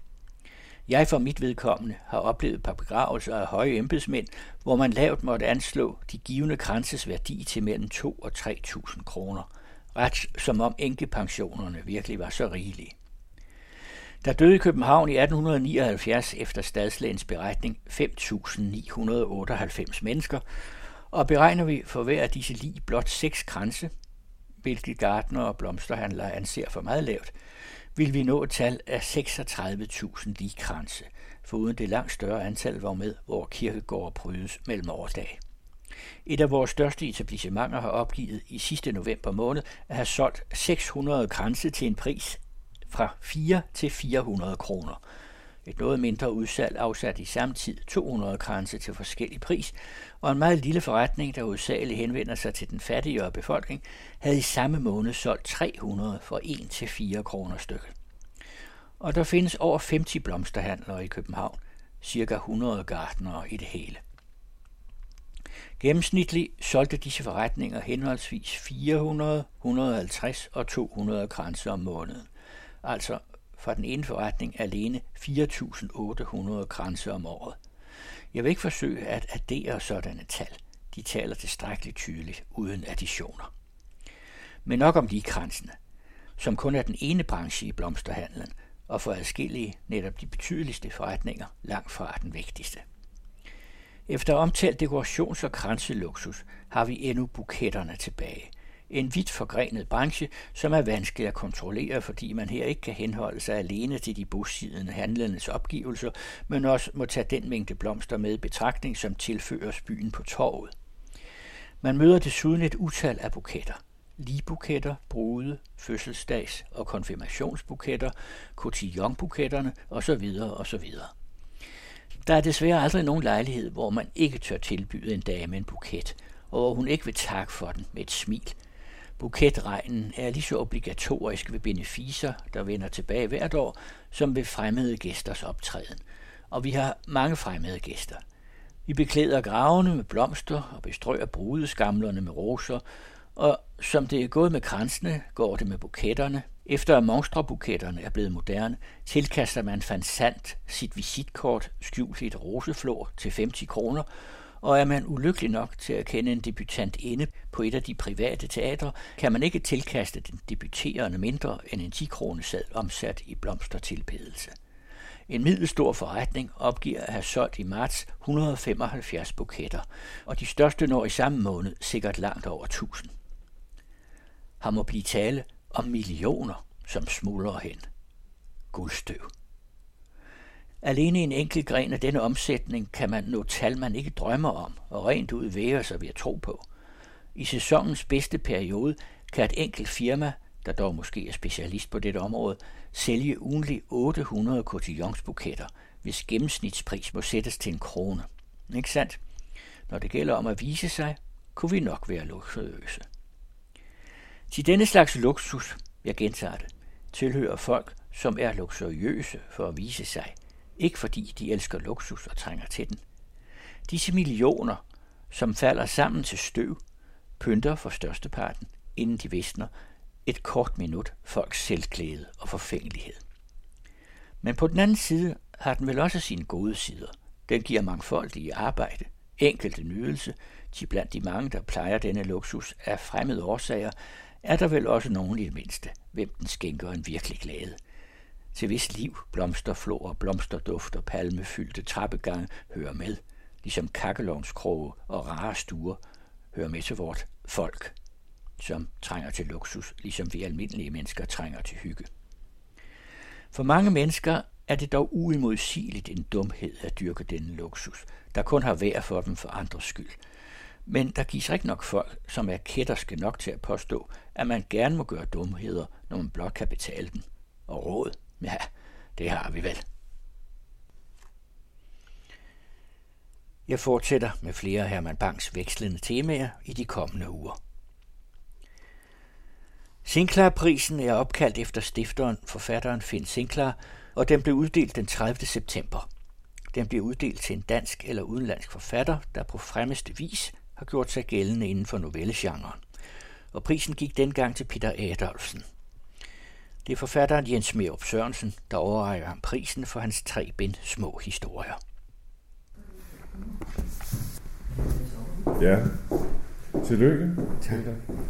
Jeg tænkte på, at vi kunne begynde med at gå i detaljer med titlen. Mm. Øh, og tage hvert ord for sig. Ja. Der var engang noget, der hed tv-teater, som jeg skrev stykker til, og der skrev jeg et stykke, der hed Små Sædler. Det ville de ikke have. Fordi de sagde, at der er ikke nogen, det var dengang, der kun var én kanal. Der er ikke nogen, der vil se noget, der hedder noget med småt. Men det er formodentlig lidt anderledes i forlæsverdenen, hvor man ikke tænker på, at 5 millioner mennesker skal interessere sig for det, men jeg gætter på, at dine redaktører ikke har haft indvendinger mod titlen små. Nej, det kan jeg ikke huske. Men, men så sent som i dag, så var der, sagde jeg, at det skulle vi det her til min søn, så sagde jeg, hvorfor det? Sådan, jeg har skrevet de her bøger, der er små historier, så sagde han, det var godt nok en dårlig titel. Overvejede du andre? Ja, det gjorde jeg vel. Men det var ligesom om, at der ikke rigtig var andre, der egentlig duede. Jeg kan huske, at i hvert fald toeren, der var det sådan noget med, at jamen, der havde jeg ligesom et eller andet andet adjektiv historie. Mm. Men der var ikke rigtig noget, der virkede. Og, og man kunne også sige titel på en af historierne over andre små historier, men det har det heller ikke virket. Altså, det er jo bare det, de ligesom hele tiden har heddet. Jeg tror også, dengang den første kom der i 96, der var det Lyotard, som var meget på mode. François, en fransk filosof, ja. hvor det var sådan noget med de store fortællinger mod de små historier okay. og sådan noget. Ja. Det var også noget koketteri, ikke? fordi at jeg synes jo egentlig, at de er... Gigantiske. Ja, de store fortællinger, de er bare ja. i kort ja. format. Ikke? Ja, jo. Men det er hele taget bare meget sådan koket. Ja, men altså, det ligger selvfølgelig en, en, en øh, ja, jeg vil ikke sige fast beskedenhed, men en mm. form for underdrivelse, som bare på noget andet også. Når man ja. nu læser dem i hvert fald. Alt andet end beskedenhed, ja, ja. ikke? Så er der, så er der historier, du end antyder noget med noveller, som, også, som du ikke har skrevet. Det kunne også hedde ordet, hvad er ordet historier? Ja, altså, jamen det ved jeg jo heller ikke. Altså, når, når jeg også igen meget koket siger det der med, at jeg ikke har skrevet noveller, så er det også sådan en... Øh, det er fordi, jeg synes, de er for korte til at fortjene den betegnelse. Ikke? Mm-hmm. Det, er sådan noget, jeg, det er sådan noget, jeg også lukker ud, ligesom hvis jeg skal ud og fortælle. Det er sådan noget med, at, når man, altså, at altså især novelleteori har man jo meget sådan noget med, øh, der har ligesom været det der med øh, Goethe, en hidtil uset begivenhed, og sådan, der er ligesom sådan nogle ting, som der kendetegner en novelle, og, og hvad en roman er, og sådan noget, der er sådan noget, altså sådan noget litteraturteoretisk hul om hej. Men jeg synes jo egentlig, at hvis man kigger på det 20. århundredes litteratur, så har det jo langt hen ad vejen været en lang sådan serie sabotageaktioner mod, hvad man kan forvente. Mm. Man kan så sige, at den her sabotage er lykkedes i, i sådan en grad, at der simpelthen ikke er flere kvalitative karakteristika tilbage for de forskellige litterære genrer. At, at vi er helt nede ved, der er kun kvantitative, således at forstå, at altså et digt, det er, hvis det ikke går ud til højre margen. øh, og så, øh, så, så en novelle, det er, det, så går ud til, så er det prosa. Så ved vi det, ikke? Altså, det, en novelle, det er så måske mellem 5 og 25 sider, derover det er en roman. Og så under 25, under de 5 sider, det er så det, som så hedder kortprosa måske, ikke? Jo. Men man kan sige, det, så er vi jo ikke blevet særlig meget klogere. Nej. Men øh, vi er måske blevet dummere. Der er en af, en, en af de centrale definitioner af novelle handler om en begivenhed og dens mm. konsekvenser. Det kan man jo godt sige. Det er mange af dine historier. I rigtig mange. Og det, altså på den måde, så lever de op til, til, til ja. den der øh, gøtiske øh, definition. Jeg tror, måden jeg har skrevet mange af dem på, det er sådan nogle, jeg kalder dem, hvad, hvad nu hvis? Altså, hvor jeg ligesom tager et eller andet, og hvad nu hvis sådan og sådan. Og så følger jeg ligesom bare den tanke, ja. og ser, hvad der sker. Ikke? Hvis vi ser på mindre sådan formelle angivelser, så kan man tale om fantastik, science fiction, øh, og så noget af det. Der er også genre-litteratur, du laver også en slags ready-made, altså noget krimelignende, spionagtigt mm. setup. Var det en del af din litterære baggrund? Ja, både og. Altså, jeg har jo selvfølgelig læst alt muligt, men, øh, men, og, og især alt muligt tegneserier som, som ung. Ikke? Og det var også rigtig nok, som, som, som Camilla Løfstrøm sagde det der med, med for eksempel de der øh, øh, svær- og trolddombøger og sådan noget, læste jeg meget af, og, og, og meget sådan noget fantasy, og, og sådan spillede rigtig meget Dungeons and Dragons og sådan noget, ikke? som jo dybest set også er et fortælle genre. Ikke? Jeg kan huske, det var, tror jeg, især i forbindelse med udarbejdelsen af toren, så, altså fordi man kan jo sige, hvis man, skal, hvis man vil være forfatter, eller man vil skrive bøger, så har man jo sådan et ret øh, påtrængende problem i, at, at, at der skal stå et eller andet på siderne. Ikke? Øhm, og så skal man finde på et eller andet at fortælle, og så, for ligesom at, så lavede jeg sådan nogle lange lister over genre, altså sådan western og sci-fi, og, mm. altså, og så tænkte jeg bare, så laver jeg en af hver. Okay. Mm. Så, så, så har man et sted at starte. Det er godt.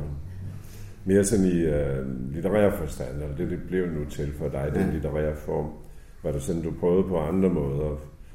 Åbnede der sig pludselig en vej her, og hvordan? Jeg tænker også på, hvad du havde læst af noget, der kunne være minder om det. Ja. Øh. Forbilleder, for mm. at bruge det ord, eller, ja. eller idoler inden for litteraturen. Der må være nogle stykker. Der er selvfølgelig en hel del. Jeg, jeg kan huske, der var det sådan ligesom på en eller anden led slog klik, eller øh, åbnede sig op. Det var, det var da jeg læste Frans Kafkas korte historier. Mm. Mm. Og, og også især måske hans debutbog, den der hedder Betragtning, som betog, hvis jeg husker ret, 17 tekster, mm. hvor kun to af dem fylder mere end en halv side eller sådan noget. Ikke? Ja. Øh, og dem brød jeg mig rigtig godt om, og tænkte, sådan noget der må man kunne efterligne. Ikke? Ja. Øh, og så var der jo selvfølgelig også øh, Borges, og på dansk var der også Peter Seberg, og også et par højhold var der med et par stykker.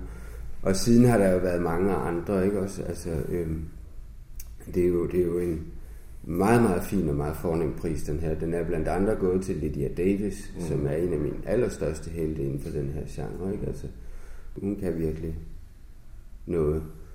Og der er, altså, der er jo i virkeligheden rigtig, rigtig mange, der har skrevet kortprosa, også hvor man måske nødvendigvis, før man opfandt den betegnelse, Ja. Øhm, Altså i former, som man vil kalde fantastik, eller Ja. som jeg synes, Kafka var meget slående med hans korte. Ja. Drømmeagtige sekvenser, det kan vi Mm. vende lidt tilbage til, Ja. hvor, hvor, hvor det kommer fra. Men øh, for nu lige at gøre det med titlen helt færdig. Og jeg tænkte også på Højholds øh, Ja. blindgyder, Ja. som jo er en betegnelse for, jo både for en, en form og et indhold, så også Mm. en historie, der ikke kan ligesom løses op, Mm. ender i en gådefuldhed. Ja. Øhm, det kunne de også have heddet, men nu har han jo Ja, så den, den var ligesom snuppet, Ja. ikke? Altså, øh, øh, men altså, især øh, den af hans blindgyder, der hedder Æggene i Frankfurt, kan jeg huske, jeg Ja. har sådan øh, Ja. prøvet at læse rigtig mange gange.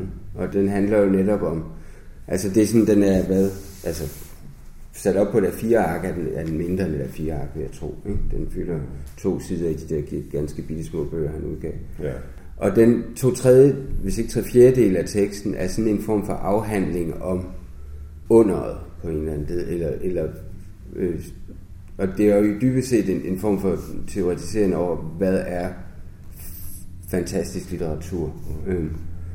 Og der står blandt andet, at hvem har ikke ansigt til ansigt med venners vantro smil løjet og er så blevet troet. Mm. altså, øhm, for, så, så det tror jeg, det, det, det er lidt det, man, man skal. Altså, man skal jo lyve på sådan en, øh, en måde, så det virker troværdigt. Ikke? Jo. Men, men det er jo tydeligt, at det er jo løgn og opfindelse, fordi nogle af de ting, man så fortæller, er jo helt indlysende, ikke særlig mulige. Nej. Men øh, lige det sidste led i titlen, som mangler i den første, Mm. et tal. Et tal. Tænkte du på, at det skulle være den, eller tænkte du allerede på flere? Nej, det, det tror jeg ikke, jeg gjorde. Altså, jeg ja. tror, at da man når så ung, så var man jo bare sådan helt op og køre over hovedet og lave en bog.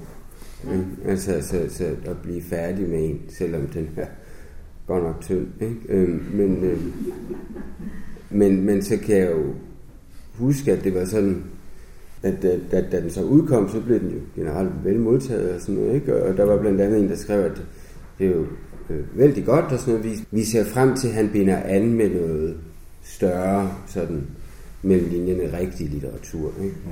Og så bliver man jo kontrær og tænker, jeg mente, det er jo faktisk alvorligt første gang. Ikke? Altså, det var jo faktisk med vilje, at det ser sådan ud. Ja. Og så var det logisk at lave en nummer to, fordi at det, det var alvorligt ment. Om mange år senere, nummer tre. Og mange år senere nummer tre, fordi der var det ligesom om, at altså da, da turen kom, så gik det jo også fint, og så tænkte jeg, men her går det godt, og, og, og lavede ligesom en mappe i min computer, der hed Små Historier 3. Men så var det som om, at, at jeg blev lidt for ja, øh, øh, dygtig på den ikke så fede måde. Øhm, altså jeg tror på, at et, et kunstværk skal være vellykket, så skal der ligesom være en eller anden form for blind vinkel, hvor, hvor man ikke rigtig har styr på, hvad der foregår. Jeg tror, man skal have styr på, hvor den blinde vinkel eller det mørke område er.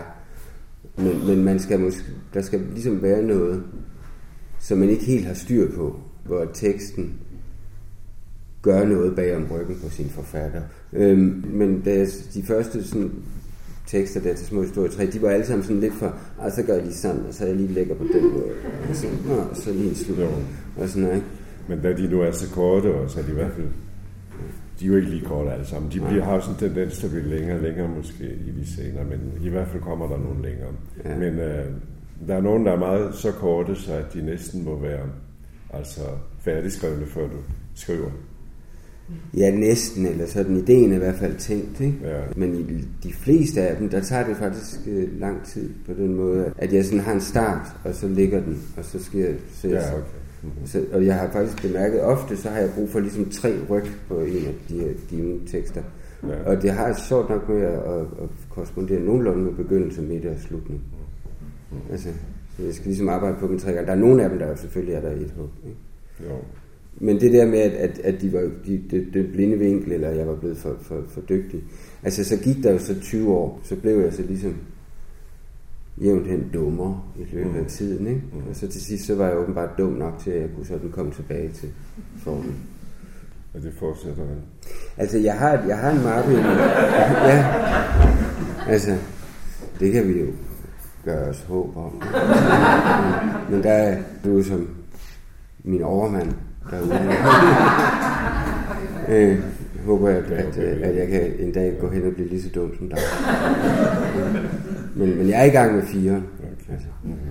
Jeg tror, du nævnte noget med virkelighed før. Altså, man skriver også noget, som ikke er virkeligt. Ja. Nu vil vi blive enige om, at vi to sidder her, det er virkeligt. Mm. Og uden at komplicere billedet alt for meget, sidder der også nogle andre, som vi kan se. Mm. Og det er en virkelighed. Selv det her lokale med de her fantastiske billeder af det syvende og sidste virkeligt. Er der noget, du ikke regner med til virkeligheden? Det var et meget svært spørgsmål, synes jeg. Jamen alt er jo virkelig bare, vi kan tænke det, ikke? Altså, jo. Men, men der er jo selvfølgelig nogle ting, altså, som man har brug for fantasi til at, at, at gøre virkelige. Ja. Så er de så også virkelige. I hvert fald. Så hvis bogstaveligt, så betyder det jo noget, der virker. Ja. Og hvad virker ikke. Altså, der er jo også fantasier og drømme, der har, der har virkning. Ikke? Ja. Apropos Kafka igen, drømme som inspiration. Er der ting, du har drømt? Er der meget af det, du har drømt? Der er noget af det, nogle sådan enkelte billeder. Men i virkeligheden, så tror jeg meget af det er noget, jeg sådan ligesom har læst andre steder, og så bare ligesom sat sammen på nye måder. Jo. Mm. Sådan. Så. Der nævnes også øh, mange steder forskellige øh, euforiserende stoffer Mm. af forskellige arter. Ja. Psilocybin, svampe og andre ting. Ja. Er det noget, der har spillet en rolle for dig i, din, øh, i udviklingen af historien, eller i som baggrund for det? Ja, det kan man vel godt indrømme. Det er lidt privat i forum. Altså, øh, men jo, hvad kan man sige, indirekte på en eller anden led. Altså også, det er også mere noget med, at, at jeg har jo konstateret, at det er jo ligesom en konstant i menneskehedens historie. Ja. At det er noget, som man har brugt til alle tider og alle steder, øh, stort set. Ikke? Altså, og det er, det er noget, som, altså, hvis man også henregner øh, alkohol, ikke? Altså, så, så er det jo noget af det allermest simple, at du skal spise, spise en blomme og spytte den ud igen, så ligger den og gærer, ikke? Ja. Altså, øh, og, og der er jo den der øh, The Stoned Ape Theory, som er, at, øh, at det er det, der egentlig ligesom gjorde, at, at, at man lavede det der kvantespring, at vores hjerner begyndte at vokse, fordi at vi var sådan nogle øh, abetyper, der gik rundt på savannen, og så øh, forfulgte man jo ligesom de her dyr, man gik på jagt efter, fordi jo, det vi var gode til, det var at gå i lang tid. Og, og så, så kigger man jo efter spor for at finde de her gazeller, eller hvad det nu er, man er på vej efter, og så følger man jo deres afføring. Mm. Og man går er sulten, og hvad, hvad vokser der rundt om afføringsklatten? Ikke? Mm. Jamen, der vokser nogle svampe, ikke? Ja. og det var så dem folk, eller hvad de nu var, dengang åd. Ja. Og så, så gjorde, at hvor de så tænkte, ja. men så kan vi måske også tage en pind og sætte en sten i enden af den, så kan vi få fat i den der gazelle, uden at være helt tæt på. Ja, Altså, ja. Men øh, jeg ved ikke, er der noget øh, stof, du i den her sluttede kreds vil anbefale? Nej, øh, egentlig ikke, fordi at, altså, det er jo også øh, det er jo svært, og, og, og der er jo risici forbundet med det, og det er svært at få, få ordentligt øh, at vide, hvad det er. Man, altså, Ja. hvis, hvis det var, man kunne gå på apoteket og ligesom få noget med nogle korrekte doseringer og korrekte procenter og så videre, ikke? Så, så ville det være nemmere. Så, så Men, øh, jeg kan jo anbefale, at man legaliserer ting. Men det er vel så en slags billeddannelse, der, mm. der er udgangspunkt der. Ja. Der er jo også i, helt tydeligt historie, der, der har udgangspunkt i en slags idé, en tanke, en forestilling. Mm. Og, og de kan komme fra, fra forskellige former for videnskab. Mm. Der er jo temmelig meget sådan, videnskab, populær videnskab, henvisninger eller videre broderier på, på, på for eksempel, ja, der er jo astrofysik og sådan noget, som Mm. spiller en stor rolle for dig. Det er der, øhm, altså det, det, er også, det er jo igen de der hvad nu hvis øh, historier, altså hvor jeg bare har tænkt, når, hvis vi har jo alle de her forskellige forhold i kosmos, hvis man nu lige så bare tager og, og flytter på en af de parametre, hvad sker der så? Ikke? Altså hvis, hvis altså jorden gør sådan her, når den drejer, mm. den drejer rundt om sig selv, i det den samtidig drejer rundt om solen. Hvis den så i stedet for at dreje rundt om sig selv, så bare ligesom vivler rundt tilfældigt. Ikke? Ja. Hvad sker der så? Jamen, vi der står på overfladen af den her kugle, der vimler rundt tilfældigt, vil jo så se, altså så bliver dag og nat pludselig Ja. uforudsigeligt, og, og, og, og årstider ja. uforudsigeligt og sådan noget. Så, så på den måde er, kan man sige, det vil, vil bare at tage alle de her forskellige parametre i verden, og hvis ændre på et af dem, så sker der noget. Ja. Og det kan man jo så følge efter. Samtidig med, at de har sådan det der videnskabelige, så er, jo Mm. også en, er det jo også fantasiverdener Mm. og, og indre verdener, Ja. Som folder sig ind i hinanden. Jeg har tænkt, du skulle læse nogle stoffer, må vi ikke glemme. Det vil jeg gerne. Men her er en lille bitte en. Ja. Den har så titlen Teater. Netop fordi jeg har trukket mig tilbage fra verden og ment at kunne afstå fra at være aktør i dens utallige, vanvittige spil, har verden trukket sig ind i mig, som væde trækker sig ind i en svamp, og givet mig hovedrollen i et stykke, langt uhyggeligere end noget andet, der før har trukket tæppet væk under mig, i det alle andre roller end min er besat af spøgelser. Ja, jeg tænker på det som en slags uh, møbelsbrønd. Ja. At det er også, det indre, det, er, altså der, det er samme flade, som at bliver indre og ydre, som hele tiden er på vej over i hinanden. Det er bare en sætning. Jeg sagde en til mig selv. Ja. Fra, det var fra nummer... Fra etteren. Det var fra etteren. Fra nummer to. Marcel fik pludselig en uhyggelig fornemmelse af, at denne situation kunne optræde i en bog. Susanne strøg håret tilbage med en irriteret bevægelse, og han så det stå skrevet for sit indre øje. Hun strøg håret tilbage med en irriteret bevægelse. Hans første reaktion var at gribe stolens armlæn i panik. Et øjeblik efter at have set også denne sætning på skrift, rev han sig løs ved at skifte stilling på stolen og sige, det er ikke mit barn. Følelsen af litteratur var væk, men den kom tilbage lige i det, hun åbnede munden, og ordene stod foran ham som et lille murværk i en klassisk skrifttype. Du er en led satan, Marcel. Ja. Han føler sig skrevet, som man siger. Ja.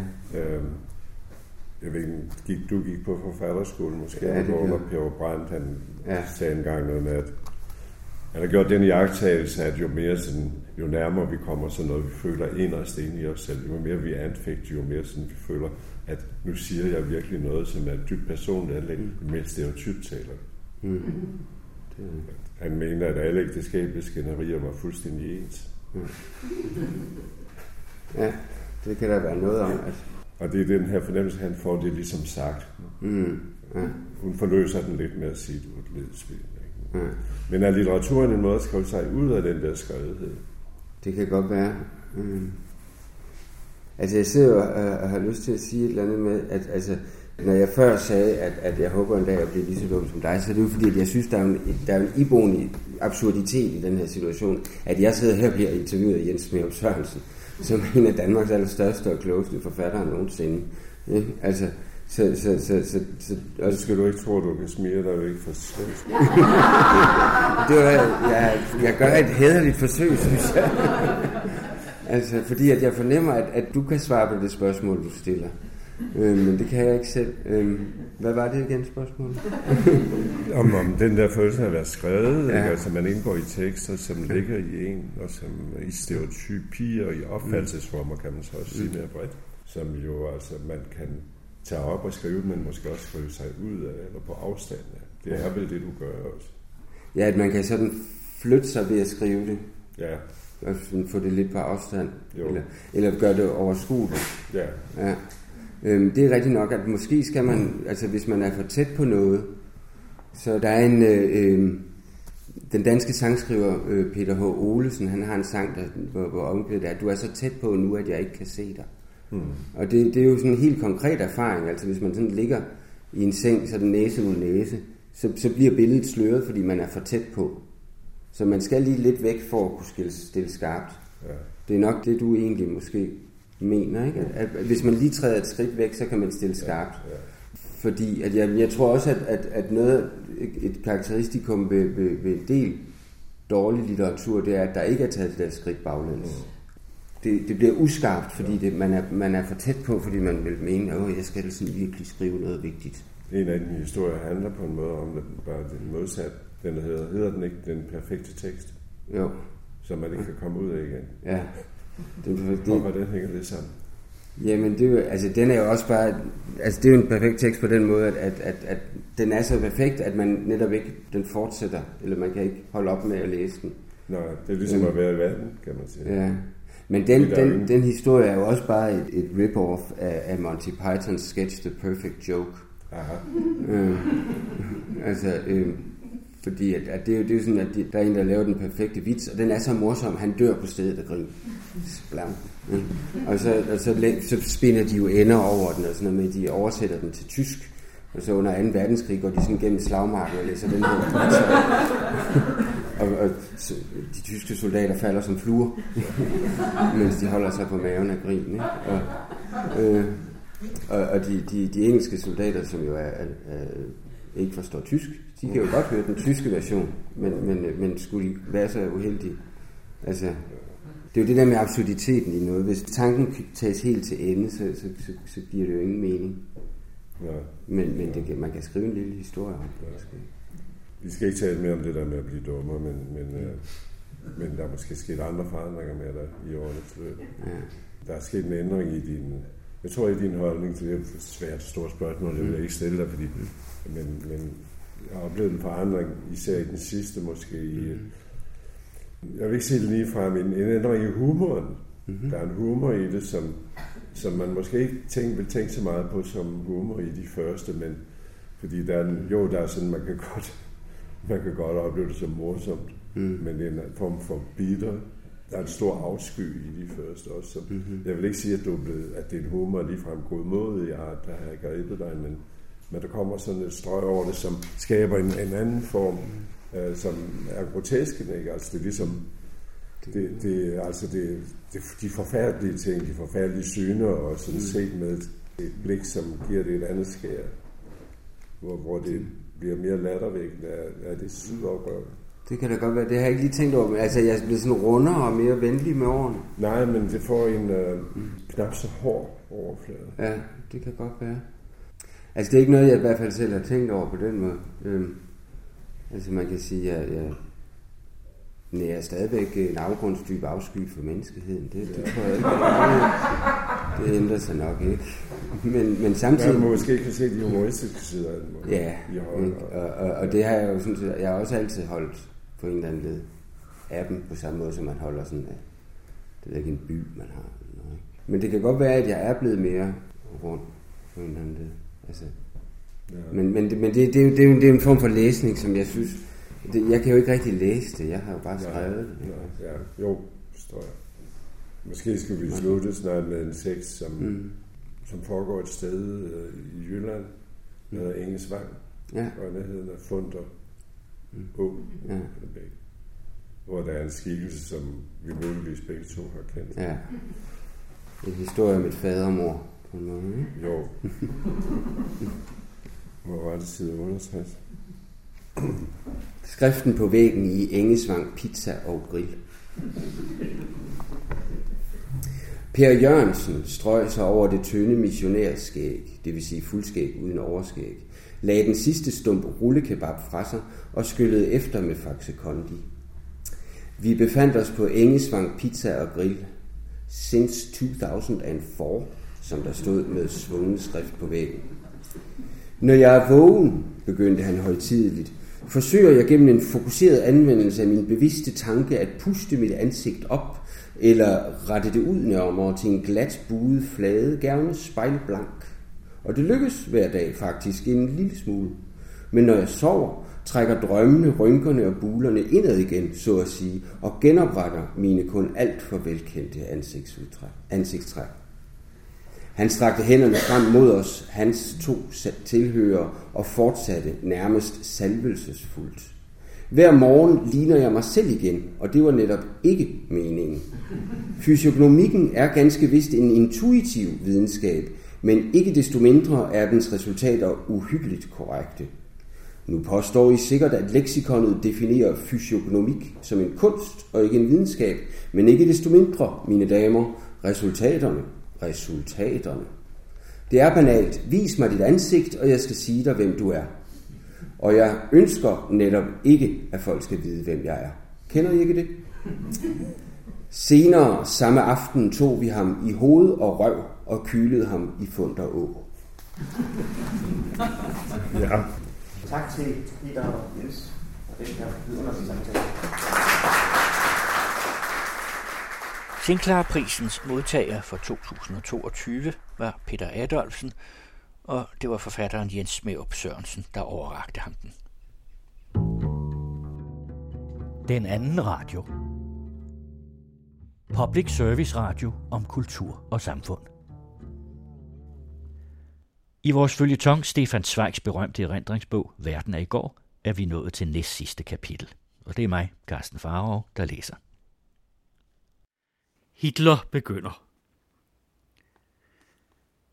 De store bevægelser, der er bestemmende for et tidsrum, dem nægter en af historiens uomstødelige love netop samtidens mennesker at opdage og erkende straks fra første dag. Jeg kan således slet ikke huske, hvornår jeg for første gang hørte navnet Adolf Hitler. Det navn, vi nu snart i mange år har været tvunget til hver dag, ja næsten hvert sekund, at tænke eller udtale i en eller anden sammenhæng. Navnet på det menneske, der har ført mere ulykke ind over vores verden end noget andet til alle tider. Det må nok have været temmelig tidligt. Ti, Vort Salzburg var med sine to timers jernbaneafstand fra München en slags naboby til München. Således at også denne bys rent lokale affære hurtigt blev kendt hos os. Jeg kan bare huske, at en bekendt en dag, datoen kan jeg ikke genkalde mig, kom over og besøge os, og der klagede over, at München nu igen var ved at blive urolig. Der optrådte specielt en gal agitator ved navn Hitler.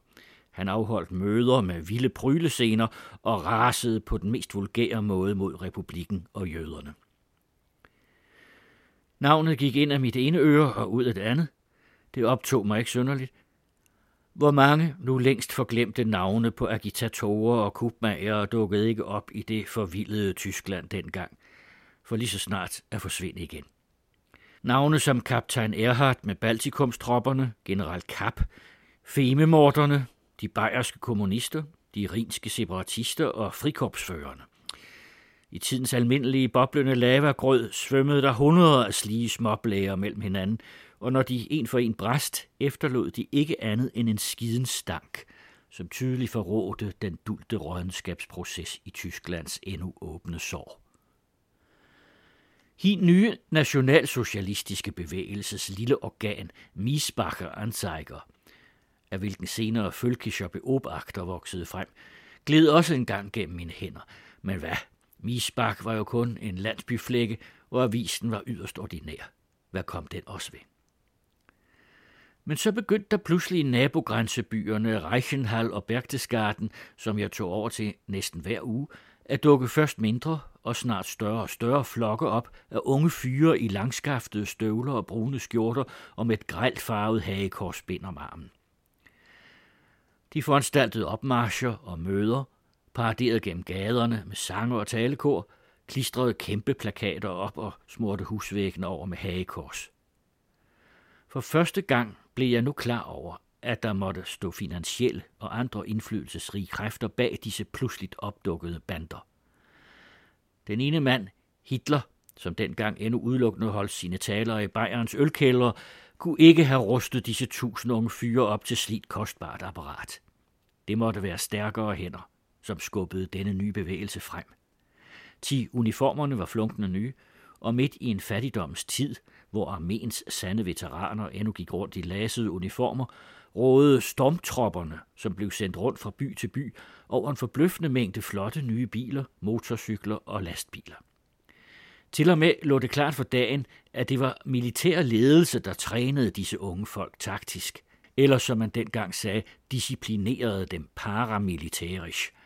Og det måtte være Reichswehr, som Hitler fra første dag havde tjent som spion, som her foretog regelmæssig teknisk skoling med et materiale, man beredvilligt havde ydet det. Ved et tilfælde fik jeg snart lejlighed til at jagtage en af disse i forvejen indøvede kamphandlinger. Det var i en af grænsebyerne, hvor der just blev afholdt et socialistisk møde i største fredsommelighed.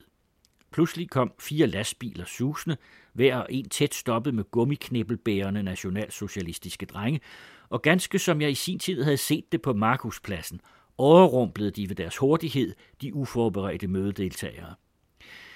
Ja, det var den samme fascisterne aflurede metode. Den var kun mere militært præcist indeksasseret og på tysk vis systematisk forberedt ind til mindste enkelhed. På et fløjt sprang SA-mændene lynsnart ned fra bilerne og huggede med gummikniblerne ind på en vær, der kom dem i vejen, og før politiet kunne gribe ind eller arbejderne samle sig til modstand, var de igen på bilerne og afsted i susende fart. Det mest forbløffende var den eksakte teknik i denne springen af og på. Den fulgte hver gang ekspedit på et eneste skarpt fløjt fra bandeføreren. Man kunne se, at hver enkelt dreng på forhånd ind til inderste marv og ben og nerve vidste med hvad for et greb ved hvilket hjul på bilen og på hvad for en plads han skulle springe op, for ikke at komme sidemanden i vejen og på den måde bringe hele foretagendet i fare. Det var på ingen måde nogen slags individuel færdighed. Hvert eneste af disse greb og tag måtte være blevet indøvet snese eller måske hundrede af gange forud på kaserner og eksercerpladser. Jeg så det ved første øjekast. Denne trop var fra første begyndelse skolet til angreb, vold og terror. Inden længe erfarede man mere om disse underjordiske manøvrer over i det bayerske land.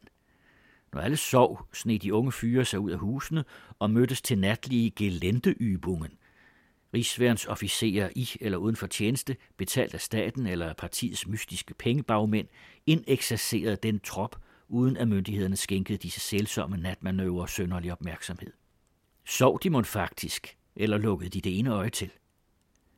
Regnede de bevægelsen for ligegyldig, eller hjalp de lige frem med til hemmeligt at støtte den? I midlertid blev selv de, der underjordisk havde støttet bevægelsen, forskrækket over at se, hvor brutalt og hastigt den pludselig skød i vejret. En morgen vågnede myndighederne op og opdagede, at München var i Hitlers hænder. Alle ledende stillinger besatte, og aviserne med revolver tvunget til triumferende at forkynde revolutionens sejr.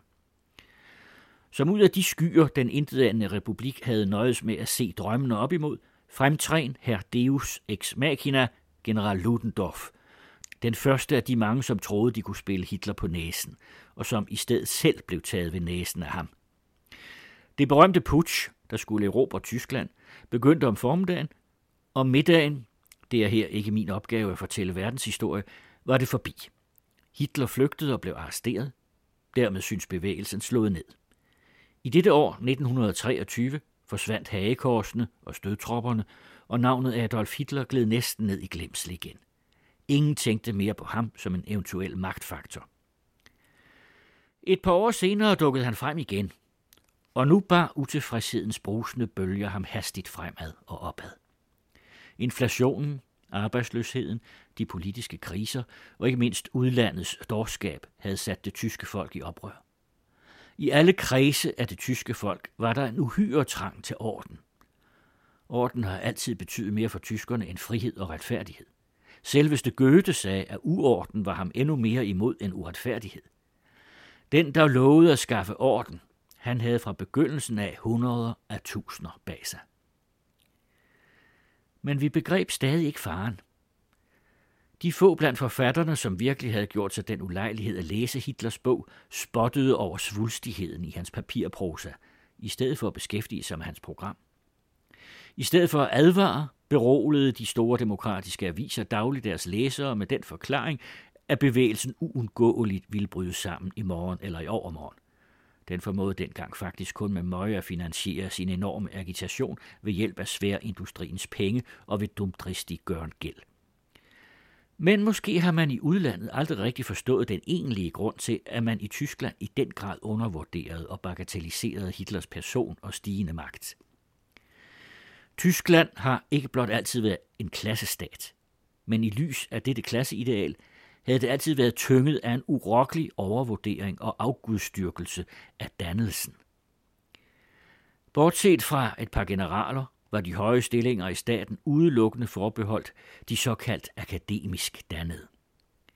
Mens mænd som Lloyd George i England, Garibaldi og Mussolini i Italien og Briand i Frankrig faktisk var steget fra folket op til de højeste statsembedstillinger, var det for tyskerne noget utænkeligt, at en mand, der ikke engang havde gået kommuneskolen helt igennem, en sige, der havde frekventeret en højere skole, at en mand, der havde overnattet på mandsherberger og på endnu i dag uopklaret vis år igennem havde fristet en uklar skæbne, at han nogensinde skulle kunne så meget som nærme sig en stilling, som før var blevet beklædt af mænd som friherre von Stein, Bismarck og Fyrst Bülow. Der er intet, der i så høj grad som dette dannelseshovmod har fristet de tyske intellektuelle kredse til at blive ved med i Hitler kun at se en ølstueagitator, som aldrig kunne blive farlig for alvor. på et tidspunkt, da han for længst havde vundet sig mægtige hjælpere i de mest forskellige kredse ved hjælp af dem, der usynligt sad og trak i trådene for ham. Og selv da han på hin januardag 1933 var blevet kansler, betragtede den store mængde, og endnu de, der havde skudt ham frem på den post, ham kun som en provisorisk optager af pladsen, og nationalsocialismens herredømme som en forbigående episode. Dengang kom Hitlers kynisk geniale teknik for første gang for dagen i større stil. I mange år havde han givet løfter til alle sider og vundet fortalere inden for alle partier, og de troede alle sammen, de kunne bruge den ubekendte soldats mystiske evner til at mele deres egen kage. Men nu triumferede i det mindre den samme teknik, som Hitler senere udøvede i storpolitikken. At slutte pakter under eder og med tysk trohjertighed, just med dem han agtede at knuse og udrydde. Så ypperligt forstod han at blænde alle partier med sine løfter, at der den dag, da han kom til magten, herskede jubel i de mest modsatte lejre. Monarkisterne i Dorn mente, han var kejserens mest tro forløber og banebryder, men i lige så høj grad frydes de bayerske, de wittelbachske monarkister i München. Også de anså ham for deres mand. De tysk nationale håbede, han ville hugge det brænde, de selv ville fyre i deres ovne med. Deres fører Hugenberg havde gennem en kontrakt sikret sig den vigtigste plads i Hitlers kabinet og troede, at han nu havde hånd i hanke. Selvfølgelig blev han trods den beedige overenskomst smidt ud efter de første par uger. Sværindustrien følte sig gennem Hitler befriet for frygten for bolsjevikkerne. Den havde nu fået den mand til magten, den i overvis hemmeligt havde finansieret, og samtidig åndede de forarmede småborgere befriet og begejstret op. Hitler havde jo på 100 møder lovet dem, at renteslaveriet skulle brydes i tu. De små mellemhandlere mindedes Hitlers løfte om at lukke de store varehuse, der var deres farligste konkurrenter – et løfte, der aldrig blev holdt. Og frem for alt var Hitler militæret velkommen, fordi han tænkte militært og skældte ud på pacifismen. Til og med Socialdemokraterne så ikke så uvenligt på hans opsving, som man skulle have ventet. De håbede jo nemlig på, at han ville afskaffe deres ærkefjender, kommunisterne, der pressede så ubehageligt på. De mest forskellige, de mest modsatte partier betragtede denne ukendte soldat, der med dyre eder havde lovet og besvoret hver stand, hver parti og hver retning, alt som deres ven. End ikke de tyske jøder var særlig foruroliget ved det. De indbildte sig, en jakobiner som minister ikke mere var nogen jakobiner, og en kansler for det tyske rige selvfølgelig ville aflægge en antisemitisk agitationsvulgære manér. Og når alt kom til alt, hvor kunne han sætte noget voldeligt igennem i en stat, hvor retten var fast forankret, hvor rigsdagens flertal var imod ham, og hvor hver enkelt statsborger vidste, at hans frihed og lighed var sikret ifølge den forfatning, der var aflagt højtidelig ed på. Så kom rigsdagsbranden. Rigsdagen forsvandt. Gøring slap sine hårdt og løs. Med et slag var al ret i Tyskland knust. Med gysen erfarede man, at der midt i en fredstid fandtes koncentrationslejre, og at der i kasernerne blev indbygget hemmelige rum, hvor man uden nogen lov og dom og formaliteter likviderede uskyldige mennesker.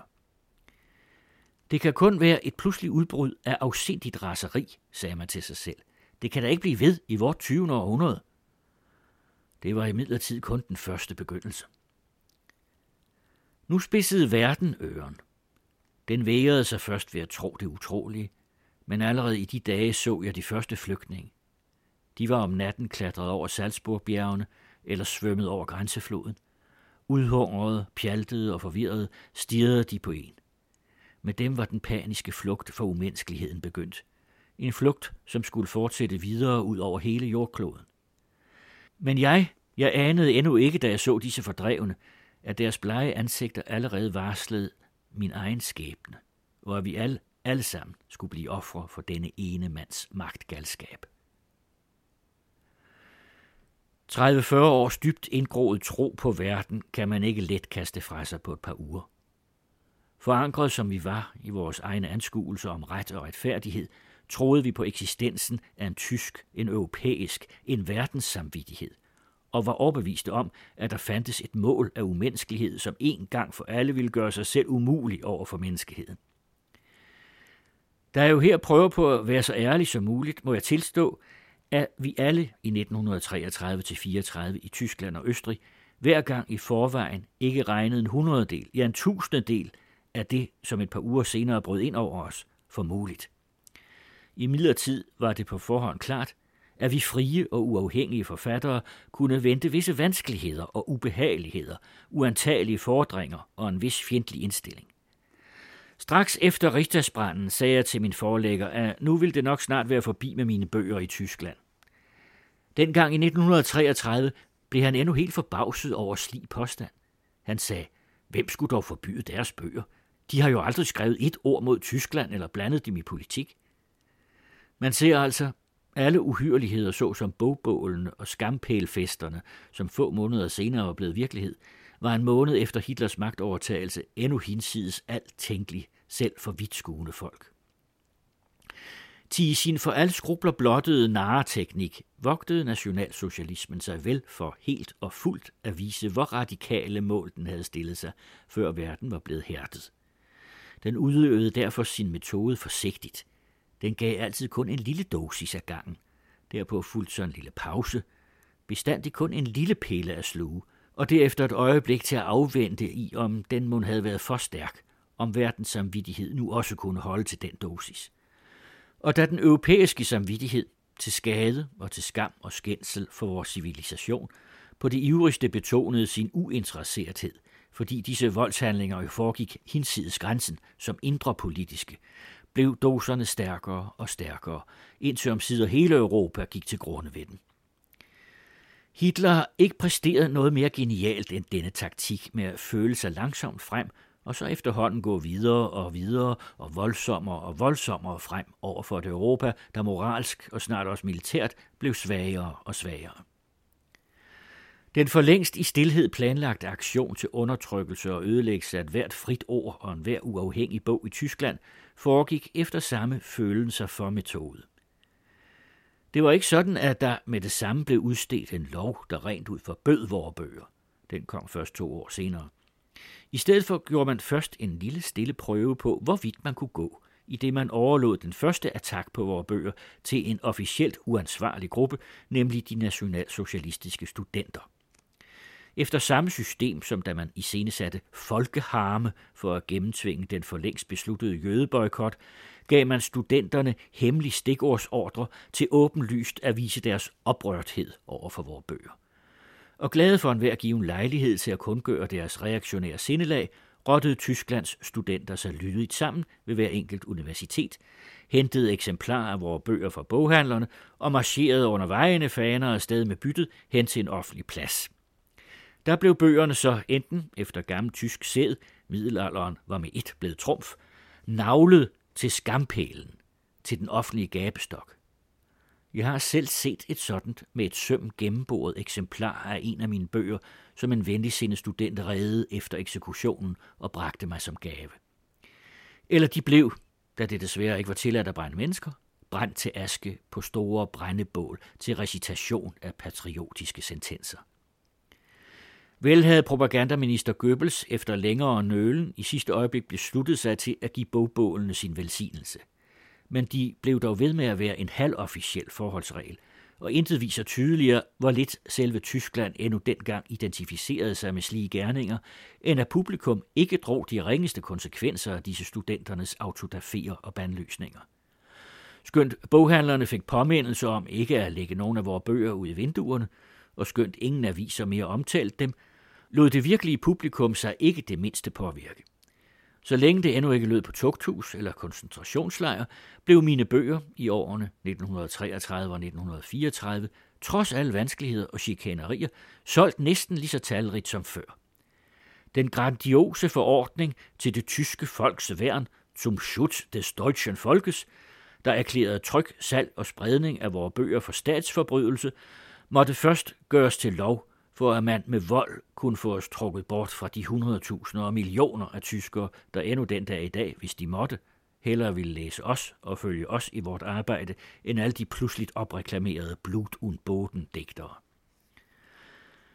At få lov til at dele den skæbne, den fuldstændige litterære eksistens til intetgørelse i Tyskland, med så eminente samtidige som Thomas Mann, Heinrich Mann, Franz Werfel, Freud, Einstein og mange andre, hvis arbejder jeg finder ulige vigtigere end mine egne, har jeg snarere følt som en ære end som en skam.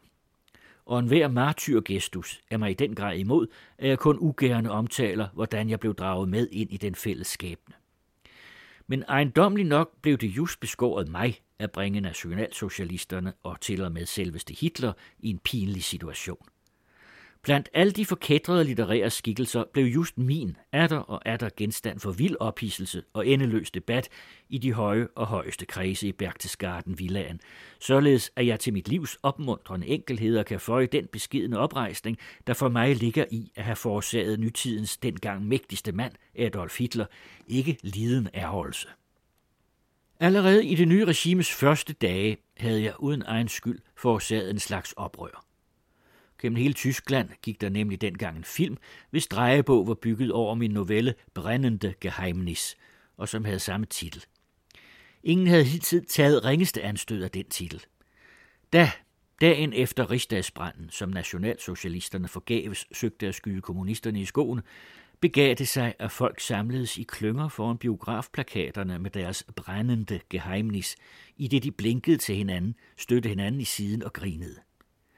Gestapo-folkene begreb snart, hvorfor folk lå ved at læse den titel, og endnu samme aften jo politifolk rundt på motorcykler.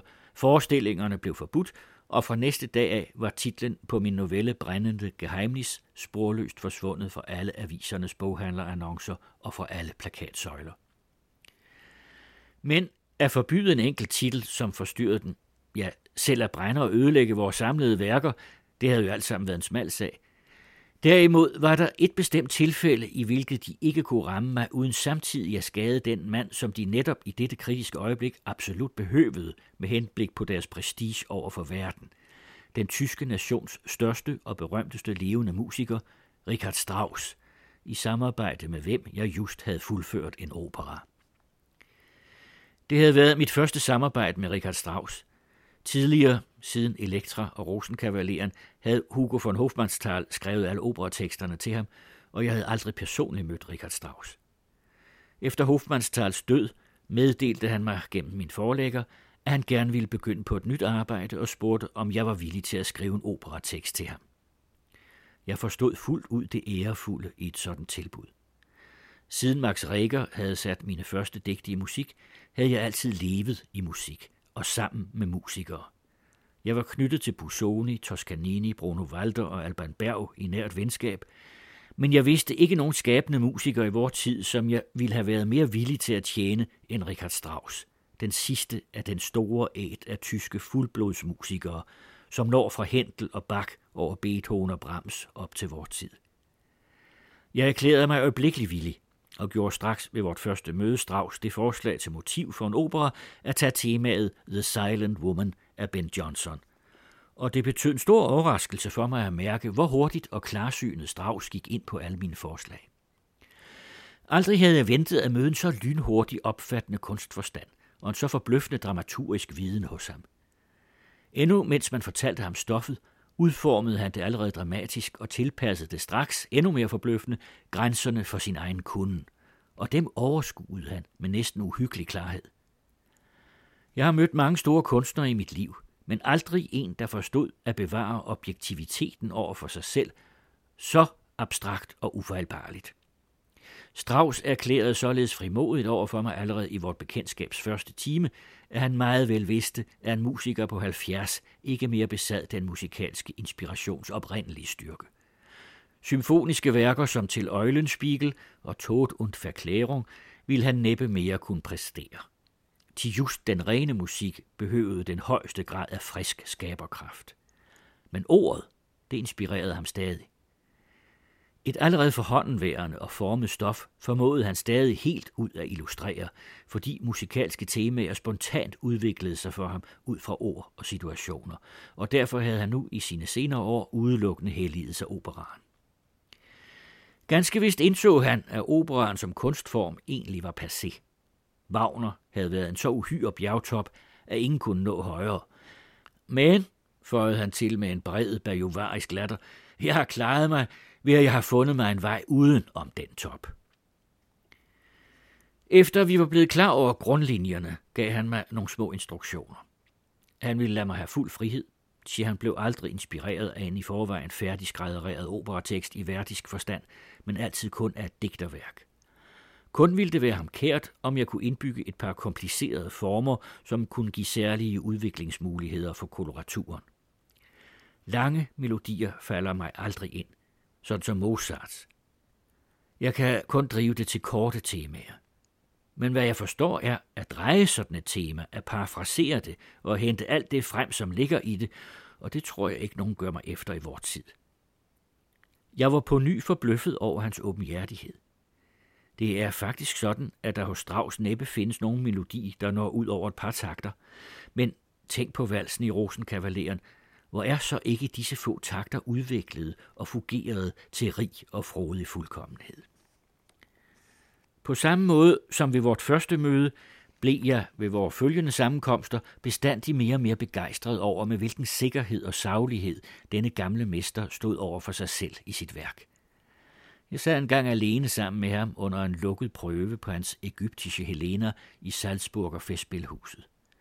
Der var ingen andre i det store rum, og der var fuldkommen mørkt omkring os. Han lyttede.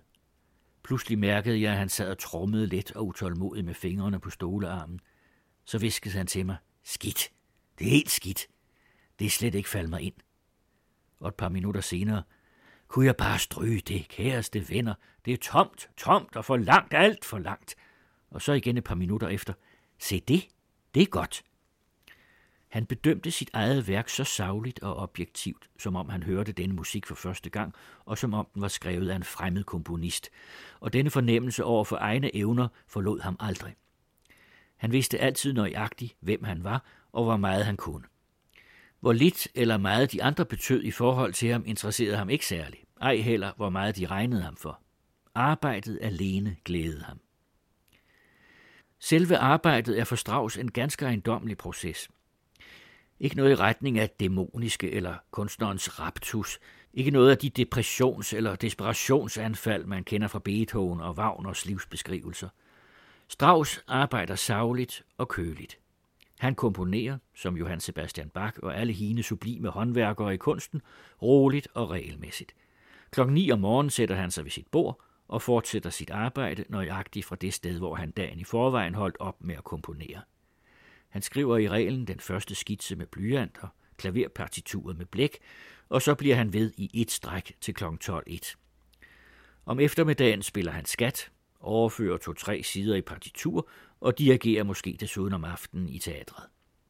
En hver art nervøsitet er ham fremmed. Ved dag som ved nat er hans kunstintellekt lige lyst og klart. Når tjeneren banker på døren for at bringe ham hans kjole til dirigentværvet, rejser han sig fra sit arbejde, kører til teatret og dirigerer der med samme ro og sikkerhed, som han om eftermiddagen spillede skat, og inspirationen indfinder sig næste morgen på nøjagtig samme sted. Til Strauss kommanderer sine indfald, som Goethe siger. Kunst betyder for ham at kunne, og helst kunne alt. Selv siger han lystigt, den, der vil være en rigtig musiker, må også kunne komponere et spisekort. Vanskeligheder forskrækker ham ikke, men er bare en ekstra fornøjelse for hans mesterligt formende evner. Jeg husker morsomt nok, hvordan hans små blå øjne tindrede, da han pegede på et sted og triumferende sagde, der har jeg vel nok givet sanger inden en opgave. Lad hende bare ase og mase med det, til hun hitter ud af det. I sådanne sjældne sekunder, når hans øjne lyser op, aner man, at der ligger noget dæmonisk skjult dybt i dette mærkelige menneske, der i begyndelsen ved det punktlige, metodiske, solide og håndværksmæssige i sin arbejdsmåde, noget der er til synlædende uden nerver, gør en lidt mistroisk. Ligesom jo også hans ansigt i begyndelsen snarere virker banalt med de tykke, barnlige kinder, de lidt vel almindeligt buttede træk og den kun vagt tilbagevælvede pande. Men kast et blik ind i hans øjne, disse klare, blå, stærkt strålende øjne, og straks sporer man en egen magisk styrke bag den borgerlige maske. Det er måske de mest vågne øjne, jeg nogensinde har set hos en musiker. Ikke dæmoniske, men på en eller anden vis klarsynede øjne. Øjnene hos en mand, der helt og fuldt har erkendt sin opgave i livet. Da jeg var vendt tilbage til Salzburg efter et så inspirerende samvær, gav jeg mig straks i gang med arbejdet. Nysgerrig efter at vide, om han ville gå ind på min vers, sendte jeg ham første akt allerede 14 dage efter. Han sendte mig omgående et kort med et mestersanger-citat. Den første sang gik godt. Efter anden akt kom så en endnu mere hjertelig hilsen, begyndelsestakten til hans sang Ak, at jeg dig har fundet, du kære barn. Og den hans glæde, ja begejstring, gjorde det fortsatte arbejde til en ubeskrivelig fryd for mig. Richard Strauss ændrede ikke en linje i hele min libretto, og kun én gang bad han mig om at tilføje tre-fire linjer af hensyn til en modstemme. Der udviklede snart et hjerteligt forhold mellem os. Han besøgte os i vort hjem, og jeg besøgte ham i Garmisch, hvor han med sine lange, slanke fingre efter skitsen lidt efter lidt spillede hele operaen for mig på klaveret. Og uden nogen kontrakt eller forpligtelse blev det ganske af sig selv en afgjort sag, at jeg, så snart denne opera var færdig, skulle lave udkast til en ny. Grundlagene til den havde han allerede på forhånd ubetinget givet sin tilslutning. I januar 1933, da Adolf Hitler kom til magten, var vor opera Die Schweigsame Frau så godt som færdig i klaverpartitur. Så godt som hele første akt var instrumenteret. Få uger senere kom det skrappe dekret, der forbød de tyske scener at opføre værker af ikke-ariere samt værker, en jøde på en eller anden måde havde været delagtig i. Det store band udvides til at ramme endnu de døde. Til alle verdens musikvenners store harme blev Mendelssohns statue for en Gewandhaus i Leipzig fjernet. Efter dette forbud gik jeg ud fra, at vor operas skæbne var besejlet. Jeg gik ud fra som selvfølgelighed, at Richard Strauss ville opgive at fortsætte vort arbejde og ville begynde på et andet sammen med en anden. Men i stedet for skrev han det ene brev efter det andet til mig om, hvad jeg dog tænkte på. Lige tværtimod. Han var nu allerede ved instrumentationen, og derfor skulle jeg forberede teksten til hans næste opera. Det faldt ham aldeles ikke ind at lade sit samarbejde med mig forbyde af nogen som helst. Og jeg bekender åbent, at han under sagernes hele forløb trofast og lojalt holdt fast ved kammeratskabet, så længe det overhovedet var muligt. Men samtidig traf han ganske vist foranstaltninger, der var mig mindre sympatiske. Han nærmede sig magthaverne, kom ofte sammen med Hitler, Göring og Goebbels, og på en tid, da selv Furtwängler endnu offentligt kritiseret, lod han sig udnævne til præsident for det nazistiske Reichsmusikkammer. Denne hans synlige, sympatiske indstilling var i det øjeblik overordentlig vigtig for nazisterne. Til ærgerlig nok havde jo ikke blot de bedste forfattere, men også de vigtigste musikere åbenlyst vendt dem ryggen, og de få, der støttede dem eller løb over til dem, var ukendte i videre kredse. I et så pinligt øjeblik tydeligt at få Tysklands berømteste musiker på sin side, det betød i rent dekorativ forstand en umådelig gevinst for Goebbels og Hitler. Strauss fortalte, at Hitler allerede i sine viner vagabondår med møjsommeligt sammensparede penge var rejst til Græs for at overvære premieren på Salome. Hitler højagtede Strauss demonstrativt. På alle festaftener i Berchtesgaden blev der ved siden af Wagner næsten kun foredraget Strauss-sange. For Strauss' vedkommende var sympatien betydeligt mere beregnende. For hans kunstegoisme, som han altid åbent og køligt vedkendte sig, var det inderst inde ligegyldigt, hvad for et regime, der herskede. Han havde tjent den tyske kejser som kapelmester og instrumenteret militærmarscher for ham. Så havde han tjent kejseren af Østrig som hofkapelmester i Wien, men han havde lige så vel været persona gratissima i den østriske og den tyske republik. Desuden var det af vital interesse for ham at komme nationalsocialisterne i særlig grad i møde, da han nemlig i nationalsocialistisk forstand havde en mægtig skyldkonto. Hans søn havde ægtet en jødinde, og han måtte frygte for, at hans børnebørn, som han elskede overalt i verden, ville blive udelukket fra skolerne som giftigt kryb. Hans nyeste opera var besmittet gennem mig. Hans tidligere opera gennem den ikke rent ariske Hugo von Hofmannsthal, og hans forlægger var jøde. Så meget mere påkrævet forekom det ham derfor, at han skaffede sig rygdækning. Og han arbejdede udholdende i denne ånd. Han dirigerede, hvor og når de nye herrer forlangte af ham. Han satte en hymne i musik til olympiaden, og samtidig skrev han til mig i sine uhyggeligt frimodige breve med liden begejstring om det værv, han der havde fået. I virkeligheden var der, i kunstnerens hellige egoisme, kun ét, der galt for ham, at holde sit arbejde ved lige og levende, og frem for alt at få den nye opera, der stod hans hjerte særlig nær, opført. Slige koncessioner til nationalsocialisterne var selvfølgelig i højeste grad pinlige for mig. For hvor let kunne man ikke få det indtryk, at jeg hemmeligt virkede med til eller blot billigede, at der med min person skulle gøres en enestående undtagelse fra den forsmedelige boykot. Fra alle sider trængte mine venner ind på mig for at få mig til at protestere offentligt mod en opførelse i det nationalsocialistiske Tyskland. Men for det første afskyer jeg principielt offentlige og patetiske gestus, og for det andet var det mig imod at berede et geni af Richard Strauss' rang vanskeligheder. I sidste instans var Strauss den største levende musiker og 70 år gammel. Tre år havde han anvendt på dette værk, og i hele dette tidsrum havde han i forholdet til mig udvist venskabeligt sindelag, korrekthed og til og med mod. Derfor holdt jeg det for det rigtigste af mig at tige stille og afvente begivenhedernes gang. Desuden vidste jeg, at den bedste måde at berede de nye vogtere af den tyske kultur vanskeligheder på, var fuldkommen passivitet. For det nationalsocialistiske Reichsschrifttumskammer og propagandaministeriet søgte jo bare et eller andet velkommen påskud til på fyldskørende vis at begrunde et forbud mod deres største musikere. Således rekvirerede for eksempel alle mulige kontorer og personer librettoen i det stille håb at finde et påskud.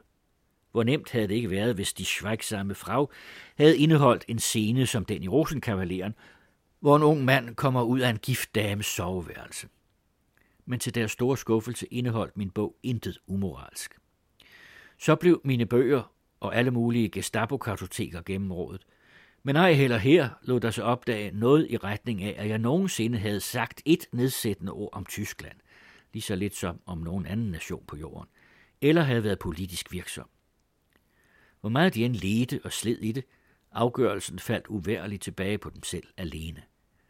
Om de overfor alverdens øjne ville nægte stormesteren, som de selv havde trykket den nationalsocialistiske musikspanner i hånden, retten til at få sin opera opført, eller om de, åh nationale skændsel, endnu en gang, som så ofte før, ville lade de tyske teaterplakater blive tilsvinet af navnet Stefan Zweig.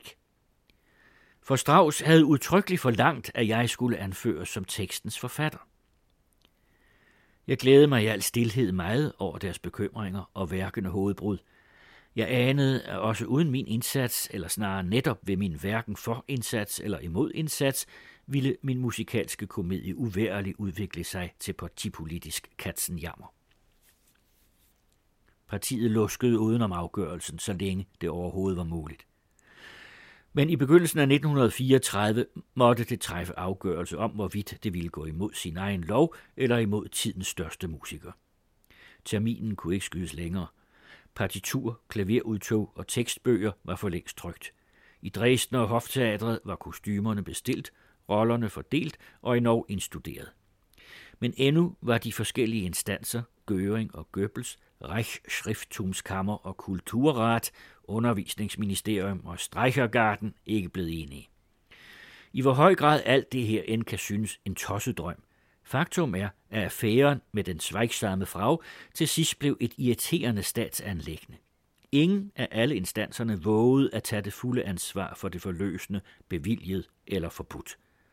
Der var altså til sidst ikke andet at gøre, end at overlade det anlæggende til Tysklands og partiets herre og mester, til Adolf Hitlers personlige afgørelse. Fordum havde mine bøger nyt den ære i vidt omfang at blive læst af nationalsocialisterne, navnlig Fouché, som de uafladeligt studerede og diskuterede som et mønster for politisk hensynsløshed. Men at jeg efter Goebbels og Göring også skulle komme til at ulejlige selveste Adolf Hitler med at studere min lyriske librettos tre akter i embeds medfør, det havde jeg sandfærdigt ikke regnet med. Afgørelsen faldt ham ikke let. Som jeg bagefter erfarede af alle slags omveje, blev der en endeløs række konferencer ud af det. Til sidst blev Richard Strauss stævnet for den almægtige, og i egen person meddelte Hitler ham, at han i vor vælte gik imod alle det nye riges love, undtagelsesvis tillod opførelsen. En afgørelse, der formodentlig var lige så modvillig og uærlig som undertegnelsen af pakten med Stalin og Molotov. Så brød der denne for det nationalsocialistiske Tyskland så sorte dag frem, da der endnu en gang blev opført en opera med det forkædrede navn Stefan Zweig paraderende på alle plakatsøjler. Jeg overvejede selvfølgelig ikke første opførelsen, da jeg vidste, at tilskuerpladserne ville strutte af brune uniformer, og at til og med Hitler selv ventedes ved en af opførelserne. Operaen blev en stor succes, og jeg må til ære for musikkritikerne fastslå, at ni tiende del af dem begejstret udnyttede lejligheden til endnu en gang, den aller sidste gang, at vise deres inderlige modvilje mod racedoktrinerne. De gjorde det ved at sige de venligst mulige ord om min libretto.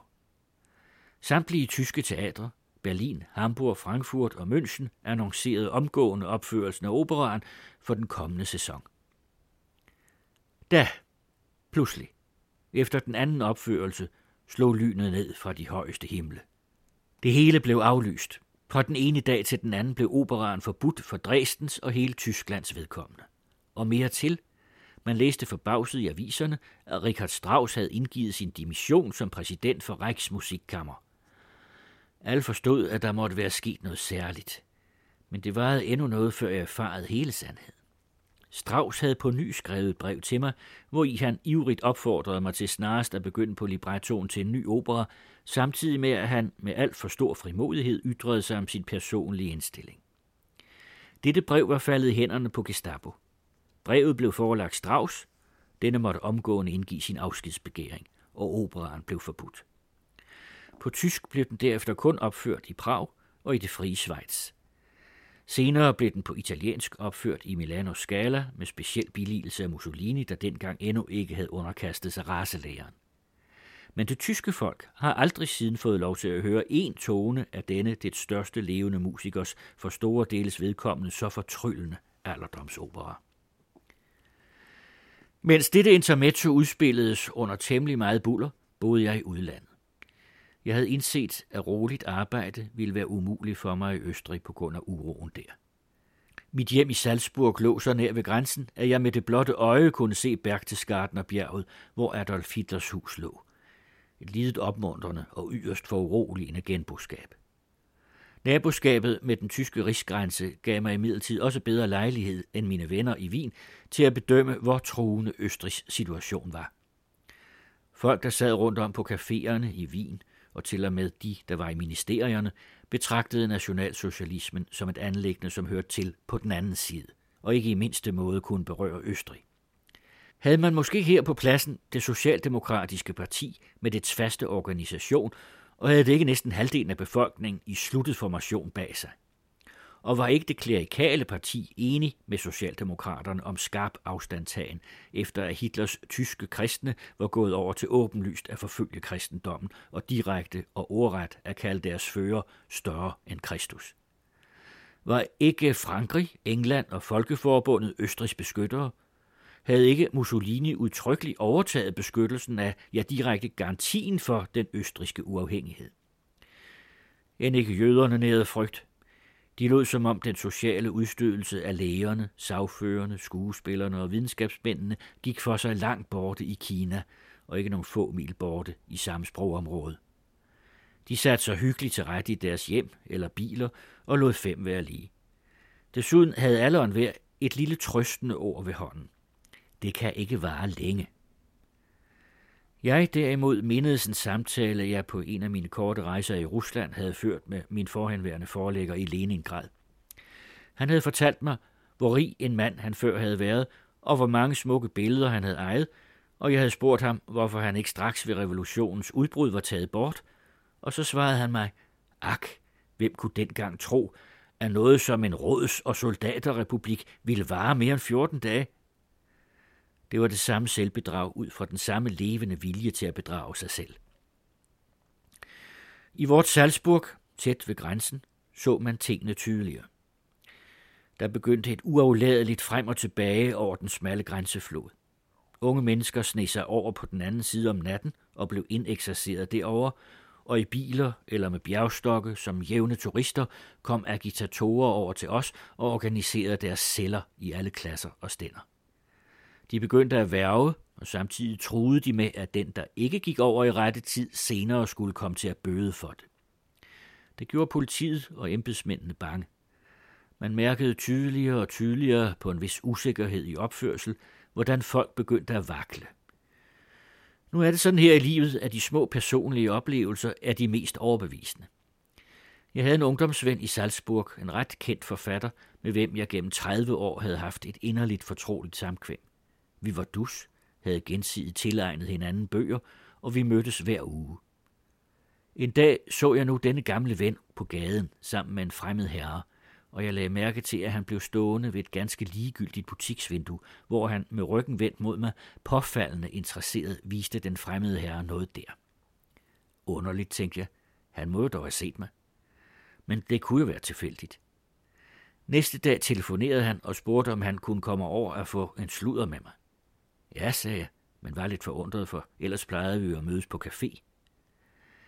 Det viste sig, at han trods dette pludselige besøg ikke havde noget særligt at sige mig, og hurtigt gik det op for mig, at han på den ene side ønskede at bevare vort venskab, men at han, for ikke at blive mistænkt som jødeven, ikke ønskede at vise sig alt for intim med mig i den lille by. Det fik mig til at passe på. Om et begreb jeg, hvorfor en række bekendte, som ellers så tit besøgte mig, i den senere tid var udeblevet. Man stod på truet post.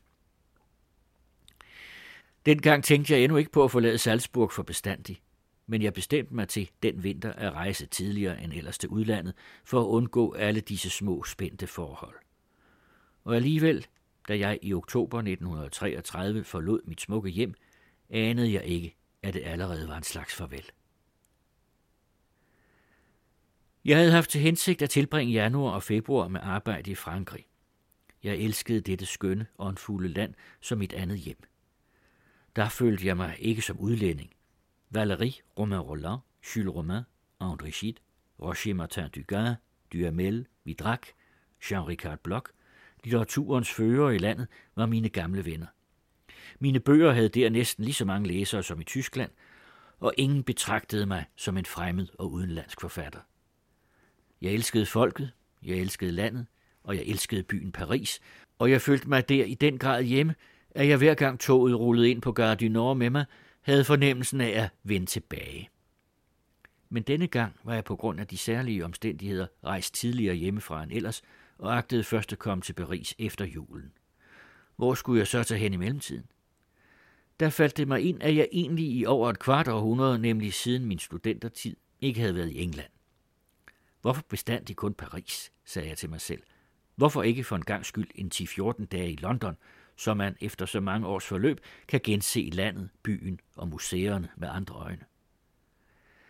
Enden blev altså, at jeg ikke tog Paris, men Calais-ekspressen, og en dag steg jeg så igen efter 30 års forløb ud på Victoria-stationen i den traditionelle novembertoge, og det eneste, der undrede mig, var, at jeg ikke som dengang kørte til mit hotel i cab, men i bil. Den kølige, bløde, grå toge var som dengang. Jeg havde, endnu før jeg havde kastet et blik på byen, gennem min lugtesans og tværs igennem tre forgangne årtier, genkendt denne underligt stramme, tykke, fugtige luft, der omslutter en som et tæt slør. Jeg medbragte kun en lille bagage og kun små forventninger. Jeg havde så godt som ingen venskabsforbindelser i London. Også litterært set bestod der kun liden kontakt mellem de engelske og os kontinentale forfattere. Englænderne havde en slags eget afgrænset liv med egen indflydelsesfære inden for deres for os ret utilgængelige tradition. Blandt de mange bøger, der kom ind i mit hjem og op på mit bord fra alle verdens posthjørner som gaver fra den ene kollega til den anden, mindes jeg ikke at have fundet en eneste fra en engelsk forfatter. Jeg havde engang mødt Shaw i Hellerav. Wells var engang kommet og besøgt mig i mit hjem i Salzburg. Mine egne bøger var ganske vist alle oversat til engelsk, men kun lidt kendt i landet. England havde altid været det land, hvor de havde betydet mindst. Og mens jeg var personlig ven med min amerikanske, franske, italienske og russiske forlægger, havde jeg aldrig set en herre fra det firma, som udgav mine bøger i England. Jeg var altså forberedt på at føle mig lige så fremmed som for 30 år siden. Men det kom så helt anderledes. Efter få dages forløb befandt jeg mig ubeskriveligt vel i London. Ikke at London havde forandret sig væsentligt. Jeg selv var blevet en anden. Jeg var blevet 30 år ældre, og efter de spændende og nervøse krigs- og efterkrigsår længtes jeg efter igen at leve helt stille og være fri for at høre om politik. Selvfølgelig fandtes der også i England partier, de konservative Tories og de liberale Whigs og et Labour Party, men deres diskussioner vedkom ikke mig. Utvivlsomt fandtes der også i litteraturen partidannelser og strømninger, strid og skjult rivaliseren, men der stod jeg fuldkommen udenfor. Men det mest velgørende af det hele var, at jeg endelig igen var omgivet af en civil, høflig, hadefri og uhysterisk atmosfære. Intet havde i de sidste år i den grad forgiftet tilværelsen for mig, end det, at jeg altid havde mærket had og spænding rundt om mig i by og land, så jeg altid havde måttet værge mig mod at blive trukket med ind i diskussioner. Her var befolkningen ikke på samme måde ude af ligevægt som hos os. Har hersket der i det offentlige liv en højere grad af retskaffenhed og redelighed end i vores lande, der er blevet gjort umoralske ved inflationens store bedrag. Menneskene levede her mere roligt og tilfreds og havde mere øje for deres haver og små libhaverier end for deres naboer. Her kunne man ånde, tænke og overveje. Men hvad der mest af alt holdt mig fast, var et nyt arbejde. Det gik således til. Min Marie Antoinette var lige udkommet, og jeg var nu beskæftiget med at læse korrektur på min Erasmus-bog, i hvilken jeg forsøgte at give et åndsportræt af den store humanist, som skønt han klarere end de professionelle verdensforbedrere forstod tidens galskab, alligevel tragisk nok ikke var i stand til at tæmme den med al sin fornuft. Efter fuldendelsen af denne tilslørede selvskildring havde jeg til hensigt at skrive en længe planlagt roman. Jeg havde fået nok af biografier. Men så passerede det mig på opholdets tredje dag, at jeg, drevet af min gamle lidenskab for autografer, gik i British Museum, og der i udstillingssalen mønstrede de fremlagte stykker, og blandt dem fik jeg øje på den håndskrevne beretning om Maria Stuarts henrettelse. Uvilkårligt spurgte jeg mig selv, hvordan forholdt det sig egentlig med denne Maria Stuart? Var hun virkelig medskyldig i mordet på hendes anden ægtefælle, eller var hun ikke? Da jeg ikke havde nogen lektyre til den kommende aften, købte jeg en bog om hende. Det viste sig at være en fad og tosset bog, der skildrede hende som en helgen inde, ren panegyrik. I min uhelbredelige nysgerrighed anskaffede jeg mig en bog til om hende straks næste dag. Den hævdede nøjagtigt det modsat. Nu begyndte tilfældet at interessere mig. Jeg spurgte efter en bog, der var virkelig til forladelig. Ingen kunne foreslå mig nogen. Og mens jeg sådan gik rundt og ledte og spurgte andre til råds, gerådede jeg uvilkårligt ind i et sammenligningsarbejde, og uden ret at vide af det, så havde jeg begyndt en bog om Maria Stuart, som lænkede mig flere uger til bibliotekerne. Da jeg i begyndelsen af 1934 igen rejste til Østrig, var jeg fast besluttet på at vende tilbage til London, som jeg nu havde fået kær, for der i al stilhed at fuldføre bogen. Jeg behøvede kun to-tre dage i Østrig for at se, hvor meget situationen havde forværret sig i disse få måneder. At komme fra Englands stille og trygge atmosfære til dette af stridigheder og feberanfald gennemrystede Østrig, var som når man på en hed New Yorker julidag træder fra et køligt udluftet, et airconditioned værelse ud på den glohede gade. Det nationalsocialistiske tryk begyndte efterhånden at gå de borgerlige og klerikale kredse på nerverne. De følte hårdere og hårdere det utålmodige Tysklands økonomiske tommeskruer og hele mulvarpearbejde. Regeringen Dolfus, som ønskede at hævde og bevare Østrigs uafhængighed over for Hitler, søgte mere og mere fortvivlet efter en sidste fast støtte.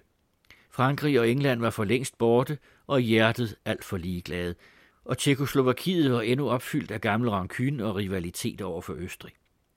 Der var kun Italien tilbage. Italien tilstræbte dengang et økonomisk og politisk protektorat over Østrig for at betrygge Triest og Alpepassene. Mussolini forlangte en høj pris for at yde sin beskyttelse. Østrig skulle tilpasse sig de fascistiske tendenser, parlamentet og dermed demokratiet skulle afskaffes. Slit var nu imidlertid ikke muligt, uden at man fjernede det socialdemokratiske parti eller fratog det alle rettigheder. Det drejede sig om Østrigs stærkeste og bedst organiserede parti.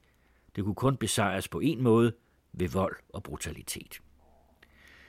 Til denne terroraktion havde allerede Dolfus forgænger, Ignaz Seibel, skabt en organisation, det såkaldte Heimwehr. Set udefra udgjorde det sådan omtrent det ynkeligste foretagende, man kunne tænke sig. Det bestod af små provinssagfører, afskedigede officerer, arbejdsløse ingeniører og mystiske eksistenser. Alle skuffede middelmådigheder, der indbyrdes havde hinanden af et godt hjerte. Til sidst fandt man i den unge fyrst Starhemberg en såkaldt fører, som tidligere havde siddet ved Hitlers fødder og havde tordnet mod republikken og demokratiet, og som nu, som Hitlers antagonist, drog rundt med sine lejede soldater og lovede at lade hoderne rulle. Det var aldeles uklart, hvad hjemmeværnsfolkene positivt ville. Hjemmeværnet havde i virkeligheden ikke noget andet mål end at komme til fadet på en eller anden måde, og deres styrke beroede ene og alene på Mussolinis næve. Det var den, der drev den fremad. At disse formentlig patriotiske østrigere med de fra Italien leverede bajonetter afsavede den gren, de selv sad på, mærkede de ikke. Det socialdemokratiske parti begreb bedre, hvorfra den egentlige fare troede. I og for sig behøvede det ikke at frygte åben kamp. Det havde sine våben og kunne gennem en generalstrække lamme alle baner, vand- og elektricitetsværker. Men det vidste også, at Hitler kun ventede på en sådan såkaldt rød revolution for at rykke ind i Østrig som redningsmand. Partiet anså det derfor for klogere at ofre en stor del af sine rettigheder, ja når selve parlamentet, for derved at nå til et tåleligt kompromis. Alle de fornuftige anbefalede en sådan udligning i betragtning af den tvangssituation, Østrig befandt sig i, i hitlerismens truende skygge. En Dolfus selv, der var en smidig og agerig mand, men absolut realpolitiker, synes tilbøjelig til et samarbejde. Men den unge Starhemberg og hans kompan major Fay, som senere ved mordet på Dolfus skulle spille en mærkelig rolle, krævede, at Schutzbund skulle udlevere sine våben og at et hvert spor af demokratisk og borgerlig frihed skulle udryddes. Dette krav protesterede Socialdemokraterne imod, og trusler udveksledes parterne imellem. Man mærkede, at en afgørelse lå i luften, og fuld af anelser måtte jeg midt i den almindelige spænding tænke på Shakespeares ord, So foul a sky clears not without a storm. Jeg havde kun været et par dage i Salzburg og var rejst videre til Wien og netop i disse første februardage brød uværet løs. Heimwehr havde i Linz overfaldet arbejdernes hus for at fjerne de våbendepoter, de formodede fandtes der. Arbejderne havde svaret med generalstrække, og Dolfus havde befalet, at denne kunstigt fremkaldte revolution skulle slås ned med våbenmagt. Den regulære krigsmagt rykkede altså med maskingeværer og kanoner frem mod Wiens arbejderkarriere. Tre dage igennem blev der kæmpet forbitret fra hus til hus. Det var sidste gang før Spanien, Europas demokrati satte sig til modværge mod fascismen. Tre døgn holdt arbejderne stand, så bukkede de under for den tekniske overmagt. Jeg var i de tre dage i Wien, og for så vidt vidne til denne afgørende kamp, den østriske uafhængigheds selvmord. Men da jeg ønsker at være et ærligt vidne, må jeg straks til at begynde med at bekende det faktum, der lyder som paradoks, at jeg selv ikke har set det mindste til denne revolution. Den, der har sat sig for at give et så ærligt og anskueligt billede af sin tid som muligt, må også have mod til at skuffe romantiske forestillinger. Og intet synes mig mere karakteristisk for teknikken og enarten ved moderne revolutioner, end at de inden for en moderne storstads kæmpeområde egentlig kun udspilles på ganske få steder, og derfor forbliver fuldkommen usynlige for de fleste af indbyggerne. Så underligt det end kan lyde, jeg opholdt mig i hine februardage 1934 i Wien, men så intet til de afgørende begivenheder, der udspilledes i byen, og jeg vidste intet, ikke det mindste om dem, mens de foregik. Der blev skudt med kanoner, huse blev besat, og hundrede lig båret bort. Jeg så ikke et eneste. En avislæser i New York, London eller Paris vidste mere besked om, hvad der skete, end vi, der dog var til synlædende vidner til det. Og dette forbløffende fænomen, at man i vore dage 10 gader borte fra stedet for afgørende begivenheder ved mindre end de, der bor 1000 km borte, har jeg senere gang på gang fået nye beviser på. Da Dolfus nogle måneder senere blev myrdet i Wien ved middagstid, så jeg klokken halv seks opslagene på gaderne i London. Jeg prøvede straks på at telefonere til Wien. Til min store forbavselse fik jeg straks forbindelse, og erfarede til min endnu større forundring, at man i Wien, fem gader borte fra Udenrigsministeriet, vidste meget mindre besked, end man i London vidste på hvert et gadehjørne. Tager jeg altså min Wiener revolutionsoplevelse som eksempel, kan jeg kun fremføre det negative. Hvor lidt i vore dage en samtidig, om han da ikke tilfældigvis befinder sig på det afgørende sted, ser af de begivenheder, som forandrer verdens ansigt og hele hans eget liv. Alt, hvad jeg oplevede, var dette. Jeg havde aftalt med operaens balletregissør, Margrethe Wallmann, at vi om aftenen skulle mødes på en café på Ringstrasse. Jeg gik til fods til Ringstrasse og ville skrå over den. Pludselig trådte et par mænd med geværer og gamle tilfældigt sammenskrabede uniformer hen til mig og spurgte, hvor jeg agtede mig hen. Da jeg havde forklaret dem, at jeg skulle over i Café J, lod de mig roligt gå derover. Jeg vidste hverken, hvorfor der pludselig optrådte slige gardister på gaden, end sige, hvad de bestilte. I virkeligheden var der på det tidspunkt allerede længe blevet skudt og kæmpet forbitret i forstederne. Men ingen havde nogen anelse om det inde i den indre by.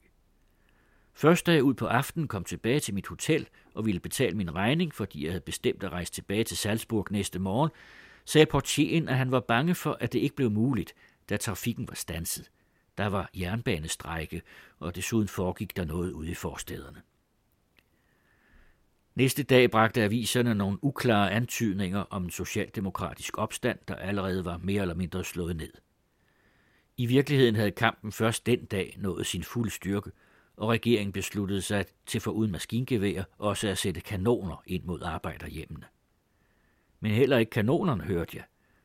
Om hele Østrig dengang var blevet besat, enten af socialisterne eller nationalsocialisterne eller kommunisterne, ville jeg have vidst lige så lidt om det, som i sin tid indbyggerne i München, som intet anende vågnede om morgenen, og først gennem avisen Münchner Neueste Nachrichten erfarede deres by var i Hitlers hånd.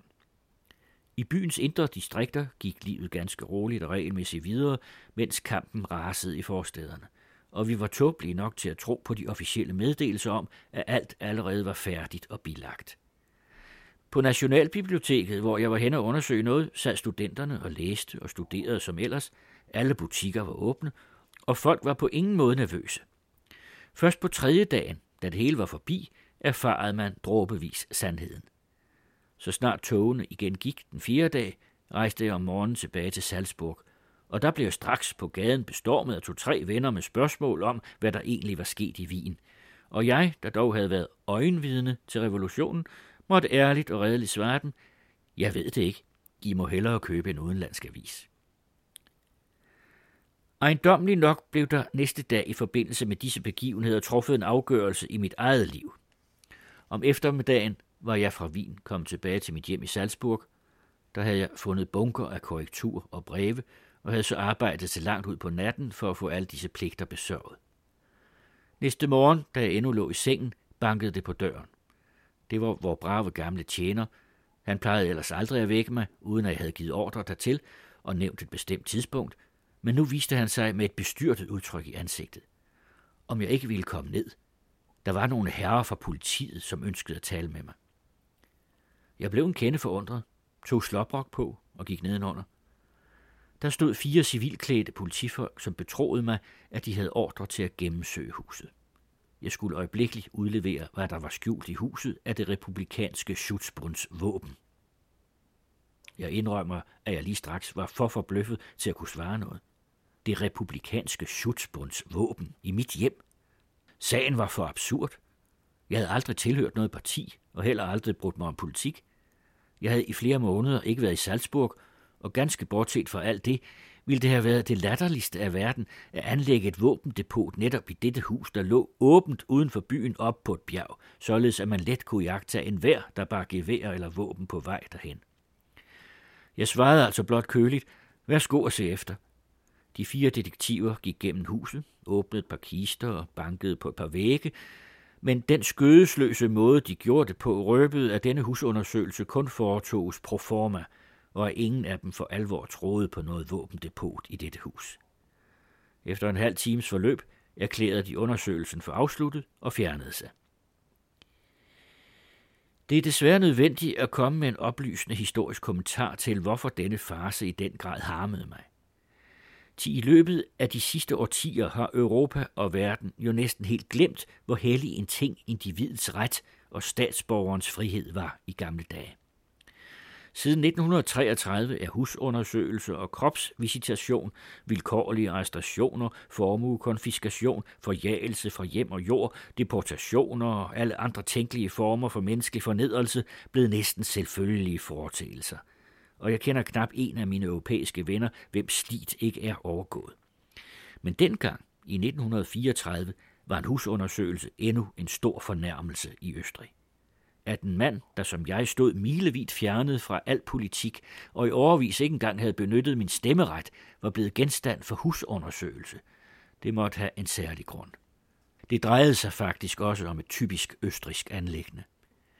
Politimesteren i Salzburg havde set sig nødsaget til at gå strengt frem mod nationalsocialister, som nat efter nat foruroligede befolkningen ved bomber og eksplosioner. Og denne overvågen var en betænkelig dristighed, for allerede dengang havde partiet sat sin terrortaktik ind. Hver eneste dag modtog myndighederne trusselsbreve, der gik ud på, at de skulle komme til at bøde for det, hvis de fortsat forfulgte nationalsocialisterne. Faktisk blev der også straks den første dag efter Hitlers indmarsch de mest tro østriske embedsmænd slæbt i koncentrationslejre. Når det drejede sig om hævn, holdt nationalsocialisterne altid deres ord med 100 procent.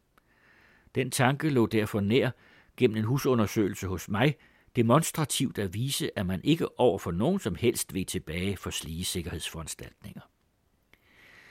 Men jeg blev ved denne i og for sig ligegyldige episode klar over, hvor alvorligt sagerne allerede stod til i Østrig, og hvor overmægtigt det tyske tryk var blevet.